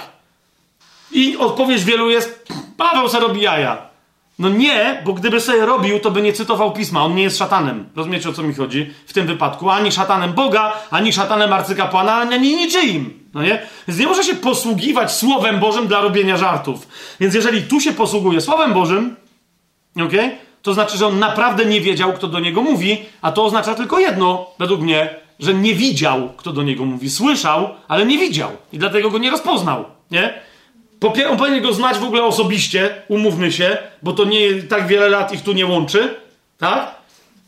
E, bo to jest po prostu paręnaście lat max. E, więc wiele lat ich tu nie, nie, nie rozdziela. Oni się znali pewnie jeszcze z poprzedniego czasu. Wiecie, kto wie, czy to nie był gość zaangażowany w, wypisu, w wypisanie mu tych listów polecających do Damaszku. Nie? A tu nagle Paweł mówi, że on nie wie, że to jest arcykapłan, że go nie zna, że, że no to po prostu, nie? Najprawdopodobniej Paweł nie widzi. Ale, kochani, ale, czyli widzicie, dlaczego pokazuje, że Paweł ma ewidentnie według mnie problem ze wzrokiem. Nie, żeby stwierdzić, że to jest oścień, czy to jest jasne, lub też cierń dla ciała. Tylko żeby wam pokazać, że tak czy siak Paweł nie był wolny od pewnych problemów. No nie? To pisanie tymi dużymi literami, zwłaszcza to jest dla mnie, jak pisał, to tak i czytał. No nie? Uczony w piśmie, który nie może czytać małymi literkami w tamtym czasie, to jest cierpienie. Po prostu. Nie? Więc czy to było to cierpienie, czy nie, ten rodzaj cierpienia, a więc słaby wzrok u Pawła, pokazuje nam dobrze naturę takiego cierpienia. To zgodzicie się ze mną? Czyli jak taki Boży człowiek może cierpieć? On mówi, ja mam takie objawienia, a nie mam, na przykład, a nie mam swobodnego dostępu do Biblii. Nie? Mam słabe oczy. Mówię, panie, proszę cię, uzdrów mi te oczy. A pan mówi, nie. Widzicie o co mi idzie? Jeżeli to był cierń dla ciała, to jak najbardziej on tu pasuje. On tu, on tu jest związany z objawieniem, jest związany ze Słowem Bożym, jest związany ze służbą Pawła. Włączny, wiecie, mm, jak ktoś jest niedowidzący i, i mów, musi powiedzieć, mówi, proszę cię, przeczytaj fragment z pisma, bo nie mam okularów, nie? To, to również wpływa na niego jako na, aha, jesteś apostołem i niby wszystkich uzdrawiasz, bo uzdrawiam w imieniu Jezusa, bam, bam, bam, bam, bam. A teraz wróćmy do problemu, że nie dowidzę i weź mi przeczytaj. Proszę. Nie? To jest słabość, którą wszyscy widzą. Dla mnie to się zgadza z tym, co wiecie, Galacjanie widzieli, nie? Że po prostu Paweł nie, nie czyta, on wszystko. Inna rzecz, że cały czas jego cytowanie Biblii no, jest takim cytowaniem, jak się zawsze cytuje z pamięci. No nie, że ci się plączą czasem dwa, trzy wersety, a Duchowi Świętemu to się jeszcze podoba i mówi: Wow, to jest dobre natchnijmy to. To jest dobry, to jest bardzo dobry cytat, że jest naraz pomieszany z czterech, no nie? Zobaczcie list do Hebrajczyków, przecież to jest odlot. To jest odlot, no nie? No ale potem Księga Objawienia to jest odlot odlotów, gdy chodzi o tego rodzaju cytowanie. Więc teraz, kochani, przyjrzyjmy się więc, w jakim, no więc, rozumiecie, przychodzi jakiś rodzaj słabości, która może wynikać z ciała Pawła. Widzicie, o co mi chodzi? Nie wynika z jego, może też być atakiem szatana na słabość jego ciała, który może robić wszystko, żeby go utrzymać. Załóżmy, że w tym niedowidzeniu, chociaż to może być coś innego, tak? I dlatego Paweł nazywa tę słabość wysłannikiem szatana. Dlaczego? Ponieważ kiedy jesteśmy w fizycznej słabości, pamiętacie jak ostatnio o tym mówiłem, bardzo wiele prób fizycznych jest nazywanych de facto pokusami. Nie? Po, pokusami, kiedy spada na ciebie słabość, jaką masz pokusę? Żeby odpuścić w tym, w czym słabość fizyczna odbiera ci pewność siebie. Nie?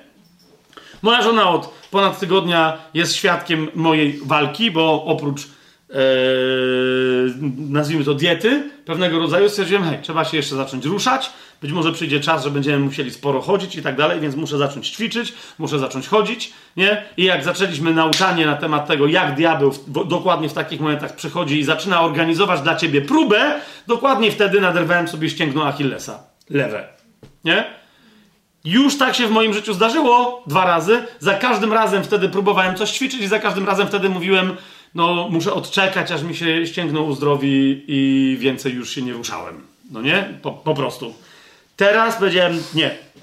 Nie? nie. Ja nie wiem, bo rozumiecie, ponieważ wcześniej nie dbałem o swoje ciało, byłem grubo za gruby i jak grubo za gruby gość zaczyna z miejsca biegać, to trochę nie jest dziwne, że sobie zerwie ścięgno Achillesa. Naprzy...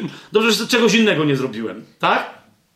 teraz o co mi chodzi? Teraz zrobiłem to znacznie delikatniej, ale nie pomyślałem o tym, że to ciało może już mieć pewną, wiecie, pamięć i pewną słabość tam. I ta słabość, bach, wyszła, nie?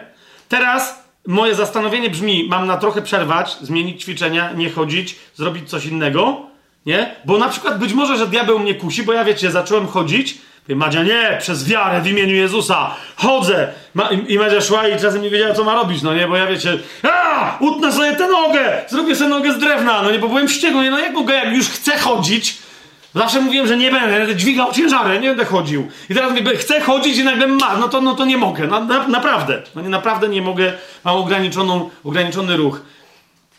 Więc, więc, więc, ale teraz jest pytanie, jak widzisz, to gdzie to jest, wysł, do, gdzie to jest wysłannik diabła? Bo może to mnie kusi, żeby w ogóle znowu się nie ruszać, wiecie o co mi chodzi?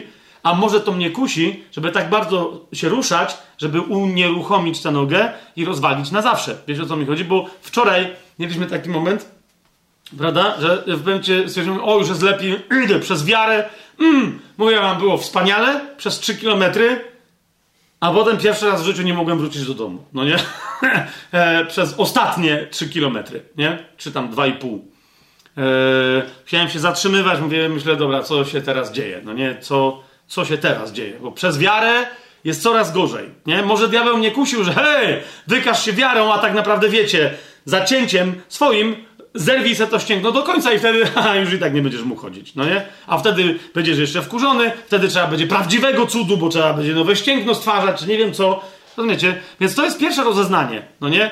Wysłannikiem szatana nie jest sam ból, nie jest sam... To jest według mnie konsekwencja tego, co ja robiłem kiedyś. Zauważcie, ona dalej siedzi. Zresztą jeden, drugi fizjoterapeuta mi powiedział, mówi, posłuchaj, nie? Trzeba było wyjść, ale nie na asfalt, e, tylko, na, e, tylko na trawę, E, na ziemię, idź daleko, jest wał, ale po co idziesz wałem, gdzie jeżdżą rowery? Mogłeś iść dołem, gdzie to była potem moja myśl, tak? Gdzie normalnie można iść w nieco trudniejszy sposób, bo ta droga tam jest nierówna, ale jest lepsza amortyzacja, no nie? Może nie od razu trzeba było robić 7 km codziennie, tylko na przykład 2,5 i, i coś innego. Może trzeba było wzmocnić tą nogę, może trzeba było jeszcze więcej schudnąć, nie? A nie cwaniakować, że teraz... Więc to się odezwały stare historie. Rozumiecie, o co mi idzie? to teraz moje pytanie zabrzmiało również, czemu Bóg do tego dopuścił? Że akurat teraz, jak już pewne rzeczy mi zaczynają wreszcie iść, no nie? Bo dla mnie kwestia schudnięcia stała się w pewnym momencie sprawą e, tego, czy ja szanuję to, że Bóg mnie powołał do jakiejś służby, czy po prostu chcę umrzeć wcześniej, nie? Stwierdziłem, no nie, trzeba żyć tak długo, jak Pan chce, żeby... E, i, dlatego, I dlatego stwierdziłem, trzeba schudnąć, nie? I to, I to miało w tym pomóc, więc... Czyli szatan mnie atakuje. Zaraz, ale sam nauczam, że no nie tak, nie tak szybko szatan, no nie? Więc może on, znaczy, pobudza mnie do właśnie do różnego rodzaju myśli, żeby stracić równowagę. Nie? Zauważcie, Paweł powiada, że Bóg dopuścił jakiś rodzaj fizycznego cierpienia, aby on był wysłannikiem szatana, ten rodzaj fizycznego cierpienia, którego będzie poniżać. Po co? Żeby Paweł się nie wywyższał. Nie wiem, czy widzicie o co chodzi. Bóg dopuścił do pewnej sytuacji, jego celem nie było, żeby Paweł cierpiał, ale Bóg dopuścił do jego sytuacji, aby go wytrenować do tego, żeby, pa żeby Paweł był bardziej pokorny niż jest, ponieważ nie jest w tej chwili gotowy na udźwignięcie chwały wynikającej z ogromu objawień, jaki Pan akurat jemu daje. Czy to jest jasne? A więc Pan mówi: trening, synu, trening, synu. Trening, synu, muszę cię ćwiczyć. I teraz ja powiedziałem, Boże, no to ja się nie ćwiczę, jak chodzę? I nagle zaczyna do mnie docierać, no może, może za bardzo się przejąłeś, że to ty się odchudzasz. A prawda jest taka, że i sposób mm, ćwiczenia, i sposób jedzenia, i niejedzenia w pewnych momentach, i sposób poszczenia i tak dalej, to są rzeczy, przez które Pan od jakieś, jakiegoś półtora roku mnie przeprowadzał, cierpliwie mi mówiąc, jeszcze nie, jeszcze nie teraz, powoli, mówi, teraz zaczynamy to, potem powiedział, teraz zaczynamy to, teraz to i tak dalej, nie? A ja w pewnym momencie zdecydowanie zacząłem cwaniakować, że to ja, że to ja jestem taki elegancki, że się odchudłem. Ja wiem, że są ludzie na świecie, którzy niewierzący i tak dalej, którzy schudli 60 kilo i 70 i tak dalej i oni to zrobili, nie? Ale dla mnie Pan chce nie, żebym ja się tym chwalił, tylko to ma być Jego chwała, no nie? Więc w momencie, kiedy ja chcę, żeby pewne rzeczy przyspieszyły, już mam wszystko zaplanowane i tak dalej, ja wiem, że to ścięgno nie stanowi żadnego problemu. Nie? I nie będzie stanowić żadnego problemu. Problemem było to, że ja się pojawiło przed on. Okay? Że, że to ja swoim własnym wysiłkiem chciałem zrobić coś, co on mi chciał dać jako swoją łaskę. I teraz zauważcie, to jest dokładnie to, czego się dowiaduje Paweł w swojej próbie. Ja nie chcę w ogóle tego swojego ścięgna do czegokolwiek u niego porównywać, żeby to było jasne, tylko się dzielę z wami, że wiecie, zwyczajna jakaś taka rzecz, nie? e, jak naderwanie e, ścięgna może dla nas stanowić, wiecie, bo jest jakiegoś rodzaju cierpiątkiem tam małym, punkt wyjścia do dobrych, e, do, do porządnej refleksji nad naszym życiem duchowym. Zatem, zauważcie, Paweł powiada, jeszcze raz przeczytajmy sobie cały teraz ten tekst, od siódmego, początku siódmego wersetu. Żebym zbytnio nie wynosił się ogromem objawień, dlatego, żebym zbytnio dany mi został cierń dla ciała, wysłannik szatana, abym nie policzkował. Jeszcze raz jest powtórzone, zobaczcie, żebym się ponad miarę nie wynosił. Nie? Dlatego policzkowanie. Po, policzkowanie jest czymś, co ci odbiera, zdaje się odbierać godność. Nie? Ale Paweł o tym nie mówi. Paweł mówi o otrzeźwianiu go. Nie? Jak ktoś ci zaczyna mdleć, nieważne z jakiego powodu, no nie, ale nie, nieważne, czy z powodu, rozumiesz, słabości, czy z rozkoszy, czy z przejęcia, czy z zachwytu, to trzeba go. E, pobudka! Co, co, co? No, jesteś z powrotem, bo idziemy dalej. No nie, nie ekscytuj się tak. No jest to. Paweł ewidentnie to poka mówi, jasne, że ktoś się może wkurzyć, ale żeś mnie walnął, nie? nie? Niemniej jak za chwilę zobaczy, że, ale kapujesz, zostalibyśmy tam 10 sekund dłużej i tam drzewo spadło. Rozumiesz? Bo się nie stoi w czasie burzy czy takiej wichury pod drzewem. Dlatego było wpysk, idziemy dalej. I wtedy nagle się okazuje, że a nie, to spoko. Nie? To walnie następnym razem nawet mocniej. Rozumiecie o co mi idzie? Jest perspektywa, Paweł mówi, okej, okay, okej, okay. jeżeli nic innego nie zmusiłoby mnie do złapania równowagi, żebym się nie wynosił, no to bardzo dobrze. Nie? To co z tego, że ból jest wysłannikiem szatana? Skoro w tym wypadku tego wysłannika szatana Bóg trzyma za ręce i nogi i prawda jest taka, że to Bóg mnie trochę policzkuje. Nie? Czyli policzkuje mnie, ale nie tak, jakby to coś chciało, żeby mi się coś stało. On mnie policzkuje w sposób kontrolowany. I tu przechodzimy, kochani, więc do, do, do jednej bardzo istotnej rzeczy. Tak? E, a zaraz, zostańmy jeszcze w tym drugim do Efezjan, zanim, zanim gdzieś. Otóż ta istotna rzecz, zauważcie, za, y, y, y, bo chodzi mi o to, że zacytuję, ale ja przeskoczę do Hebrajczyków, a chcę, żebyście to zobaczyli czarno na białym. Dlatego nie stanowi dla Pawła problemu, ale też nie wymyśla żadnej teologii suwerenności Boga, Bóg wie czego. Nie stanowi dla niego problemu, że prosił Pana trzy razy. Kto, całkiem możliwe, że on prosił o pomoc ludzi w kościele. Rozumiecie? Połóżcie na mnie ręce. Nie? Ananiasz położył na niego ręce i spadły mu łuski. Tak? Paweł doświadczał uzdrowienia, ale to jest problem, ej, ale ja nie widzę dalej. Załóżmy, że to jest to, załóżmy, że to jest to, nie? Więc, więc zwrócił się sam do Pana i mówi, Panie, jeżeli Ty posłałeś to szmaciarstwo, żeby mnie policzkowało, to proszę Cię, odejmij to ode mnie, niech to, weź to ode mnie, skoro Ty dałeś, bo o to chodzi, dany mi został przez kogo? Przez Pana, nie? To, to, to weź. Trzy razy prosiłem Pana, aby odstąpił ode mnie. Lecz powiedział mi, wystarczy ci moja łaska. Już właśnie na tym polega cały problem, Pawle. Że to nie jest problem. To, ta trudność, to wyzwanie, które masz, ta dolegliwość fizyczna, to nie jest problem. Problemem jest, że ty się chcesz z nią zmagać, zamiast wykorzystać ją do tego, żeby przez tę słabość przepłynęła moja moc. Czy ty to rozumiesz? I teraz widzisz, co, co, co się wtedy. Bo, bo teraz, rozumiecie, je, je, Sęk w tym, ja powiedziałem o tym, że istnieją dwa cierpienia, które są nieuchronne, których będziemy doświadczać. Rozumiecie, nieważne jak coś cię zaboli, idziesz o coś się walniesz, urwiesz se palca, nieważne co sobie zrobisz. To, co zrobi ci świat w ramach prześladowań za to, że nie jesteś z tego świata, i tak będzie zawsze sto razy gorsze niż cokolwiek z tego, co wyniknie z twojej cielesności i, i ze świata, jakby z materializmu świata. Jasne jest to, co mówię? Więc kapujesz, e, tak naprawdę nigdy te cierpienia nie będą pierwszorzędne wobec cierpień, które zafunduje nam świat. Jako wróg zbawienia, jako wróg nowego życia, jako wróg nowego stworzenia. O to mi chodzi. Ma, ma, łapiecie to?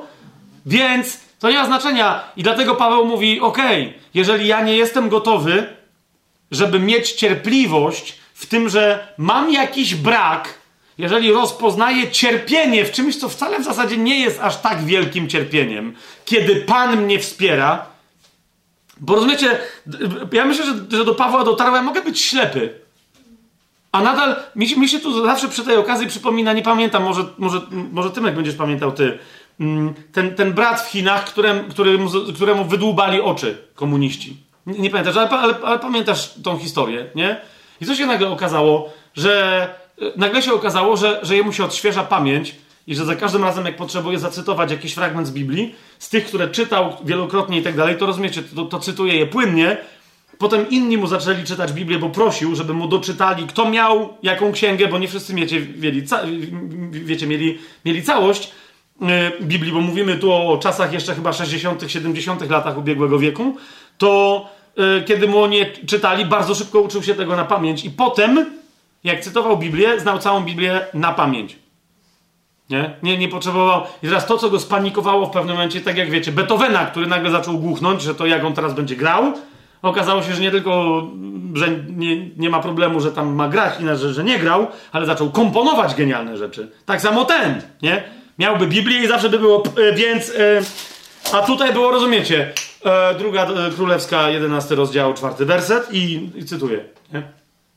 Bo nagle miał wszystko w głowie, nagle miał wszystko w, w, w, głowie. Więc pytanie brzmiało: no więc to, że mu wydłubali oczy tamci, stanowiło cierpienie? No pewnie, no bo to bolało. No wiecie o co mi chodzi? Jest to jakiś tam szok i tak, ale docelowo stało się e, znakiem chwały, bo rozumiecie, no bo teraz ci Chińczycy oni mieli go oślepić, żeby go ośmieszyć. Po, no właśnie po to, żeby nie czytał Biblii. Kapujecie? I chłop nagle staje się żyjącą Biblią. I teraz no co oni mogą zrobić? Mogą go zabić, ale on już jest legendą. No rozumiecie, co jest granie? Więc takie, a, co my zrobiliśmy? No nie?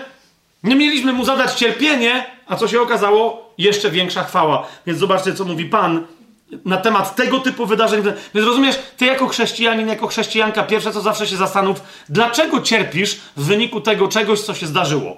Nie? Czy to nie jest kwestia Twojej interpretacji? Do czego to służy? Czy to jest wynik Twojego grzechu? Czy to diabeł czymś się posługuje porządliwością Twojego ciała? Czy to jest wynik materialności tego świata? Czy może, czy może oto jest kolejna próba, która się pojawiła? Dlaczego? Bo Pan Cię szanuje i widzi, że masz potencjał i gorliwość w sobie, i ochotę, i moc, żeby wstąpić na kolejny level swojego chrześcijańskiego rozwoju. Dla Pawła ten wysłannik szatana był czym? Był okazją, żeby wejść na poziom, dla mnie nadal absolutnie niebotyczny, z mojego punktu widzenia. Nie wiem jak dla Was. Pan powiedział mi: Wystarczy ci moja łaska, moja moc bowiem doskonali się w słabości. Nie ty, nie rozumiesz, nie że działa, ona potęguje się w słabości. Jak? No właśnie tak, że tam, gdzie w sposób oczywisty ludzie widzą, że ty nie możesz, a dzieje się jakaś rzecz, w sposób oczywisty oni wiedzą, że to musi być ten Bóg, o którym mówisz. Jasne? I dla. Rozumiecie, bo Paweł mówi, najchętniej więc będę teraz się chlubił z moich słabości. Po co? Żeby zamieszkała we mnie moc Chrystusa. Tym, tym się będę cieszył, tym się będę popisywał, tym, tym będę mówił, o tym będę mówił. Ej, zobaczcie! Jestem słaby fizycznie, nie dowidzę, kusztykam. Bo mnie pobili, ledwo oddycham, dostaję zadyszki po 50 metrach. No rzeczywiście widzimy, gdzie jest twój Bóg? No nie wiem. Jak myślicie, bo przyszedłem do was nie odpoczywając dzień i noc 2000 kilometrów. Nagle jest, e, ale masz zadyszkę po 50 metrach. No i z tą zadyszką przelazłem te 2000 kilometrów. Aha! To musiał być cud. Wiesz o co mi chodzi? Paweł, który przy, y, przybywa w, tak, w takiej nędzy fizycznej do Galacjan, pierwsze co robi, zaczyna głosić. Jak się okazuje, że oni mówią, on mówi, hej, wiem, że chcecie się mną zająć, chcecie mnie opatrzyć, ale ja bym wam najchętniej najpierw ogłosił Ewangelię. I oni mówią, dajesz. Ale wiecie, bo jak mówię, to to mi tu będzie lecieć krew, no nie będę musiał odpluwać i, i mi z oka ropa leci, to nie może, może nie być najprzyjemniejsze, także może zaczekacie, aż mi to się zagoi. Nie, daj spokój, nie? Z czym do nas przylazłeś? A, a, pff, a, a, pff. A oni mówią amen i, dość, i rozumiecie, i są usprawiedliwieni. Nie? Bo działa moc mimo słabości jego ciała. Najchętniej więc, więc będę się chlubił z moich słabości, aby zamieszkała we mnie moc Chrystusa. Dlatego mam upodobanie. Czujecie, co się dzieje? nagle wysłannik szatana, rozumiecie, staje się masażystą.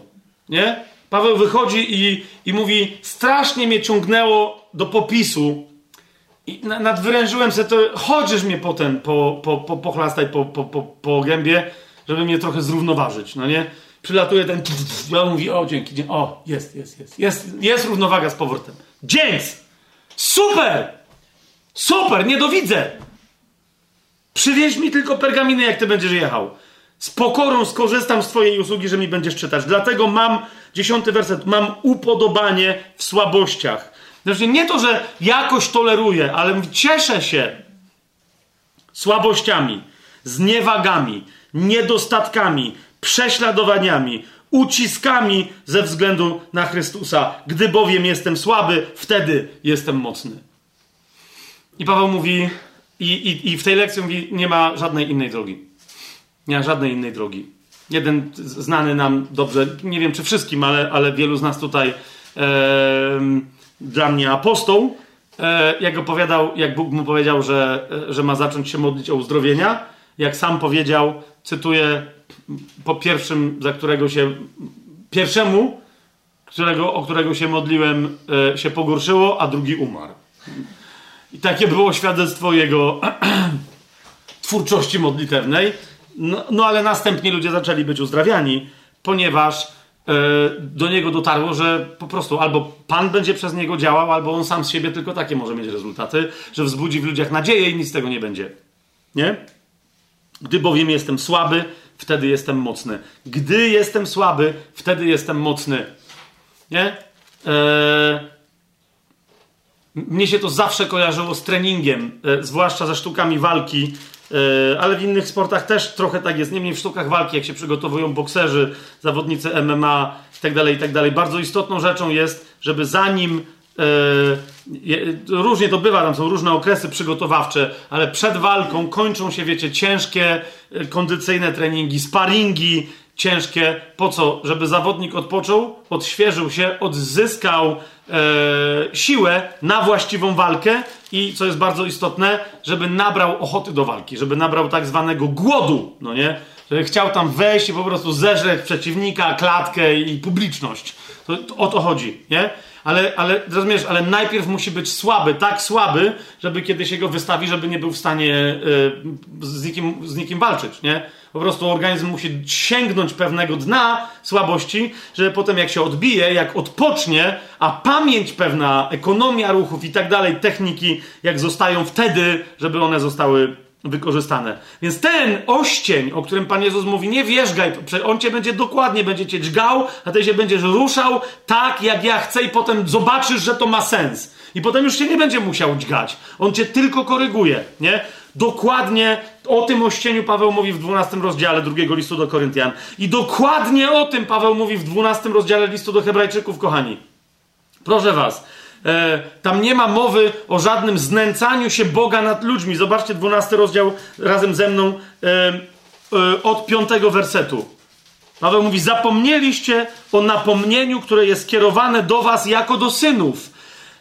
Rozumiesz, to jest jedna z rzeczy, która się należy synom. Co mianowicie? Mój synu, nie lekceważ karania Pana i nie zniechęcaj się, gdy On cię napomina. To karanie Pana zwracam wam serdeczną uwagę, że jest kluczem do zrozumienia całego tego fragmentu, który mówi o chłoście, o ćwiczeniu, o dyscyplinowaniu, o laniu tego syna. W tej we, w tej czyli co ten Bóg, ok? Słowo karanie, poza tym fragmentem, w którym występuje, że się tak wyrażę, notorycznie, yy, pojawia się w, poza tym fragmentem w Biblii jeszcze tylko dwa razy. Nie? Co jest dla nas bardzo istotne, bo może jak zobaczymy na te inne dwa razy, to złapiemy, aha, yy, tak należałoby przetłumaczyć to słowo. To słowo brzmi w języku greckim, greckim paideia i ja nie sądzę, żeby należało je tłumaczyć jako karanie. Według mnie to słowo powinno się tłumaczyć jako trening, wychowanie albo dyscyplinowanie przygotowujące do czegoś. Nie?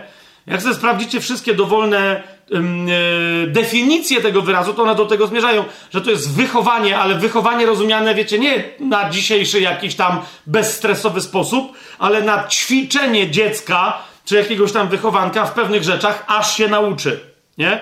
I teraz wiecie, dzieci, jeszcze raz, jak im mówisz szpina, nie, nie, już wystarczy słodyczy na dzisiaj, nie, ale potem taka dziewczynka, która krzyczy, bo jej rodzice ograniczali cukierki, jak potem widzi swoje 14-letnie 100-kilowe koleżanki, przychodzi do mamy i mówi, wiesz co mamo, dobrze, że się nigdy nie nauczyłam jeść sneakersów codziennie.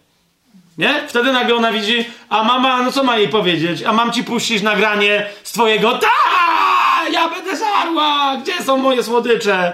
Mam ci puścić to nagranie? Wiecie o co mi chodzi? I my często Bóg do nas przychodzi i, i my nazywamy cierpieniem co? Naszą niezgodę na to, żeby nas, nasz zewnętrzny człowiek był pokruszony.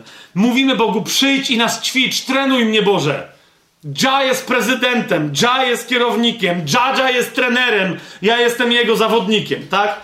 I nieważne, że to rastafarianie ćwiczą, e, krzyczą, śpiewają. Chodzi mi o to, że chrześcijanie też mówią, no, no, najlepszym psychoterapeutą jest Jezus, najlepszym trenerem wszystkiego jest Jezus. Po czym Jezus przychodzi i mówi, no to raz, dwa, trzy. I ktoś mówi, ej, ale ej, za szybko, jakie tempo, nie skończyłem jeszcze śniadania. Trzeba było wstać dwie godziny wcześniej. Ale ham! Trenerze! I dokładnie o tym mówi Słowo Boże. Mówi, synu, chcesz być synem? No to poczytaj sobie to za, za, za radość i za zaszczyt. Amen? Jaką mamy godzinę? Czy ja, czy ja się wyrobię, czy ja zdążę tu z, z wszystkim, Gosia? 3,5 godziny. Dobra, okej. Okay. Trwamy w nadziei.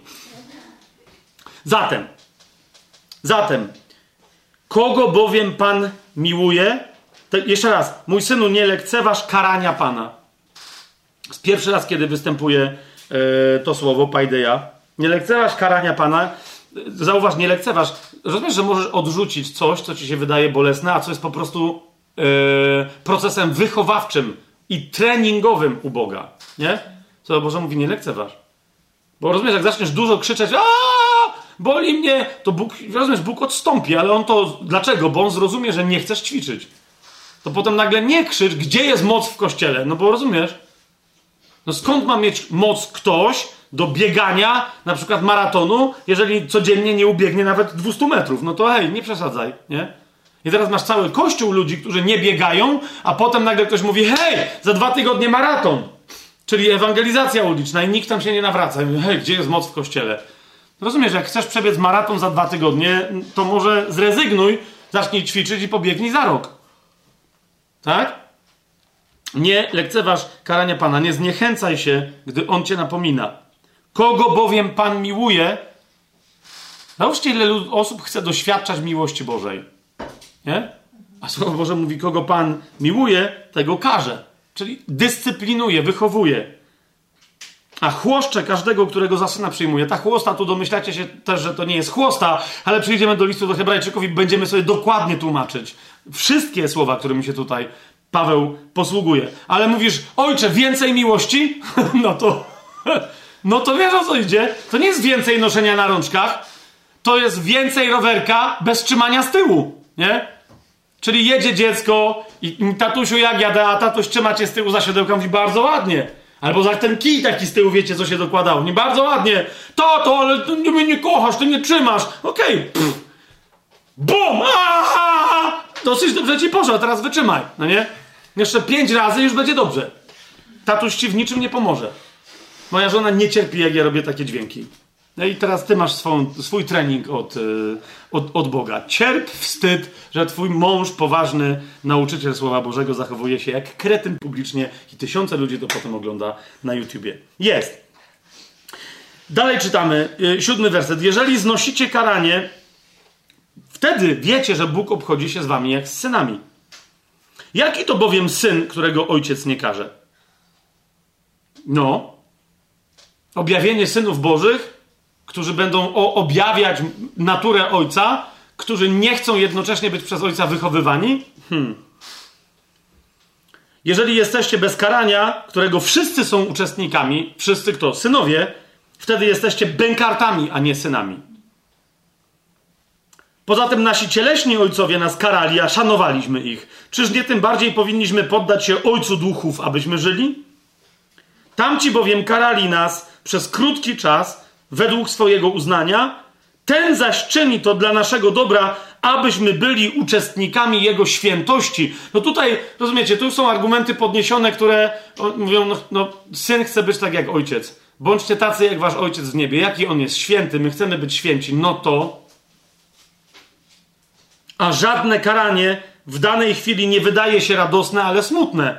I wtedy my je nazywamy cierpieniem.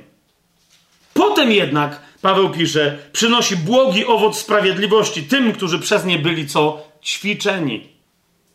Więc cały czas, rozumiesz, ty tylko rozpoznaj, czy jeżeli czasem pojawia się cierpienie, które ma charakter, jakby Bóg na nie pozwolił, rozumiesz, to jest jedna, jedyna instancja, kiedy Bóg pozwala na cierpienie. Co mianowicie? To, że On przy pomocy tego cierpienia daje ci okazję do tego, żeby ćwiczyć. Ok? W siódmym wersecie, w ósmym wersecie, w jedenastym wersecie, tak jak w piątym powtarza się ten wyraz karanie, wyraz paideia. Dwa inne miejsca, w których on się pojawia, to jest list do Efezjan, szósty rozdział.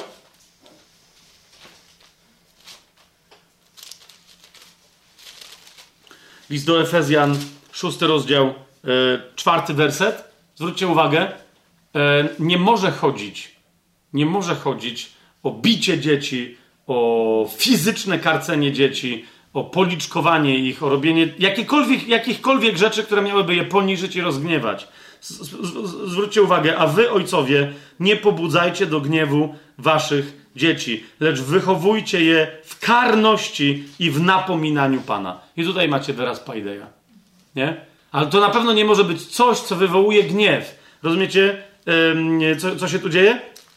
I drugi list do Tymoteusza, e, gdzie Paweł pisze, tym samym wyrazem się posługując, to jest drugi list do Tymoteusza, trzeci e, rozdział, szesnasty werset. Całe pismo jest natchnione, pisze Paweł, przez Boga i pożyteczne do nauki, do strofowania, do poprawiania, uważajcie, i tu się pojawia paideia, do wychowywania w sprawiedliwości. Zauważcie tu, dlaczego nie ma napisane tutaj do karania w sprawiedliwości? No bo to by było jakby, no jak ty masz karać kogoś Słowem Bożym, nie? No ale dokładnie tam jest taki sam wyraz. Nie karanie, ale wychowywanie, proces wychowawczy. Ok? Proces wychowawczy. Ehm, I o tym procesie właśnie w 12 rozdziale listu do Hebrajczyków Paweł mówi. Tu sobie zapisałem na prawie, że sam koniec. Cierpieniem jest więc doświadczenie bólu, utraty, straty czegoś albo kogoś i tak dalej, i tak dalej, które dla wierzącego nie ma sensu. Tylko takie cierpienie jest naprawdę cierpieniem. Ok? Cała reszta, kiedy rozpoznajesz, aha, to ma taki sens, że to wynika z grzechu, to, to z, z porządliwości, z pokusy, to wynika jeszcze z tego, to wynika z prześladowania i tak dalej, jakby to, to ma sens. Jak się pojawia cierpienie, które nie ma sensu, a nie, a nie wiesz za bardzo z czego ono wynika, i jak się modlisz, to ono się nie usuwa z Twojego życia. Całkiem możliwe, że jego sensem jest trening Boży. Nie? Więc wtedy, kiedy zauważasz ten, pytasz, Boże, czy to Ty jesteś, aby? Bo, bo jeżeli to się nie, może to Ty nie chcesz usunąć, to, to może Ty chcesz coś przez to uzyskać. Jeżeli się okazuje, że tak, tylko widzisz, Ty musisz wiedzieć, czemu to ma służyć. Widzicie, o co mi chodzi? Paweł mówi, żebym się nie wynosił. Nie? Ponad miarę. Więc to musi, musi dla ciebie znaleźć sens, ale jak znajdzie sens, to wtedy też to cierpienie przestanie, realnie przestanie być cierpieniem. Nie? Ja często, yy, często powtarzam yy, historię, to jest historia z Nowej Huty, ale wiecie, one się powtarza, te historie się powtarzają w różnych miejscach. Jak de facto ta sama rzecz dla tej samej osoby po, w bardzo krótkim czasie z ciężkiego, poniżającego cierpienia staje się procesem wzrostu. Nie? To jest, wiecie, klasyczna historia chłopca, jakich wiele, który poniżany przez swoich rówieśników, całe to zjawisko zwane dzisiaj z angielska bullyingiem, wiecie o co chodzi, bity, e, maltretowany, torturowany, przyciskany do ziemi, przewracany, e, trafia na sekcję MMA, nie? gdzie się uczy punchingu i grapplingu, E, I teraz nie chodzi mi o to, że on potem wraca do szkoły i e, wszystkich bije. Nie, nie o to mi chodzi. Chodzi mi o to, że jak trafia na sekcję, to na sekcji z nim regularnie robią dokładnie to, co robiono z nim w szkole. Zauważcie, jest bity, otrzymuje ciosy. To jest MMA. Jest przewracany, jest targany po ziemi, robią mu się kalafiory na uszach. Wygląda gorzej, jak wtedy jak go maltretowali w szkole.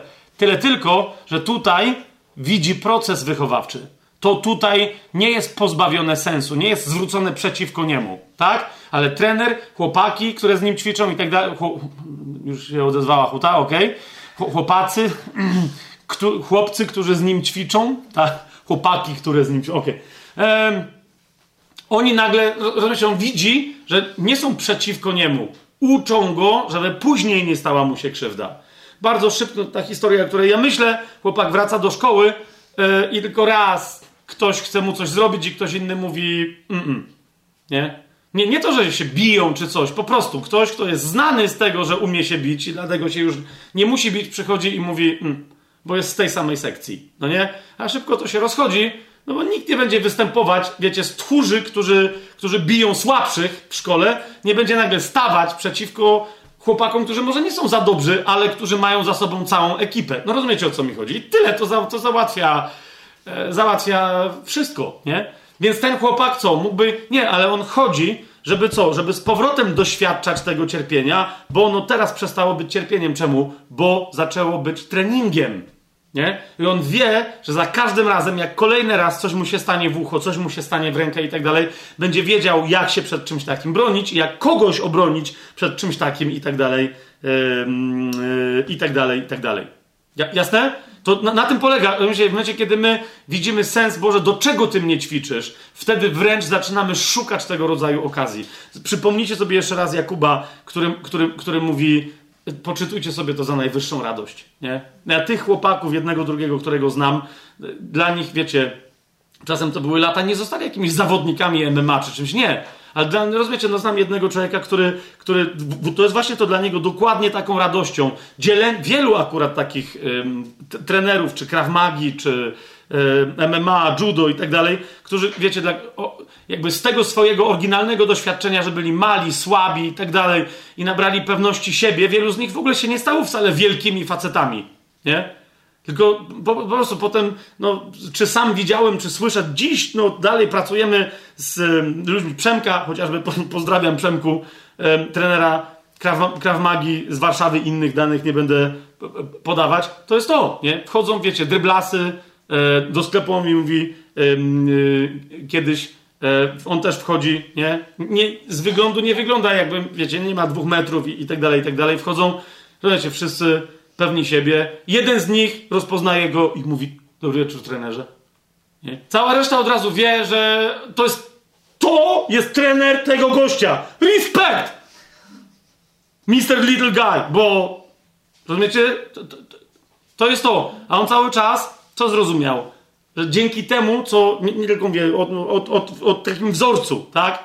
Nauczył się czegoś, nauczył się bić. Nie po to, żeby się bić, nie?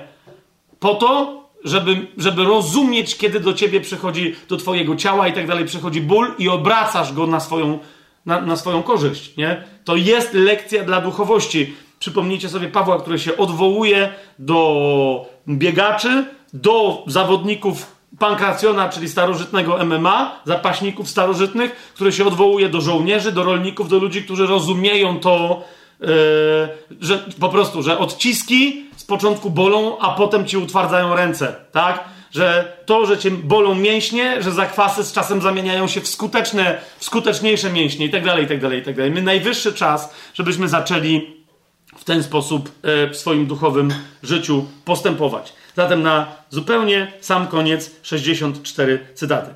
To jest pierwszy Piotra. Pierwszy Piotra, piąty rozdział, wersety od szóstego do dziesiątego. Wobec tego wszystkiego, co powiedziałem, jeszcze raz zobaczcie. Jak więc, jak, jak my mamy rozpoznać, bo widzisz, pierwsza rzecz, kiedy już wiesz, że Bóg dopuszcza jakieś cierpienie, to jest oddać mu całą sytuację i przestać się wreszcie szarpać. Nie?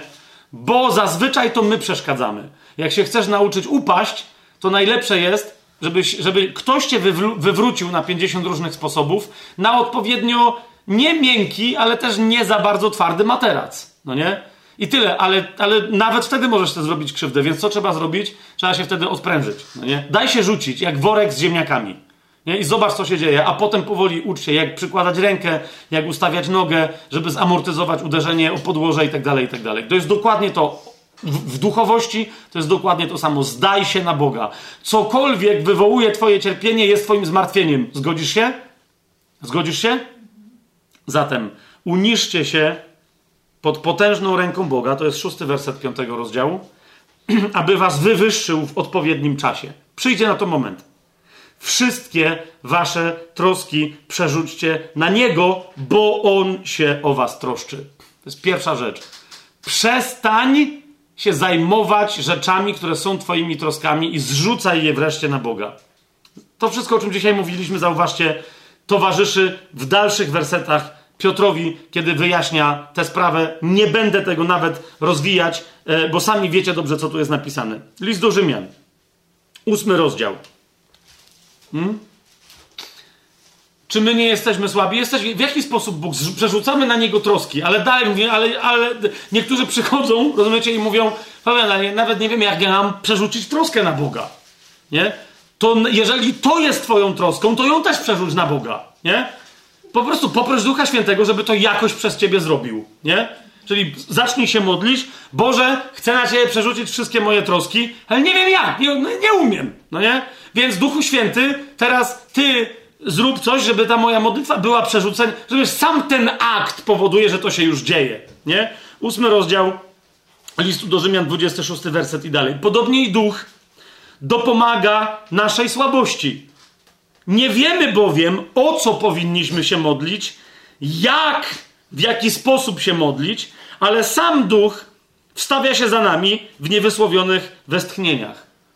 Czyli, rozumiecie, często bywa tak, że Duch Święty zamiast normalnej modlitwy yy, mówi, to mów się na językach, bo jesteś na, tak, tak, tak, tak, taką tempą siekierą, że nic tobą nie, nie ułupie, więc po prostu zrezygnuj z jakiejkolwiek wypowiadania, próby wypowiadania swoich myśli, nie? Zaczynasz się modlić na językach i wtedy no mówisz, no ale, no ale ja nie wiem, ja nie wiem, czy ja, no właśnie, widzisz, o to chodzi, no nie? Jak nie wiesz, jak ty masz to zrobić, jak, to Duch Święty wie. Zobacz, 27 werset. A ten, który bada serca, wie, jaki jest zamysł ducha, ponieważ według woli Boga wstawia się za świętymi. I dlatego Paweł dokumentowuje, a wiemy, że wszystko współdziała dla dobra tych, którzy miłują Boga, to jest tych, którzy są powołani według postanowienia Boga. Rozumiesz o co chodzi? Jeżeli gdzieś Paweł trzy razy mówi, panie, weź to, bo to mnie normalnie zabije przecież, no. No policzkuje mnie.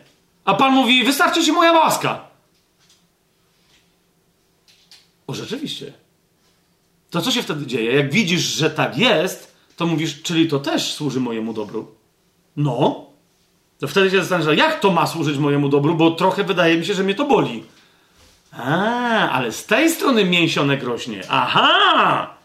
Wiemy, że wszystko współdziała dla tych, którzy miłują Boga. To jest tych, którzy są powołani według postanowienia Boga. Wracamy do pierwszego listu Piotrowego, ale do pierwszego rozdziału, kochani. Otóż w pierwszym liście Piotra, w pierwszym rozdziale czytamy od piątego wersetu: Jesteście strzeżeni mocą Boga. O tym nigdy nie możemy zapomnieć. Hmm? Wszystko cokolwiek, dla, dlatego wszystko współdziała dla naszego dobra, bo nad tym wszystkim czuwa Bóg. Bóg jest, Bóg kontroluje sytuację, Bóg jest u sterów. Czy to jest jasne? Problem się zaczyna brać dopiero w momencie, stąd wynika e, i stąd się bierze, że my próbujemy zacząć, zaczynać sterować, żeby Bogu usłużyć. Uspokój się. Jesteście strzeżeni mocą Boga przez wiarę ku zbawieniu przygotowanemu do objawienia się w czasie ostatecznym. Z tego się radujecie, chociaż teraz na krótko, jeżeli trzeba, zasmuceni jesteście z powodu rozmaitych prób. Pamiętaj, na krótko. To wszystko jest pod kontrolą Boga. A po co przychodzą próby? Siódmy werset. Aby doświadczenie waszej wiary, o wiele cenniejszej od zniszczalnego złota, które jednak próbuje się w ogniu, aby to doświadczenie waszej wiary okazało się ku chwale, czci i sławie przy objawieniu Jezusa Chrystusa. Czyjej chwale, czci i sławie? Jego i Twojej. Jego i twojej. Rozumiesz? Jego i twojej. Więc to jest po prostu przychodzi próba, ona potrwa krótko i tak Bóg ją kontroluje. Nigdy nie przepuści cię przez mocniejszy ogień, niż jesteś w stanie wytrzymać, a z drugiej strony masz złoto, z którego powstaje budowla, którą Pan później. Rozumiesz, bo jak przyjdzie na końcu ten ogień, przez który nasze dzieła przejdą, twoje dzieła przejdą. Dlaczego? Bo są wykute w ogniu. Kapujesz? I, I wtedy nie będzie wstydu. Nawet jak tu teraz jest trochę wysiłku, niecierpienia. W drugim liście Piotra Paweł dodaje do tej wiary, która przez próby się wykształca, w drugim liście Piotra w pierwszym rozdziale, w czwartym wersecie i dalej powiada: Zostały nam dane bardzo wielkie i cenne obietnice, abyście przez nie stali się uczestnikami boskiej natury, uniknąwszy zepsucia, które wskutek porządliwości jest na świecie. Zauważcie, Piotr mówi, a więc jak mamy doświadczać nowej natury, unikając wszystkiego, z czego my wiemy, bo już o tym mówiliśmy, świat, jego materialność, porządliwość ciała i grzech. Stamtąd pochodzą wszystkie cierpienia. Nie? Piotr mówi, tego można uniknąć. Ale, ale dlatego też, dokładając wszelkich starań, dodajcie do waszej wiary, w czym się wiara ćwiczy? Jakub o tym mówi, Piotr o tym mówi i tak dalej. W, oparciu się pokusą, w odrzuceniu świata, porządliwości ciała i grzechu ko konsekwentnie, tak? Co się, to, to tu się kształtuje nasza wiara. Cenniejsza niż złoto, tak? Ale mówi Piotr, w tym procesie dzieje się więcej. I często o te dodatkowe komponenty chodzi. Jakie mianowicie? Otóż on mówi: do, do, dołóżcie wszelkich starań, aby dodać do waszej wiary, jak już zaczniecie ją ćwiczyć, cnotę, do cnoty poznanie, do poznania powściągliwość, do powściągliwości cierpliwość, do cierpliwości pobożność, do pobożności braterską życzliwość, a do życzliwości braterskiej miłość. Rozumiesz, te wszystkie komponenty, one są związane z wiarą, to są łączniki, w ramach których przejawia się ta wiara na początku, która ostatecznie zawsze przejawia się miłością, która jest tu na końcu. Rozumiecie? Wiara, która działa przez miłość, działa przez te wszystkie rzeczy, cnotę, powściągliwość i tak dalej, które macie tutaj wymienione. To są jeszcze inne aspekty. Gdy bowiem one będą w was i to w obfitości, uważajcie, to nie uczynią was bezczynnymi ani bezowocnymi w poznawaniu naszego Pana Jezusa Chrystusa. Ale jeżeli ich w was nie będzie, to co się stanie? Kto zaś ich nie ma, jest ślepy krótkowzroczny i zapomniał, że został oczyszczony ze swoich dawnych grzechów. Kto nie ma tych rzeczy, ten jest ślepy. Gdzie my słyszymy, właśnie, gdzie my słyszymy o, o ludziach zbawionych, którzy są ślepi? Zobaczcie, co się dzieje, nie? To jest dokładnie to. To są ludzie, którzy zrezygnowali z dyskomfortu jakiegokolwiek rodzaju, a są chrześcijanami ale zrezygnowali z dyskomfortu, powiedzieli, jakiekolwiek cierpienie jest złem. Bóg nie może dopuszczać jakiegokolwiek cierpienia. Skąd ja o tym wiem, że, że tak jest? Ponieważ, jak rozumiemy ten szeroki kontekst cierpienia w Słowie Bożym, włącznie z tym, co dzisiaj powiedziałem, to posłuchajcie teraz tego listu, którym wielu ludziom się wydaje, że go dobrze znają. To jest trzeci rozdział Księgi Objawienia. Dokładnie tak, jak powiedział Marcin, Laodycea. Nie? Ludzie mówią, ale przecież Bóg tam oskarża ten kościół o to, że jest obojętny i że jest letni. No ale co to oznacza? Zwróćcie uwagę, szesnasty werset. Ponieważ jesteś letni, trzeciego rozdziału, ponieważ jesteś letni i ani zimny, ani gorący wyplujecie z moich ust. Dlaczego?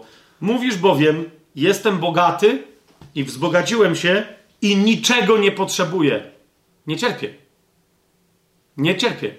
To jest dokładnie. Natomiast wszystkie moje potrzeby są zaspokojone.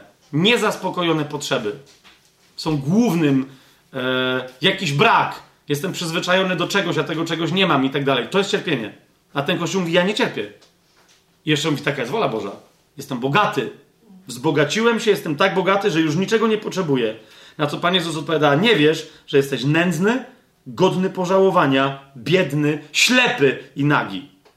Biedny, ślepy i nagi. Co znaczy, że jest ślepy?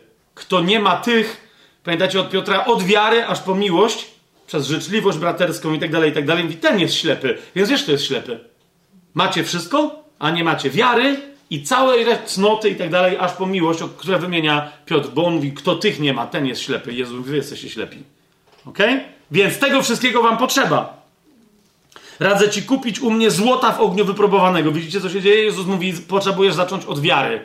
A jak się wiarę kształtuje? Mówi, przez próby! Przez próby.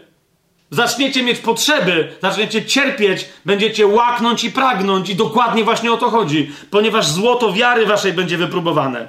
Tak?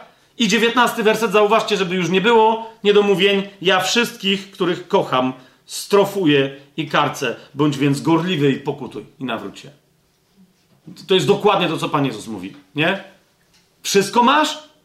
Jeżeli nie doświadczasz karcenia, to nie doświadczasz mojej miłości, więc nic nie masz. Dlatego jesteś pożałowania godny, ślepy, głuchy, nagi. Nic nie wart. To jest dokładnie to, co Pan Jezus yy, tutaj ma na myśli. I ostatni, dzisiaj cytat z Biblii. Teraz Was zaskoczę, bo ostatni dzisiaj cytat będzie nie z Biblii. ostatni cytat z Biblii to jest list do Filipian. Widzicie, kochani, te dwa cierpienia, które wymieniłem na początku, jako cierpienia nieuchronne, że się przed nimi nie uchronimy, jednocześnie wcale nie muszą być dla nas cierpieniami, ale mogą być pełne godności, zaszczytu, chwały. Rozumiecie o co mi chodzi, nie? Tęsknoty miłosnej. Cała reszta cierpienia albo jest do usunięcia, albo w ogóle jest, wiecie, do, jest cierpieniem, które po prostu my wcale nie musimy w nie wchodzić, nie może na nas spaść, a jeżeli już spada, to jest do usunięcia, a jeżeli przez jakąś, jak mówi Słowo Boże, krótką chwilę jest nie do usunięcia, to dlatego, że daje nam walor i wartość polegającą na naszym wzroście. A więc prawda jest taka, że chrześcijanie zasadniczo, nieważne co się dzieje, nie cierpią. Nie? Nieważne co się dzieje, nie cierpią. I jasne, że mógłbym teraz przywołać list do Rzymian, ósmy rozdział, gdzie jest powiedziane, jak pamiętacie, że jesteśmy hiperzwycięzcami, nawet kiedy nas zażynają przez cały dzień. Pamiętacie to? Wolę jednak y, zakończyć te nasze rozwa rozważania dwoma cytatami. Jeden z nich to jest list do Filipian, czwarty rozdział, od czwartego do dziewiątego wersetu. Radujcie się zawsze w Panu. Mówię jeszcze raz ponownie, radujcie się. Niech wasza skromność będzie znana wszystkim ludziom. Pan jest blisko. Hmm? Nie troszczcie się o nic, ale we wszystkim przez modlitwę i prośbę w pośrodku dziękczynienia niech wasze pragnienia będą znane Bogu. A pokój Boży, który przewyższa wszelkie zrozumienie, będzie wówczas strzegł waszych serc i myśli w Chrystusie Jezusie. W końcu, bracia i siostry, co prawdziwe, co uczciwe, co sprawiedliwe, co czyste, co miłe, co chwalebne, jeżeli jest jakaś cnota jakaś chwała, o tym myślcie. Czyńcie to, czego się też nauczyliście, co przyjęliście, co słyszeliście i widzieliście we mnie, a Bóg pokoju będzie z wami.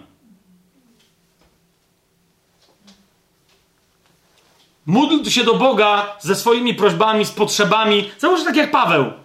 Przedstawiaj mu prośbę, jakby Bóg nie wiedział, o co ci chodzi. Tak nie jest. Chodzi, ale chodzi o twój sposób modlitwy. Hmm? Niech wasze pragnienia będą znane Bogu. Tak je wypowiadasz jakby ich nie znał, jakby przez to, co mówisz, jakby miał je poznać. Niektórzy ludzie tak proszą Boga, jakby chcieli zachować przed nim to, o co im naprawdę chodzi. No na litość boską. Nie? Ale zaraz jak prosisz, od razu dziękuj, uświadom sobie, że Bóg to zawsze wiedział. Teraz jak to powiedziałaś, rozumiesz, że to jest w Jego mocy. Jasne, minie trzy miesiące i powiesz, no jest to w jego mocy, ale nic się nie zmienia. Znowu poproś. I dziękuj od razu. Dzięki ci, Panie, że wysłuchałeś tej modlitwy. I znowu? Trzy miesiące? To trzeci raz poproś. Ale jak po dziewięciu miesiącach, to się zastanów, ej, może to jest dany mi przez Boga wysłannik szatana, jakbym nie ćwiczył.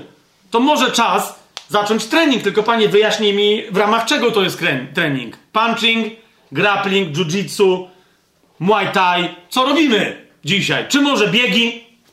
Żebym wytrzymał 20 km za jednym zamachem. Co dziś robimy? Zapytaj, ale nie przestawaj się cieszyć. Nie przestawaj się cieszyć nim i pamiętaj, pamiętaj, że nie ma takiej możliwości, żebyś jako chrześcijanka czy jako chrześcijanin cierpiał w ogóle, żeby komuś udało ci się zranić. Zraniony chrześcijanin jest, jest chrześcijaninem, który chciał dać się zranić, albo nie wiedział, że może nie dać się zranić.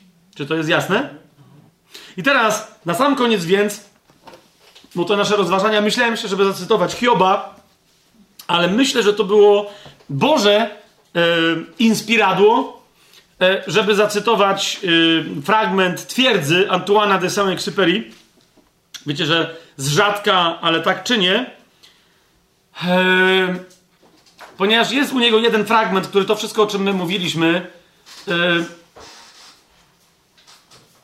zbiera w paru genialnych zdaniach. I dlatego uważam, że to jest takie jakby motto kończące. Jakbym przeczytał to na początku, myślę, że teraz może ten fragment będzie dla nas, wielu z nas, bardziej zrozumiały niż gdybym go przeczytał na początku tych naszych rozważań. Bóg jest miłością, o tym cały czas pamiętamy. Z tego wynikają pewne konsekwencje. Nie? Dla nas. I, i, I to logiczne konsekwencje. Włącznie z tą, o której teraz powiedziałem. O, o, o tej nie, nietykalności chrześcijanina. Chrześcijanin tylko o tyle cierpi, o ile sam ustawia się w rzeczywistości tak, że to jego postrzeganie rzeczywistości go boli. Hmm? I teraz, wiecie, y, sam był katolikiem. Znaczy, takim katolikiem, że dzisiaj wielu z niego chce zrobić świętego katolickiego. W rzeczywistości to on takim świętym nie był, żeby się na ołtarze katolickie na nadawał ale był tak głęboko myślącym człowiekiem, że ja osobiście uważam, że na, naprawdę był blisko Boga. Myślę, że był nowonarodzony. Twierdza w wielu miejscach to potwierdza. Chociażby ten fragment, który teraz przeczytam. I to będzie koniec. To będzie koniec naszych rozważań na temat cierpienia. Myślę, że w ogóle w ramach całego naszego rozważania e, Biblii, chronologicznego rozważania Biblii w tajemnym planie. Nie? Może kiedyś jak, jakoś inaczej do tego wrócimy, ale już nie przy okazji żadnych, żadnej księgi e, z Księgą Objawienia włącznie. Już nigdy więcej tak komplementarnie o cierpieniu wierzących nie będziemy mówić. Nie? Więc teraz oddaję głos Antoine'owi de Saint-Exupéry. Że tak udam, że znam francuski. Nie wolno ci mylić miłości z szaleńczą rządzą posiadania, która niesie najgorsze cierpienia. Gdyż wbrew powszechnemu mniemaniu miłość nie przynosi cierpienia. Natomiast przynosi cierpienie instynkt posiadania, który jest przeciwieństwem miłości. Bo jeżeli kocham Boga, to idę drogą utykając, aby go zanieść innym ludziom i nie sprowadzam tej miłości do niewolnictwa i karmię się tym, co on daje innym. A tego, kto kocha prawdziwie, rozpoznaje po tym, że nie można go zranić. Tego, kto umiera za królestwo, królestwo nie może narazić na szwank. Można mówić o niewdzięczności ze strony człowieka, ale kto może mówić o niewdzięczności królestwa? Królestwo budujesz Twoimi darami. A jeśli rozważasz, jakie uznanie w zamian otrzymałeś, nędzne to rachunki. Ten, kto poświęcił życie dla świątyni i przemienił swoje życie w jej mury, kochał prawdziwie. Jakże mógłby się poczuć pokrzywdzony przez świątynię? Prawdziwa miłość zaczyna się tam, gdzie niczego już w zamian się nie oczekuje. A jeśli ćwiczenie w modlitwie okazuje się tak ważne, aby nauczyć człowieka miłości do ludzi, to przede wszystkim dlatego, że modlitwa tak często wydaje się nam, że zostaje bez odpowiedzi. Przeczytam to ostatnie zdanie.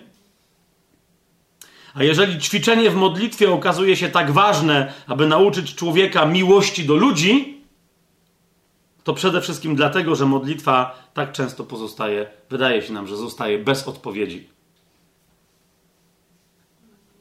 Rozumiecie, co się dzieje? Nie nauczysz się miłości prawdziwej, cierpliwości do ludzi, jak będziesz oczekiwać natychmiastowych rezultatów, jak będziesz oczekiwać od nich wzajemności, wdzięczności itd. Tak jest często to, co my robimy na modlitwie. Przychodzimy, czasem rozumiesz, że jesteś na modlitwie, wiesz, że Bóg jest, ale On nic nie mówi. Jak mówi, to szeptem, specjalnie, żebyś nie słyszała, żeby twoje serce nie wiedziało. Jest, tylko wiesz, że On nie jest. Mówisz, daj, Boże, daję ci, czasem nawet nie jesteś pewna. Jest, nie ma, coś, hej, coś się powinno dziać na tej modlitwie, a wydaje się, jakby ona była bez odpowiedzi, ale to jest Boża odpowiedź. Nie? Mówi, przestań się karmić natychmiastową gratyfikacją, reakcjami wszystkich ludzi, a zwłaszcza mnie jako Boga. Daj spokój, nie? Masz wątpli... Rozumiesz, miłość nie polega na tym, co ja do ciebie mówię, co ja wobec ciebie robię, co ja robię dla ciebie, co ci daję, kim ci się objawiam. Mi miłość to jestem ja, a nie te wszystkie rzeczy, które są ze mną związane. Więc ja jestem odpowiedzią i nie musi twoja modlitwa mieć żadnej innej odpowiedzi ode mnie, bo ja jestem odpowiedzią. A to powoduje, że ty też zaczynasz tak kochać innych ludzi. Jesteś dla nich mną, niezależnie od tego, czy oni ci za to, w zamian za to powiedzą dziękuję, czy cię oplują i powiedzą spaduwa. Nie? Dwie rzeczy. Tego, kto prawdziwie kocha, rozpoznaje po tym, że nie można go zranić. Nie? A dlaczego nie można go zranić? Ponieważ miłość niczego nie oczekuje. Nie? nie ma żadnej żądzy posiadania, a zatem prawdziwa miłość zaczyna się tam, gdzie niczego już w zamian się nie oczekuje. To jest to. Nie masz interesu. Więc wreszcie jesteś bezinteresowna. Wreszcie twoja miłość jest bezinteresowna. Ty jesteś bezinteresowny. Dzięki za Antuana, Boże. Koniec z cierpieniem, kochani. Zacznijmy wreszcie kochać i żyć tym życiem, które ma na imię miłość. Amen. Amen.